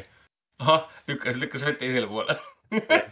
hästi palju sellist situatsiooni huumorit, mis nagu tõesti tuletas meelde neid äh, Kariibi mere piraatide helge, helgemaid aegu, kui veel asi oli seda väärt. ehk siis esimesed kolm filmi. et jaa, kellel on, kellel on Verbinski järele hammas ikka veel verine, siis äh, hammas verel siis, siis mõlemad Lõuna-Korea piraadifilmid tasub kindlasti ette võtta ja saate väga hea elamuse osaliseks. Nonii, Ragnar, kas sa tahad äh, rääkida sellisest toredast asjast nagu Reacher ja mida helli, sa hakkasid Äh, Star Warsi vaatama. ja räägiks kiiresti ära, sest meil on tõesti pikalt juba läinud. kõigepealt äh, Reacherit hakkasin lõpuks vaatama, kõik seda kiidavad, oma Eesti Amazon Prime'is äh, on ta olemas. Lee Childi siis äh, lõpututel raamatutel ta siis põhineb, hiljuti anti Lee Childi üks uus äh, raamat ka välja. see on siis äh, Reacher, mis põhineb siis põhimõtteliselt samal väga sarnasel plotil, millel põhines siis äh, selle Tom Cruise'i film um,. Reacheri ja siis äh, Jack Reacheri filmi, mis on see Tom Cruise'i kaks filmi, suurim erinevus on see, et äh, peategelane näeb välja täpselt ja käitub täpselt nii, nagu ta oli raamatus. ehk siis ta näeb äh, põhimõtteliselt välja nagu, nagu tohutu suur musklimägi, kes on väga intelligentne ja väga hirmutav selle koha pealt, et kui ta kuskil väikelinnas tänaval kõnnib, ta pöörab kohe päid, sest ta näeb täielik musklimägi välja tal ei lähe, ta satub vanglasse näiteks ja tal ei lähe normaalsed riided selga ja nii edasi. kui me nüüd tuletame meelde, siis Tom Cruise äh, ei näe välja nagu räige musklimägi. Tom Cruise'i filmides ta lihtsalt oli väga tugev mees. ta on küllaltki musklis. ja, aga ta ei olnud usutavalt, usutavalt tugev, ta oli usutav sellepärast, et äh, filmis ta oli, oli tugev. Aga Reacheri puhul hoopis teistmoodi, sa usud iga selle venna liigutust, sest ta näeb tõesti välja nagu mingisugune MMA võitleja või noh, maadleja, mis iganes jõhker kolge, ma saan aru. jah, aga tal on, nagu seal üks naistegelane ütleb, tal on hellad silmad või hea süda. ja ta on väga intelligentne, ta on sõjaväeuurija, nii nagu Lee Childi siis selles raamatutes ka. ta on väga dekoreeritud sõjaväeuurija, sõdur, kes satubki ühte väike, väikelinna esialgu täiesti juhuslikult ja hiljem jääb siis sinna täiesti väga sügavalt isiklikel põhjustel kuna seal on mõrvade seeria, mis vajab uurimist ja mis ühel või teisel viisil on temaga isiklikult ka seotud. mina olen ära vaadanud hetkel, kui ma ei eksi, oli neli episoodi, peaks seda isegi kontrollima. ma suht äh, binge watch isin need ära, sellepärast et äh, lihtsalt nii põnev oli, väga raske oli äh, kinni panna. See Reacheri enda taktika, kuidas ta asju uurib ja asju ajab, on tihtipeale see, et noh, ta teeb seda kõike üksi ta ei vaja mitte kellegi abi. pigem ta kasutab, kasutab teisi, teisi ära, et noh, saada infot nende käest näiteks. ja ta on alati te, nagu teab ette väga hästi, kuidas inimesed tema ümber käituvad. ta oskab aimata, mitte aimata, ta oskab lugeda väga pisikesi detaile. Mis tegelikult seriaalis ei ole niisugused väga pisikesed detailid, mina kui vaataja saan väga kiiresti nendest detailidest aru. tihtipeale seal oli mingid siuksed asjad, mida ta ette ladus puhtalt mingi kümneminutilise suhtluse jooksul ta teadis väga palju ühe inimese kohta, et selles mõttes suurepärane, suurepärane uurija. iga episood on siis umbes viiskümmend neli, nelikümmend viis minutit pikk, vaatan siin viimased episoodid on ka mingi viiskümmend kaks umbes. kokku on kaheksa episoodi ja tulemas on ka teine hooaeg. Tõesti väga hea on, ta on väga hea action. Action tseenide ajal ma lihtsalt äh, lõin käsi kokku ja kohati naersin um,. sest need olid esiteks väga jõhkrad, võikad uh,. ei ütleks, et just väga, tegelikult olid ikka verised ka, aga ütleme. jõhkrad ja võikad. selles mõttes, selles mõttes siin on väga palju käsitsi võitlust, siin on vähem nagu tulistamist, eriti mis puudutab Reacherit. Tema ikka kasutab oma võimsat käsi, mis näevad välja nagu mingid puupalgid ja kui see vend virutab inimesi kuskile vastu seina peksab, siis see on ikka päris, päris jube, aga see on umbes selline jubedus, et sa lihtsalt nagu cheer'id kaasa, siis issand kui lahe. et äh, ja äh,, ja ega ma ei tea, pikemalt temal äh, ei peatukski, sest äh, vähe episoode vaadatud ja tegelikult äh, peaks edasi liikuma. Heilast juba rääkisime ka. Brooklynist pole mõtet rääkida, tore, tore lihtsalt vaadata. Hakkasin jah Star Wars äh, Clone Warsi vaatama, sest noh, üks põhjus muidugi on ka see, et see paganama mm, eh, Obi-Wan Kenobi seriaal tuleb ju üsna pea välja. millal see nüüd oli? mai, mai lõpus. ta lükati edasi vist kaks päeva, kahekümne viienda mai, jah. kakskümmend seitse mai ja extra treat on siis see, et kaks episoodi tuleb korraga, kaks täispikka episoodi. Ja tegelikult Clone Warsi on tore, tore vaadata, sest äh, kogu see hooaeg, seitse hooaega, mis seal siis kokku on ja üks film, mida keegi soovitab vaadata, võtab tegelikult kokku teise ja kolmanda Attack of the Clones ja Revenge of the Oota, aga see film- oota, kas Clone Wars mitte ei alanudki filmi ka või? ei. kust see film siis pärit on? mis ajast ta pärit on?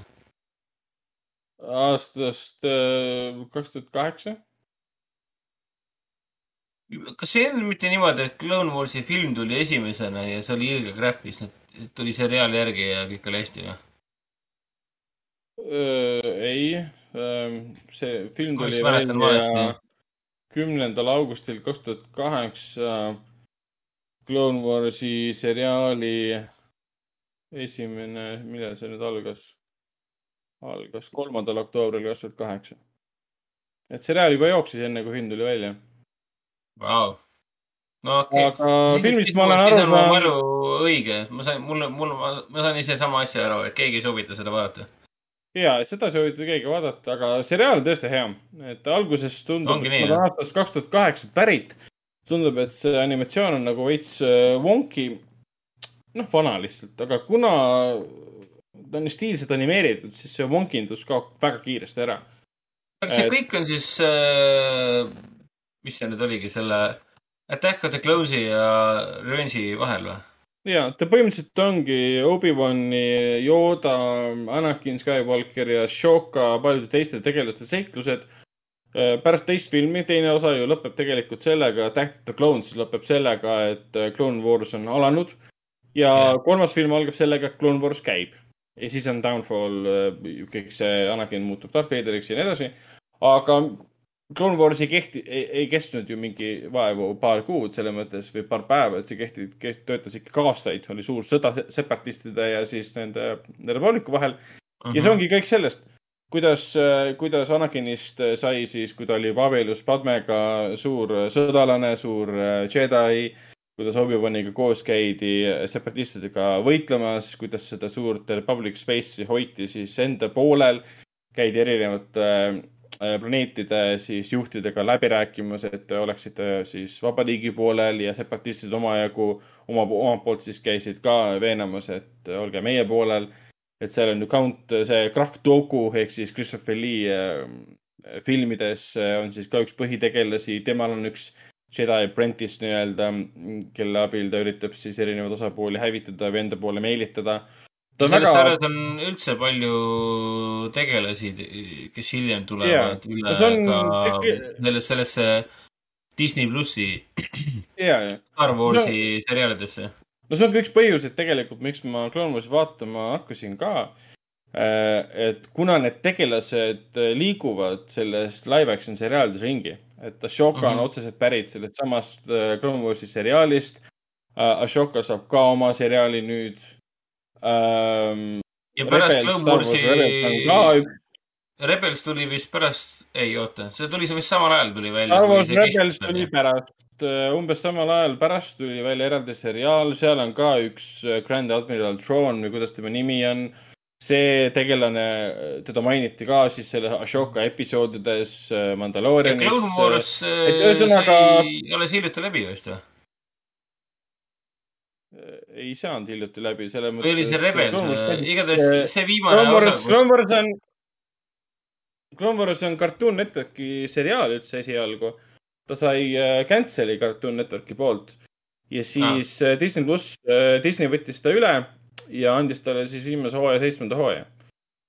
tegelikult oli see, oli see niimoodi, et nad said selle loo rahulikult äh, lõpetada ja siis kõik oli nagu hästi. kui ma ei eksi, siis oli alles hiljuti, kui Ashoka Tano seal kakles selle äh, Ray Parkiga ehk siis Darth Mauliga. kaks tuhat kakskümmend. jaa, vau, alles hiljuti tõesti. no ei ole ma mäletan, et mu, mu ma olen vanakooli mees, et äh, mu Facebooki feed oli seda täis. Kõik Mm. olid hulluks minemas, et kuidas äh,, mis ta on, Rosario Dawson ja, ja oli ju tema, kes teeb Mm. häält ka sarjas. sarjas ma ei tea, kes teeb, aga seriaalis on ei, vist on erinev ikkagi, aga see Ray Park ja siis äh, Shoko näitleja, kuidas nad seal kõik valmistusid selleks suureks äh, mocap võitluseks nii-öelda. et kui suur teema see oli. ma olen ise ka mõelnud kor- sama, et peaks vaatama hakkama.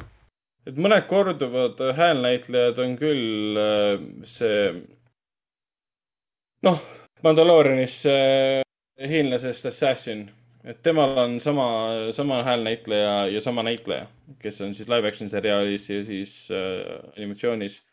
et selles mõttes, mida nagu Clone Warsi kohta nagu tasub teada, ongi see, et äh, ta sai cancel'i kuuendas, kuuendas hooajas ja see oli aastal kaks tuhat neliteist ja siis Disney äh, andis talle, kui üleminek toimus ära, andis talle siis seitsmenda hooaja, mis tuli kaks tuhat kakskümmend.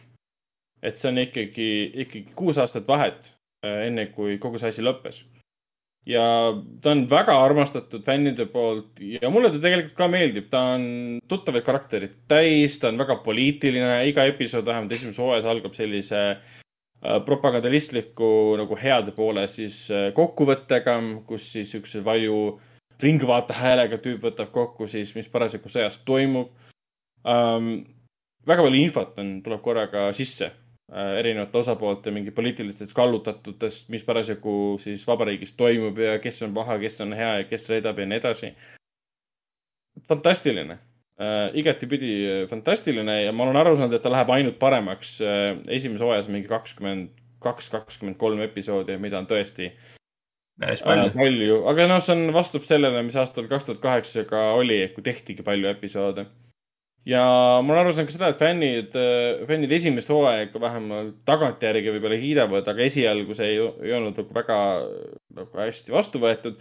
Aga noh, hiljem siis viimane hooaeg pidi olema selline, et kõik fännid nutsid seda vaadates, sest äh, see seriaal nagu tegelikult, kui võtta nagu väga üheülbaliselt kokku, üldiselt kokku, siis ta näitabki Anakin Skywalkeri äh, langust pimeduse poolele.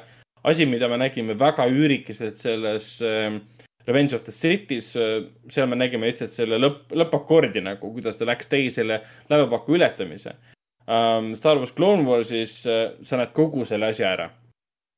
Mis on nagu tegelikult väga põnev, et põhjalikult on ära näidatud, kuidas tema karakter arenes. kui sa tegelikult tahad näha, kellega üldse see Anakin Skywalker nagu suhtles ja võitles, kellega koos ja kelle vastu, enne kui ta langes pimeduse poolele, siis see Clone Wars ja Rebels tõenäoliselt ka äh, on nagu hädavajalik vaatamine. jah, eriti kui sa Aga- fänn on neid Mandalorianeid ja Boba Fett'e ja nii edasi. ei noh, ta on kõigile neile, kes tahaksid äh, mingisugust tühimikki äh, nagu mina hakata vaikselt täitma äh,, kuna neid äh, live action seriaale tuleb äh, kogu aeg juurde. vot, aga liigume edasi, ma mainin juurde ka, et ma vahepeal ostsin, ostsin endale uued 4K Blu-ray'd äh,. Borni ultimaatumi siis äh, triloogia. siuksed näevad nad välja. esimene osa väga, nice. Siis on äh, teine osa. 4K UHD-d kõik, jah? ja, tavaline Blu-ray on ka ja siis kolmas osa. väga ilus.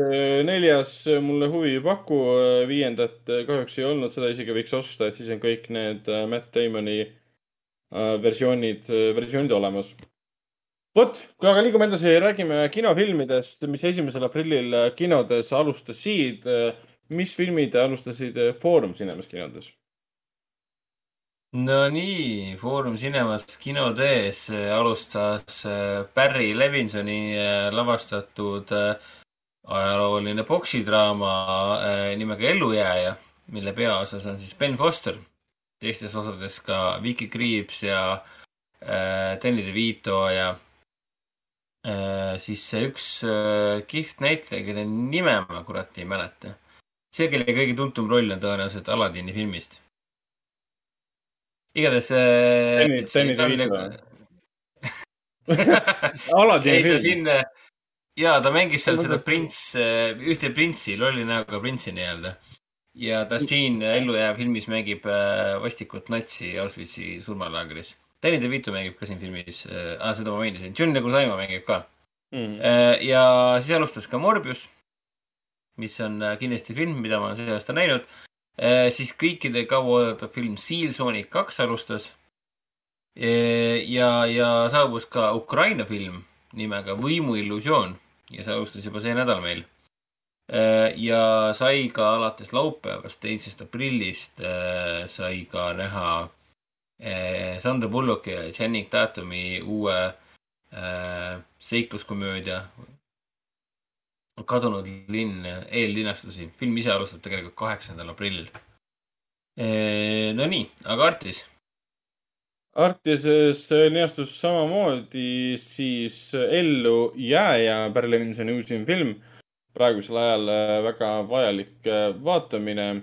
siis tuli ka Maria Djuško siis äh, dokumentaalfilm äh, Kadunud isa äh, Evald Hermakülast, kes oli siis äh, äh, Maria Djuško kasuisa, see on äh, portreefilm äh, kõik, kes tunnevad huvi Evald Hermaküla elust ja, ja mõtetest, neile lausa kohustuslik äh, film.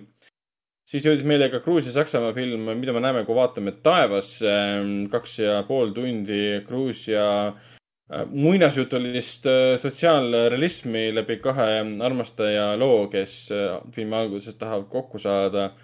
Nad ei, ei saa kokku omavahel ja film põhimõtteliselt väga üldiselt võttes ongi nende kokkusaamise lugu Äh, ja siis äh, lisandus veel ka prantsuse film äh, Katsumus, Audrey Divani film, mis nüüd siin eelmise aasta filmi, Veneetsia filmifestivalil võitis siis kui parima filmi kuldlõvi.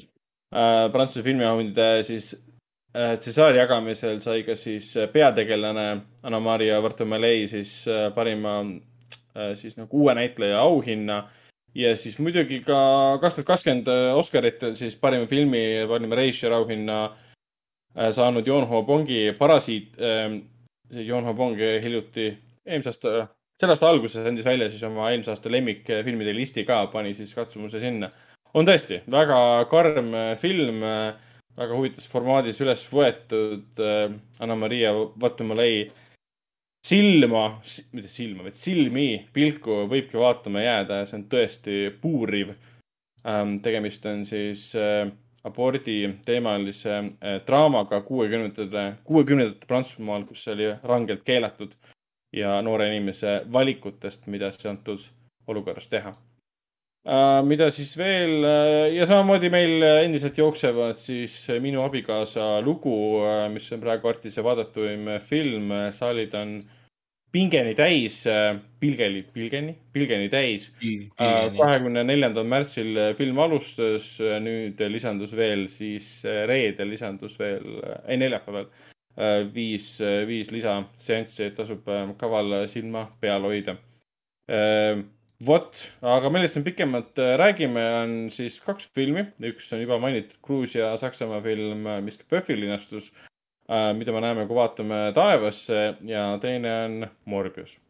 Morbius on siis Sony, Sony MCU Jah. või mis iganes see pikk nimetus sellel on. Sony. Sony, Sony Marveli, Sony Marveli universum. jah, põhimõtteliselt Sony Marveli, kõik Marveli asjad, mis on Sony omanduses, on siis äh, Sony Avi Aradi, Emi Pascali ja kõikide teiste toodetud filmid.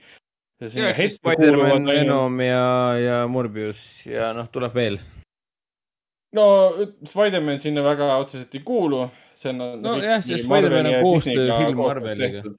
jah, aga mis eristab siis tegelikult Morbiust ja, ja MCU-d ongi see, et Morbius, Venom, Venom kaks on toodetud ainult Sony poolt, need kuuluvad äh, Sony timeline'i, Sony ajaliini, Sony narratiivi uh,. mida küll Sony kaudsemalt, konkreetsemalt vä- väga pisikeste nagu detailidega ühendab siis suurema MCU-ga, aga suurem MCU püüab. tähendab antud juhul ainult Spider-man'i filme.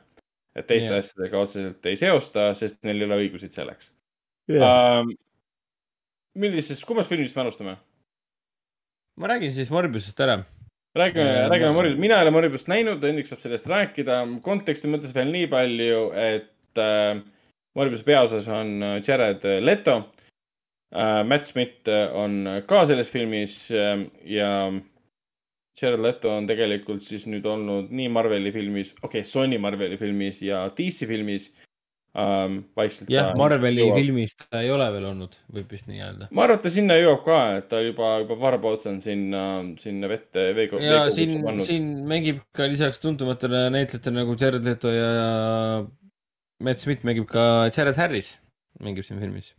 Mul on nii kahju oli seda kuulda. ja, ja, ja Michael Keaton ka muidugi on ka siin eh, filmis teema ühel eh, või teisel kujul. igal juhul Morbius on eh, muidugi loomulikult film, mida ma olen see aasta kinos näinud. see on üks, üks mitmest. et olen läinud kinno ja vaadanud filmi ja kinost ära tulnud ja siis bussiga koju sõitnud ja koju magama läinud. Mhm. on kindlasti üks nendest filmidest, mis on sinna äh, kinno mineku ja bussiga koju sõitmise vahele jäänud. noh, nali naljaks äh,. jah, selles mõttes, et miks ma niimoodi sihukest juttu räägin, on see, et äh, mulle ju iseenesest need Sony Marveli filmid äh, pigem on, pigem on meeldinud, mis puudutab eriti just Venomit ja Venom kahte. ja okei okay,, Venom, jah, okei okay,, ma nõustun. mulle, mulle Tom Hardy Venom esimene pigem väga meeldis. noh, teise osaga, mis nüüd eelmine aasta välja tuli, on mul nagu päris palju, oli mul päris palju kana kitkuda, sest mulle ei meeldinud, et film oli nii hirmus lühike, mingi üheksakümmend kaheksa minutit.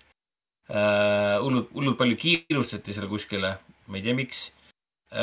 sest noh, ma saan aru, miks, sest äh, mõnusalt lühike film, et seda saab ju kenasti kinokavasse paigutada niimoodi, et kõik seda vaatama tuleksid. et sa, saad seda panna igale poole. Isegi siis, kui koroona ajal äh, kinod pandi ebaõiglaselt varakult kinni. mis siis veel?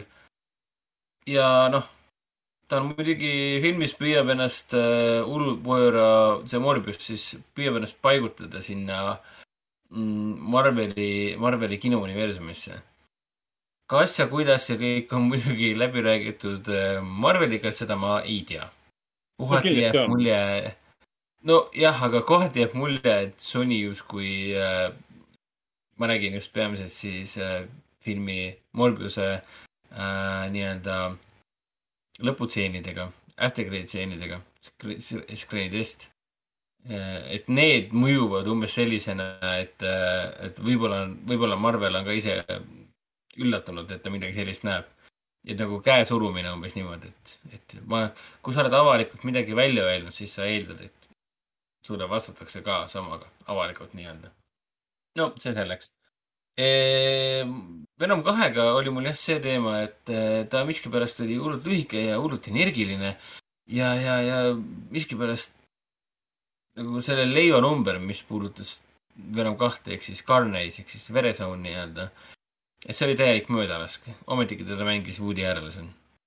oleks, see oleks pidanud tähendama nagu täielikku võitu, aga no ometigi seda ei tulnud.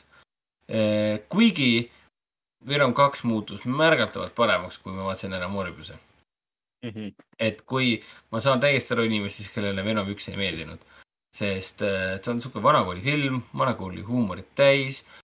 Sony teeb seda, mida Sony on alati teinud, ehk siis panustab pigem star power'ile, panustab pigem lühemale kestusele, panustab pigem sellele, et saaks rohkem action'it ja, ja panustaks sellele, et ma võidaks võimalikult palju raha võidaks nagu box office'is. ja seda on e- eriti hästi tunda seal Morbiuses. et eh, võrreldes Morbiusega, siis hakkas jah, mulle Venom kaks rohkem meeldima, puhtalt sellepärast, et ta on julgelt nii teistsugune kui Morbius ja Venom üks. ja, ja mi- mille poolest ta teistsugune on Morbius, mitte Morbius kaks, vaid Venom kaks siis, on just nimelt sellepärast, et äh, kui crazy äh, grumpy old man stiilis äh, heietamine ja, ja üksteise peale karjumine, vana abielupaar õiendamas ja mõlisemas üksteisega, ehk siis Tom Hardy, Eddie Brock ja Venom siis. et, et see kõik muutus nii vahvaks ja nii huvitavaks võrreldes sellega, mis toimus Morbiuses. igatahes nüüd ma lõpu, lõpuks jõuan Morbiuse juurde ka äh,. Morbius on jah, Morbius on väga klassikaline film. Morbius on äh, üllatavalt äh, igav film. Morbiuses ei toimu tegelikult väga midagi äh,. Morbiuse ainus päästeõngas võiks olla Jared Leto, kes mulle tegelikult meeldib oma, oma suurtes Hollywoodi komiksifilmides või üldse suurtes filmides. sest mulle meeldib see, et seesamune Jared Leto võtab seda asja hästi tõsiselt nii-öelda võtab iga rolli väga tõsiselt. jah, et, et isegi kui film ise on debiilne, siis ta võtab oma rolli väga tõsiselt ja, ja, ja isegi tema, tema huultele ei tule muie. tema, tema näitleb, tema näitleb täie rauaga, vahet pole, kui loll see on. ja siin samamoodi on Morbiuses, et ta võtab oma rolli väga tõsiselt ja see on iseenesest armas. Matt Smith samamoodi, Jared Harris samamoodi. aga sellest ei piisa, sest äh, film on äh, noh, ütlen niimoodi, et üks kriitikutest siin kuskil välismaistes ajakirja, veebi, veebikirjanduses ütles ka, et äh, nagu Sony oleks haaranud see stsenaariumi kuskilt sahtlipõhjast, mis on pärit aastast äh,, nii sahtel kui ka stsenaarium on siis pärit aastast kaks tuhat kümme, midagi sellist või kaks tuhat viis või. siis, kui mõtted olid veel äh, umbes sealkandis, et äh, komiksifilmid ja superkangelase filmid on midagi väga uut ja huvitavat. jah, Morbius vaadates oligi umbes selline tunne. et see kõik on hirmus aegunud, see kõik on hirmus vana, see kõik on hirmus. tänu sellele, et ta nii aegunud on, tänu sellele muutus ka hästi igavaks. et noh, jah, mul on kahju tegelikult, et ta selline, et ta tuli välja selline film, nagu ta tuli. see on muidugi hämmastav kuulda, et selline film saab üldse igav olla. Sul on Nojah, sul on ikkagi- mees, kes lendab ringi, kuidas see saab igav jah, sul on ikkagi äh, seesamune doktor Marb-, Michael Morbius, kellel on äh, geneetiline viga küljes, kes püüab ennast äh, ravida, nii ennast kui ka oma parimat sõpra. ta leiab siis selleks lõpuks ka viisi. see viis on muidugi inimese ja, ja, ja nahkhiire DNA ühildumine. ta leiab selle ravimi, ta katsetab seda ja tänu sellele ta muutubki äh, elavaks vampiiriks. Morbius the living vampire. aga kõik, mis sellele järgneb, on täiesti nonsensical. et nagu sisemist eh, loogikat nagu ei ole. ja kui ma mõtlen, kui ma ütlen ebaloogiline, mõtlen või ütlen ebaloogiline, siis ma mõtlen just seda sisemist loogikat. et vahet ei ole, kui ebaloogiline see reaalsusega võrreldes miski on, mida sa ekraanil näed, aga kui sisemine loogika on paigas, siis on ju kõik hästi. Marveli filmides täpselt samamoodi kui see sisemine loogika ühe filmi kontekstis on vähegi paigas, siis on ju, meie usume ja tegelased usuvad seda ja sa lähed paadi, sõidad selle paadiga ringi, sul ei ole probleemi sellega. aga siin on umbes niimoodi, et ma annan hea näite, et äh, ta saab, ta saab selle süsti kätte, ta saab selle ravimi kätte ja, ja mõne minutiga on ta juba muutunud äh, hästi koleda nii, nii, nii otseses kui ka kaudses mõttes äh, CGI-ga äh, vampiiri näoga Jared Letoks, kes siis pesitseb seal äh, süsti, süstimiskambri äh, lae küljes ja, ja hakkab ringi hüppama nagu mingisugune, nagu mingisugune Venom põhimõtteliselt. ta näeb välja nagu Venom, kui ta ringi hüppab, ehk siis äh, eriti cool'id ja sädelevad ja, ja sellised venivad eriefektid on tema ümber. nagu ta näeb välja nagu mm. äh,, nagu, nagu see, mis ma tahan öelda, Nightcrawler. ta lendab ja hüppab ringi Aa. nagu Nightcrawler. ja see tekitas nii palju küsimusi meis, kes me seda kõik vaatasime. et, et, et miks, kas vampiirid ka, mitte vampiirid, vaid kas äh, nahkhiired ka siis lendavad ja hüppavad ringi nagu Nightcrawler äh, X-meeste esimestest filmidest? I don't think so. ja, ja siin ei, ei, ole ega, ega tule ka mitte mingisugust sisemist loogikat, miks siin tema ka toimuv äh, üldse nagu toimub. sellisel kujul vähemalt. peamine loogika tunduski see, et sellepärast, et see näeb lahe välja. ja that's about it. ehk siis meil on äh, traditsiooniline lugu mehest, kes muutub olendiks ja hakkab võitlema nii iseenda kui ka selle olendiga, et olla parem inimene. ja, ja on kõik, kogu lugu. Midagi ta- uut üllatavat siin ei ole. aga filmis ta tegelikult ei ole otseselt ju superkangelane. et, et see Ei, ta on antikangelane. nii nagu Venom. ei no see on klassikaline lugu, ma olen vampiir, ma muutusin vampiiriks, aga ma tahan olla hea inimene. nii et ma hakkan siin kunstverd jooma näiteks või loomade verd ja ma ei hakka inimeste verd jooma, jumala eest, ma seda küll tegema ei hakka. ja siis mu äh, tuleb, siis tuleb keegi teine ligi, kes on ka vampiiriks muutunud. oi, tema hakkab inimeste verd sööma, jooma. Ma hakkan teda siis peatama ja that's about it, kogu story Mm. ja on kõik. me elame aastas kaks tuhat kakskümmend kaks ja Sony otsustab teha Morbiusest äh, sellise filmi. see on, ma, jah, mul ei ole sõnu lihtsalt, et noh, ma tahaks nagu Sonyl helistada ja küsida, et te ikka teate, et on aasta kaks tuhat kaks, kakskümmend kaks või? et mitte, et see Uk- Ukraina on siin Venemaaga juba varsti neljakümnendat päeva sõjas, te olete kursis sellega või? et aasta ei ole kaks tuhat kaheksa. pärineb jah, kuskilt kaks tuhat et, algusest. et so- tundub, et Sony mindset on kuskil aastast kaks tuhat viis kuni kaks tuhat kaheksa, siis kui et need, kui nende board meeting oli, siis keegi ütles, kuule, teeme vampiirist filmi. aa, et ta muutub vampiiriks ja that's about it. no sellest piisab, keegi pole ju komiksifilme tänapäeval vaadanud. okei okay,, teeme ära, anna, anna, näed, raha on siin. Kõik tehtud, kes peasse panema? no Jared Leto. Vaene Jared. noh. vaene, vaene, vaene Jared. aga Jared oli tore siin filmis, ta, ma enne just vennale ütlesin, et kui Jared midagi teeb, ta teeb seda hästi tõsiselt, mis on äh, tore ja naljakas vaatamine, sest et tund-, tundub, et et tema küll ei, ei, ei unele mitte mingist rollist läbi, vaid ta võtab sellest nagu viimast nii-öelda. ja ta võtab ka siin viimast. et jah, see oli kindlasti film, mida ma see aasta näinud olen. neli koma üheksa punkti IMDB-s, noh, oi, kui palju? neli koma üheksa, issand jumal, on või? nojah.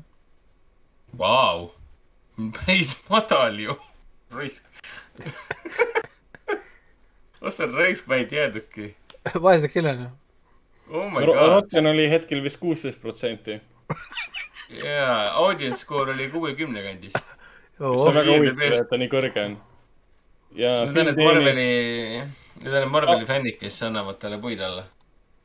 avanädalavahetusel USA-s ta siis teenib nüüd kolmkümmend üheksa miljonit, mis on ääri-veeri see, mida pakuti. Nad lootsid ise mingi viiskümmend vist. aga Mhm. Cinema Score olevat mingi F olnud vist või? et publik ütleb tegelikult, et see on saaste, et ma ei tea, kuidas saab üle kuuekümne olla seal Rottenis. aga ma ei tea, mis see Metacritic teeb praegu niikuinii. et äh, jaa ähm,, tublid, väga tublid. aga ma räägin kiiresti ka siis Gruusia filmist, mida me näeme, kui vaatan taevasse. PÖFFil jäi ta mul vahele, mis tegelikult oli tagantjärgi äh, väga kahju. ma tulen äh, kohe, kohe tagasi, ma ise- igaks juhuks mainin, et ära ei ehmataks. Metal, Metacriticus on kolmkümmend kuus kriitikutelt ja kuuskümmend viis on user score, aga ainult kakssada häält. no aa, okei okay,, seda on veel vähe. No aga jah No. IMDB-s on viisteist, viisteist tuhat häält, nii et äh, nojah, see tegelikult paneb juba paika, mis see hinnang peaks tal olema. aga filmist, millest mina tahan rääkida, temal on IMDB-s ainult äh, üks, tuhat kakssada häält. aga see on hetkel äh, seitse punkt null, kõige rohkem on talle pandud kaheksa ja seitse. võib, seda filmi võib nimetada mõnes mõttes Euroopa arthouse kino tüüpiliseks filmiks, ta on kaks ja pool tundi, ta on ood armastuslugu justkui linnale antud juhul siis äh, Gruusia Tbilisi, linnale. ja seda ta ongi, pool tundi filmist on täielik armastuslaul, kummardus äh, linnale, selle inimestele, tänavanurkade, nurkadele suvel ja kõik see. Aga tegelikult ta on äh, moodne selline muinasjutt, armastuslugu mõnes mõttes, mis natukene raamib seda filmi et lugu on siis äh, Georgist ja Liisast, kes siis ühel hetkel kogemata satuvad tänaval mitu korda kokku otsustavad, et me saame järgmine päev siis äh,, lähme kohtingule, saame järgmine päev siis äh, ühes äh, nurgataguses äh, kohvikus kokku. mis aga juhtub, on see, et äh, neiule ja mehele siis äh, pannakse justkui nagu needus peale ja hommikul nad ärkavad teistsuguste, teistsuguse välimusega inimestena üles. et nad lähevad kohvikusse, aga nad ei tunne üksteist ära ja kumbki ei tea, et, et neil on nagu needus justkui peal selle tõttu naine läheb ise kohvikusse, vaatab, et kus Georgi on, ta ei näe, et Georgi on seal, aga ta, ta ei tea, et Georgi välimus on muutunud ja mehel on täpselt sama olukord. seda kindlasti ei tasu selle filmi puhul võtta, et see ongi selline, selline mm, fantaasiafilm või fantaasiaelementidega film, et see on väga selgelt kohe allegooria inimestevahelistest äh, suhetest. et siin kindlasti ei ole selline, seda ei saa nimetada fantaasiafilmiks mitte kuidagi pigem kasutatakse fantaasiat väga toreda, toreda allegooriana. ja tegelikult lugu on ikkagi sellest, et inimesed kohtuvad, inimesed kas äh, ei satu ühel või teisel põhjusel omavahel uuesti kokku, aga midagi on jäänud kripeldama, nad tahaksid seda. Äh, et midagi areneks ja seda ikkagi ei juhtu ja nad elavad oma elu edasi ja, aga elu teeb mingid korrektuurid, inimesed satuvad ikkagi mõnda aega hiljem või palju aega hiljem uuesti kokku ja siis nad saavad nagu aru, et kuule, see, mis esialgu võib-olla ei töötanud, hakkab nüüd jälle uuesti meie vahel tööle.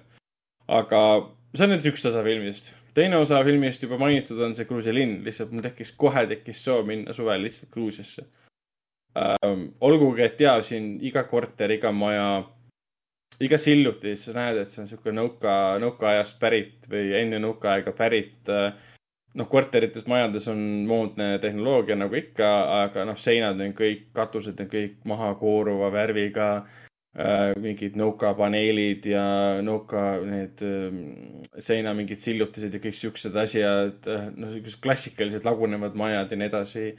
justkui tänavad oleksid ka ikkagi pärit nõukaajast, mida keegi pole nagu hoolitsenud, aga ta suudab, see reisijal, Aleksandr Kobritsa suudab seda kõike nii ilusalt ja romantiliselt äh, näidata ja, ja filmida. et sul tekib absoluutselt tekib kohe sihuke tunne, et mul on vaja nüüd mingi filmi turistiks hakata, et minna sinna ja näha oma silmaga ja filmi äh, teine pool üllataval kombel, mida me üldse ei oodanud, see on äh, nagu väike spoiler ka, keskendub väga palju jalgpallile. ta keskendub armastusele jalgpalli vastu. vot seda ma ei oodanud sellest filmist, absoluutselt. mina ootasin sellist äh, kunstilist Euroopa arthouse'i. ma sain Euroopa arthouse'i, kus on kunstiline osa sees, mis ei nõua vaatajat tegelikult mingit suurt sügavat äh, kunstiteadmist või kõrgemat intelligentsi taset, see nõuab sinult lihtsalt seda, et sa oskad nautida ilusaid asju ja siin on seda ilu väga palju. eriti, mis puudutab jalgpalli ka, et äh, Georgi ja Liisa ei saa enam uuesti kokku, sest nad ei tunne üksteise, üksteist ära, välimus on muutunud. küll aga otsustab siis Liisa minna tööle sinna samasse kohvikusse suvel, kus ta pidi Georgiga kohtuma. üllatus ja üllatus, Georgi otsustab täpselt sama asja, et tema läheb ka sinna kohvikusse tööle, lootes, et ühel hetkel näeb, näeb siis Liisat seal. muidugi aeg läheb mööda ja siis mõlemad on nagu veendunud, et, et noh, ilmselt ta ei tule, aga nad jäävad lihtsalt sinna tööle, midagi muud teha pole. Gergi, see on kõige kummaline ka, et miks see film on muinasjutt, et Gergi elab kuskil korteris ja ta käib tööl suvel ähm, kohviku mingi atraktsiooni peal, kus sa pead hoidma ennast nagu teiba küljes või selle toru küljes mingi kaks minutit. teenib sellega raha, mul oli see, et mis maja, majandus seal Gruusias on, kuidas sa üüri maksad või mis toimub äh, või, või kust sa selle korteri said või, või ilmselt see on sinu oma ja sa ei kasuta elektrit või tundus küll, et ei kasuta. Äh, mõnes mõttes on nagu mõistetav. Aga see jalgpalliarmastus on päris huvitav, mis sinna lõpuks, äh, mitte lõpuks, ikka päris kiiresti sisse tuleb, et siin on pikad montaažilõigud, mis tegelikult ongi põhjus, miks filmi nagu pikkus tuleb juurde, aga see ei ole, see ei ole venimine selles, kuidas lapsed mängivad jalgpalli, kuidas nad armastavad jalgpalli mängida, seal käib mingi Gruusia, meenutas mulle Gruusia sellist rahvuslikku laulu või sellist traditsioonilist laulu või mingit tuntud iidse Gruusia bändi laulu. Laul käib taustal ja slow motion'is näeme, kuidas siis lapsed mängivad jalgpalli, tüdrukud ja poisid koos, see nägi kõik nii kena välja. ja järsku hakkabki film, võtab, võtab nagu uue suuna, et ma nüüd keskendun jalgpallile. ja tuleb narra-, narratsioon on kogu aeg peal olnud Ehm, erinevates vormides, ütleme niimoodi. teatud dialoogid on nagu narratsioonina esitatud ja nii edasi. aga kui jalgpall tuleb sisse, siis tuleb sinna selline huvitav element, et jalgpalli kujutatakse tihtipeale läbi koerte. Ehm, ehk koerad otsustavad omavahel, kuhu nad siis jalgpalli vaatama lähevad, kas ehm, Punase silla kohvikusse või sinna linna peal olevasse kohvikusse, kus kunagi. oota, oota, oota, I m sorry, what, koerad otsustavad, et lähed jalgpalli vaatama? ei, see ei ole nagu nii, see ei ole nii piltlik. Selles mõttes sul on äh, narratsioon, mees räägib, et näe, seal on see koer, koer mõtleb, mida teha, tal on see sõber, sõber mõtleb, mida teha, mis kohvikusse nemad lähevad jalgpalli vaatama, sest Gruusias vaatavad kõik jalgpalli. Ja nad ei ela, enamjaolt nad ei ela isegi Gruusia meeskonnale kaasa, elavad ikkagi Argentiinale kaasa ja Messile kaasa ja nii edasi. Aga see on hästi nagu nullult äh, kokku, kokku pandud, et äh, justkui läbi koerte, et koerad käivad, isegi koerad käivad jalgpalli vaatamas, sest see on selline rahvussport, lapsed vaatavad jalgpalli, inimesed jäävad autodega seisma kuskil baaride juures ja röögivad seal ja vaatavad jalgpalli. ja ühel hetkel muidugi Georgi ja Liisa ikkagi saavad kokku, aga see on jah, kaks ja, kaks ja pool tundi, kaks ja pool tundi hiljem. film on peatükkideks jaotatud, siin on kaks peatükki, esimene peatükk lõpeb pooleteist tunni jooksul, juures et ta ei ole nagu pikalt jaotatud, selles mõttes, et ei ole mingi iga kahekümne, kolmekümne minuti tagant peatüki vahetus. seetõttu esimesed poolteist tundi jookseb väga kiiresti, on ilusti monteeritud, hea muusika, kõik näeb ilus välja. pärast, kui poolteist tundi kukub, siis natuke jääb lugu seisma. selles mõttes, et ta, film keskendub muudele asjadele lihtsalt, on see jalgpall, on see jalgpalli montaaž, on see linnakujutus. võib-olla oleks pidanud, ütleme tempo mõttes rohkem seda linna ilu ähm, nagu jagama narratiivi sisse ära, mitte võtma aeg maha ja keskenduda siis jalgpallile ja, ja linna ilule, mis on väga kaunis, seda oli väga tore vaadata. aga lihtsalt natuke jäi lugu, lugu seisma, aga mõnes mõttes lugu jäigi seisma nende karakterite jaoks ka. Nad unustasid ära üksteist, et nad tahtsid kokku saada, nad tegelesid oma eluga ja nii edasi ja ühel hetkel tuli jälle meelde, mille pärast nad tegelikult sinna kohvikusse justkui nagu tööle tulid ja siis nad saavadki aru, et äh, nad annavad justkui alla, et lihtsalt äh, Georgil lihtsalt tekib noh, mingi tõmme seal, aga nad ei tea, et nad on need Georgi lihtsalt, need on korduvad nimed Gruusias. ja, ja selline maagiline realism selles filmis töötab nii kenasti ja seda oli nii soe ja tore vaadata. Ja lõppu ma ei taha spoil ida. jällegi pikkust tunda ei anna. pigem annab tunda. no kuule, see, see pikkus on, andis praegu tunda juba selle kirjelduse põhjal, et no selles mõttes, ega, ega Drive My Car'is tegelikult pikalt tunda ei andnud või andis või? tegelikult ei andnud. väga ei andnud, vaata siis, kui, siis sa said aru, vaata, et sa oled äh, nii-öelda long for the ride, kui title drop oli mingi nelikümmend viis minutit sisse, et.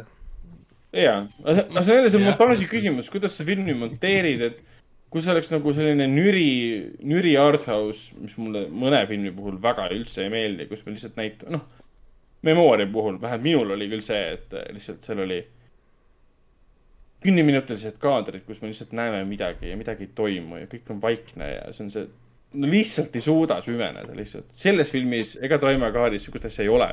lihtsalt on ilu, linnailu, inimeste ilu, romantika ilu, jalgpalli ilu, vaat see oli kõige üllatavam element. armastus jalgpalli vastu, see on, see on täiesti universaalne, tuleb välja, vahet pole, kus sa oled, kus sa maailmas paiknenud ja nii edasi vot, minge kinno, vaadake Morbiust või noh, pigem vaadake, mida me näeme, kui vaatame. mina, mina tahan küll näha Morbiust, ükskõik kui halb ta on, ikkagist äh, Marveli universumi stuff äh, ma tahan ikka ära vaadata, lihtsalt küsimus on, millal äh, on nüüd teine nagu.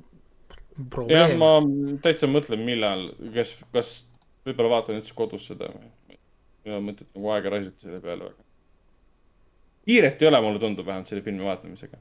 vot, aga tõmbame joone alla. Äh, räägime kiiresti, mis kaheksandast aprillist äh, Foorum Cinemas kinodest näha saab.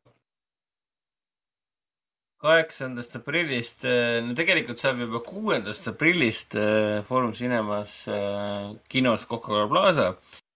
Igal kolmapäeval alates kuuendast aprillist saab näha sellist filmi nagu Kandi ehk siis kaheksakümne teise aasta kandi, mille peaosas on äh, Sir Ben Kingsley ja mille lavastas Richard Attenborough. see on meie aprilli kinoklassika. see on Oscar, Os-, äh. Oscarid võitnud film siis.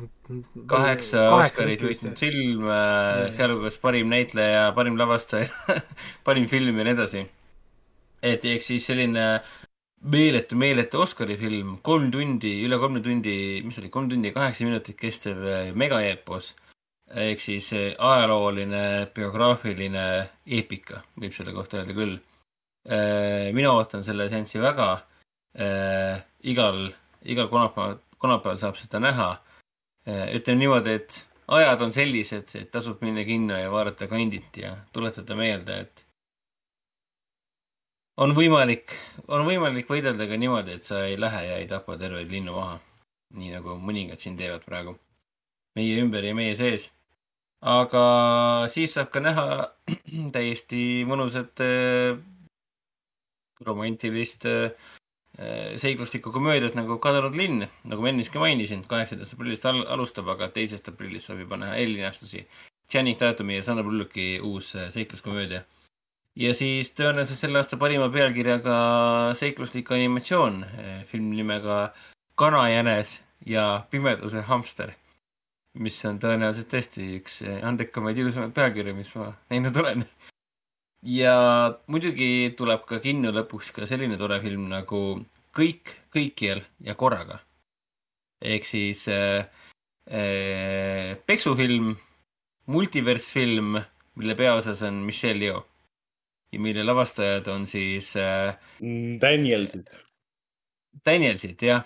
Needsamad, kes tegid ka selle minu äh, toonase aasta lemmikfilmi äh, Swiss Army Man, Paul Dano ja äh, Daniel Radcliffe'iga.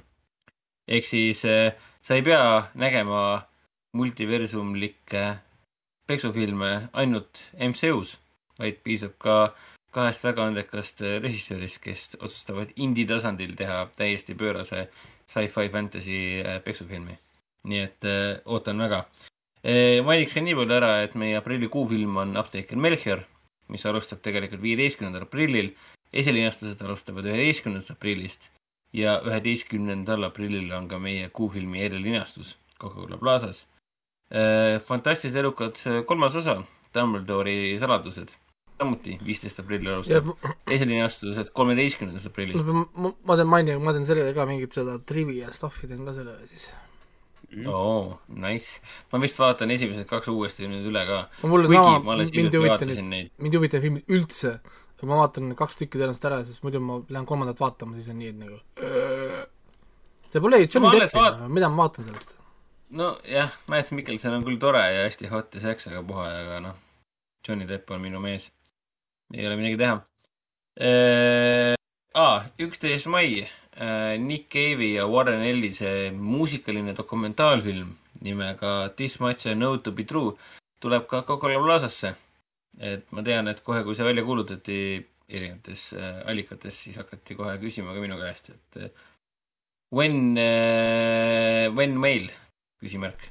ja nüüd ma võin öelda, et jah, üksteist mai tuleb Eesti kinodes Coca-Cola Plazasse Äh, ja aa, seda ma võin ka muidugi välja kuulutada, mis pole üldse saladus. see pole saladus, võib vist nii öelda. et kohtusime e siin. et kohtusime siin, et kahekümnendast maist saab äh, Coca-Cola Plazas ja ühe, ühe eriseansina ka Viljandi kinotsentrumis näha ei midagi muud kui äh, Sushito Kaisen Zero filmi äh, alates kahekümnendast maist äh,. valitusseansid, tõenäoliselt äh, kolm-neli äh, seanssi nädalas esi-, kas see on, kas see on nüüd Jahvi raames või see on, ongi teie enda tehtud? see on täiesti meie enda, see ei ole Jahviga seoses, seoses. tubli mees.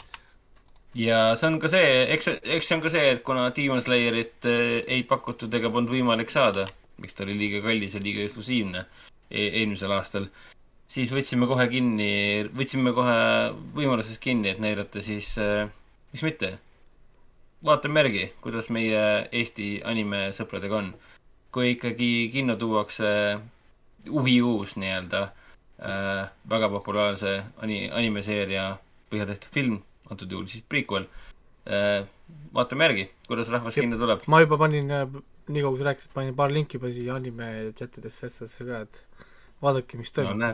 mis toimub, me saame no, vaadata animeid kinos või? mis mõttes? animet saab kinos näha ja mitte ainult Jahvil kord aastas muidu on ju Eestis võimalik animeid vaadata ainult kord aastas, kinos ma mõtlen, ainult kord aastas äh, ühe nädala jooksul, on ju ühe nädala, jah, ühe nädala jooksul Jahvil. mis on tegelikult lubamatult lühike aeg. Äh, ja hetkeseisuga on mul kõik, minu poolt kõik. Artis, äh, pulk on sinu käes. mis pulk, teatepulk uh? -huh. Uh, vot, vot, vot, vot, mis siis, mis siis, mis siis on? Ja Artises äh, tuleb ka näitamisele Ukraina film äh, Võimu illusioon. Äh, meil on küll natukene hiljem, aga see on piisavalt eriline film, et saame seda, võttes arvesse maailmas toimuvat inimestele pakkuda. miks mitte siis Ukraina kino näidata. samamoodi siis kõik kõigile korraga. levitaja lubas mulle, et see on väga-väga-väga Artise film. Screenerit ta ei ole mulle muidugi andnud tunnen ennast puudutatuna veits, aga äh, kui lugeda arvustusi, kui vaadata Rotten Tomatoes, vaadata publiku reaktsioone, siis selle kohta öeldakse, et see on instant classic um,. see on täielik äh, multiverse film, mis tuleb geniaalsel ajal välja, see tuleb enne Doctor Strange kahte välja, mis on ka multiverse film mm. -hmm. see, see pidi olema täiesti mind blowing, kuidas saab ühte filmi kõik asjad sisse toppida uh,. ja pluss Michelle'i on äge äh,. Pluss siin mängib ka ju see. Jamie Lee Curtis. Jamie Lee Curtis, jah. jah yeah.. uh,. vot, mis siis veel, Kanajänes ja Pimedas hamster tuleb meile samuti ja siis Minu abikaasa lugu seansid jätkuvad.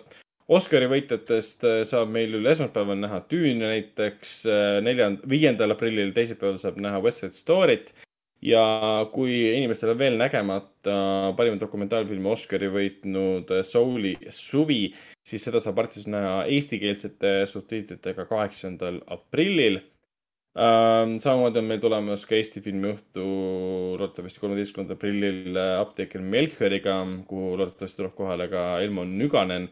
saate kuulata, mis tal enda kaitseks on öelda, kuidas ta laseb välja ühe aasta jooksul kolm megasuurt filmi Eesti filmiajaloo jaoks täielik äh, erakordne saavutus.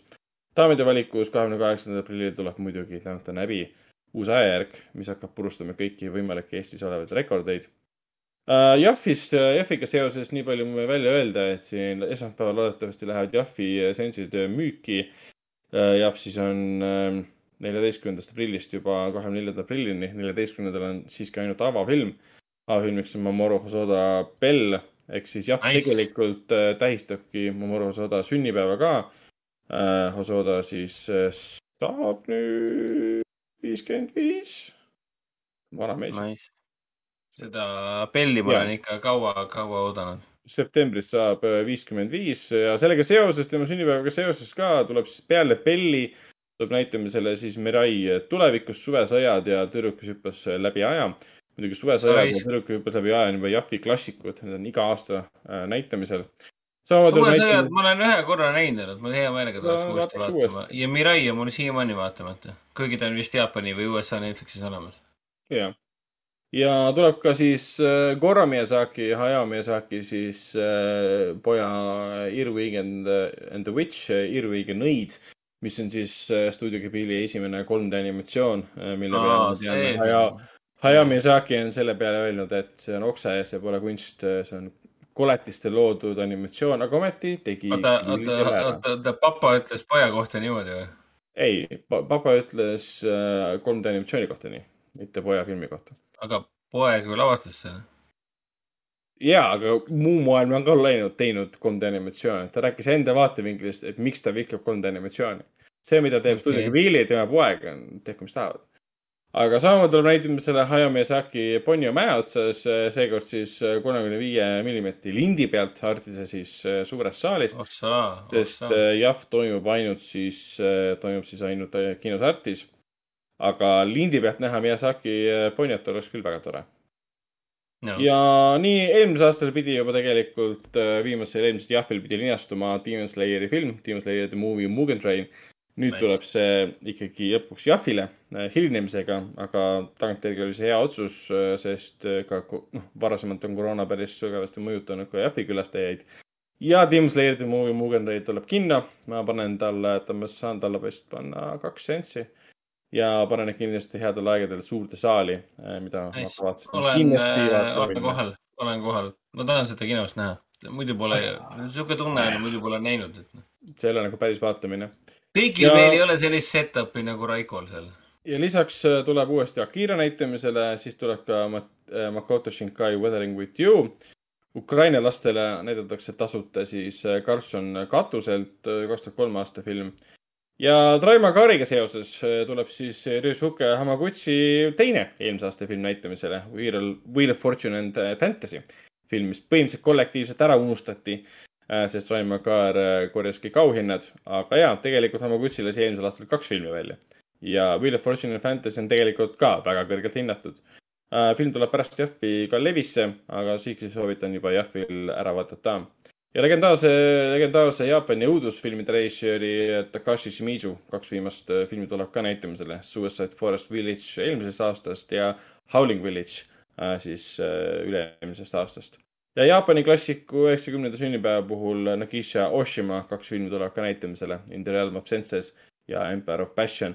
Need on ainult mõned näited Jaffi kavast, et filme on tegelikult veel, aga rohkem ma ei hakka mainima lisaks on tulemas Artises ka siis Euroopa lastefilmide programm lugusid raamatutest kuueteistkümnendast kahekümne neljanda aprillini. Äh, mõned näited, et tuleb näitamisele isegi Hiired kuuluvad taevasse, mis oli ka just filmiprogrammis. Tuleb Muumitroll ja sabatäht, mis on selles klassikalises Jaapani animatsioonis tehtud täispikk film. see on tegelikult üheksakümne teise aasta filmi 4K remaster. see lasti siis eelmisel aastal välja 4K-s siis täielikult remasterdatud uued häälnäitlejad ja nii edasi. meil on küll ta eesti keeles. siis tuleb ka Mamma, Mamma Muu leiab tee koju, mis on mõeldud siis kõige väiksematele vaatajatele. Muumitroll tegelikult, Mamma Muu leiab tee koju. Väga populaarse mingi Rootsi laste kirjaniku siis seerial tehtud. tegemist on lehmaga või? jah okay.. kui sa võtad raamatupoodide kodulehed lahti, seal on lõputult Mamma Mu teeb midagi raamatuid täis, hästi toredad ja õpetlikud.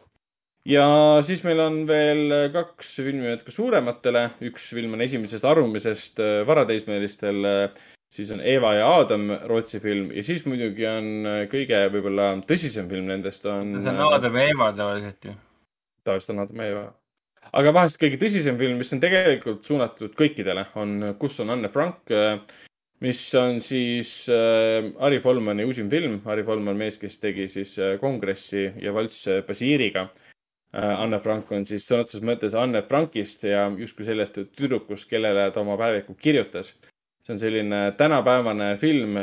filmi eesmärk tegelikult oligi äh, jõuda võimalikult äh, nooremate vaatajateni, et tuua nendele Anne Franki lugu jah, lihtsalt näidata, et ajalugu tuleb mõista, minevikku tuleb mõista, et mitte korrata siis minevikus tehtud vigu. kuigi vaadates maailmas toimuvat, siis ilmselgelt me ei ole. siis tundub, et vähemalt meie idanaabrid pole mitte sittagi aru saanud, mis minevikus ei, ei, ei. Ja mm, viimase asjana. täiesti, täiesti, täiesti null. viimase asjana mainiks ära, et siis meil on Lux publiku auhinna sensid toimumas, kõik sensid on tasuta, tuleb näitamisele siis Põgenemine, Suur vabadus ja Kuavadis Aida Äh, Kuue Saide nimetati siis eelmise aasta parimaks Euroopa filmiks Euroopa Filmiakadeemia poolt. seansid toimuvad siis üheksandast neljateistkümnenda aprillini äh,. igal filmil on siis kaks seanssi ja suures ja väikses saalis ja kõik on täitsa tasuta. Jätkuvad ka Lars von Trier'i filmid äh,. hetkel on järjekord siis Mandelei käes, pärast Mandeleid, koos Mandeleiga ongi nüüd jäänud üks, kaks, kolm, neli, viis, kuus, seitse filmi äh, et üheteistkümnenda maini saab veel Trieri filme näha. Dogville'i puhul oli tore äh,. väikse saali jagu rahvast tuli kohale, inimesed naudivad. Mandelõi tuleb kõige rohkem ja muidugi Antikristus ja Melanhoolia toovad saalid jälle paksult täis. vot, aga ja, tõmbame minu alla. Uh.. korralik etteaste selles mõttes. kuule ja meil esimene neljatunnine saade ka, nii et uh, congratulations, me täitsime neli tundi ära, Mardu on uh, happy. Jaa, keegi on õnnelik. kas siis, kas, kas me saame kasutada sõnavara nagu mitmuses, täitsime? ma arvan, et Raiko täitis mu suu oli, suu oli küll räigelt kuiv terve aeg ja ja, ja, ja, ja, ja jättis siis meile talupoegadele ette sisuliselt tund aega, et midagi kuna äh, mul endiselt on lapsed haiged, ma juba tean, et homme mul on kõik neli last on kodus, on naine läheb hommikul tööle niimoodi ta-ta! Ja siis nii et ma hakkan jälle vaatama, nii et pange valmis siis äh,, valmis järgmiseks nädalaks tõenäoliselt. ma istun ja vaatan. Ja vaatan. on teil midagi juba välja valitud ka või? Ma hakkan järjest võtma, mul on nüüd streaming platvormi ees ja hakkan järjest vaatama ja, ja, ja kui lapsed lähevad lõunatuttu, võib-olla lükkame nüüd Shudderi tööle. mõtlesin, et nüüd on aeg Shudderit hakata jälle lappama. nii et äh,. õigus jah, seal pole ammu käinud. aga hakkas sealt käia, tuleb ja ma mõtlesin ennast šokeerida, mul tuli täna niisugune kuri plaan, et ma panen kirja, kui palju ma olen maksnud streamingute eest alates sellest ajast saati, kui ma hakkasin nendest maksma. Lähen oh,, lähen ajas tagasi, nii kaugele, kui ma lähen, valasin PlayStation kuused ja isegi enne seda, ja kui ma hakkasin nagu maksma, palju ma maksin kogu aeg ja kuni tänaseni välja, ma tahaks teada, mis see summa on. Miks sa seda endaga teed? Siis need, oih, what the fuck? Mõtleme kohe, mis sa selle rahaga oleks saanud teha ja. Meie, meie Youtube live on kestnud kaks tundi ja, sorry, neli tundi ja kakskümmend minutit ja Mardo kirjutas praegu siia kommentaaris, et ta pidas vastu. no näed. kuule, olgu, tegelikult ka, kell on. Äh, sa pidasid vastu. kell on palju. meil on siin äh..., meil on siin veel tegelikult AVP seitsekümmend viis ja Andre on ka kindlasti alles et meil on Maga kolm põhivaatajat ja kriiti-, ei mitte kriitik, vaid no meil on stabiilselt olnud kuus vaatajat kogu aeg, nii et äh, mingil põhjusel pühapäeva õhtul meil on kuus vaatajat, igal juhul tänud, et pidasite selle vastu.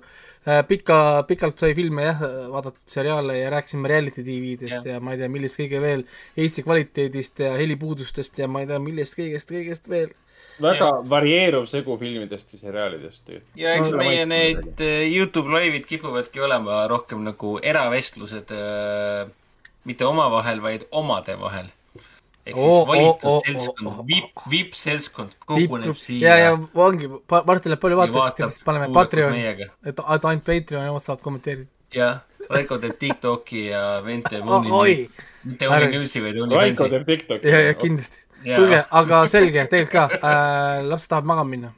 nii et äh, paneme pildid, pildid kokku ja ja me, me, me kõik ei ole seal fancy's äh, San Franciscos, et kell on mingi kaksteist alles. ja meil on äh, pool juba üksteist õhtul juba. jah, võib ka nii öelda, jah. Ja. nii, aga selge okay., järgmine nädal uuesti ja, ja ma panen intro nii, et saatejuhid ei kuule seekord, sest ma ei viitsi seda uuesti siia striimi panna. nii et äh, sel korral siis äh, saame lõpetada ära ja öelda nägemist ja mis meil on siis, aprilli teine nädal juba hakkab jooksma järgmine kord, nii et. jah, hakkab Kraad tulema. ei ole veel saabunud, sest õues on miinuskraadide lumi ja lubati lörtsi yeah.. fantastilised elukad lähenevad.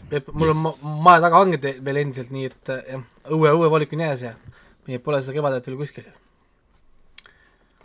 aga see olgu, nägemist ja järgmine nädal uuesti. olgu, tšau, aitäh vaatamast, kuulamast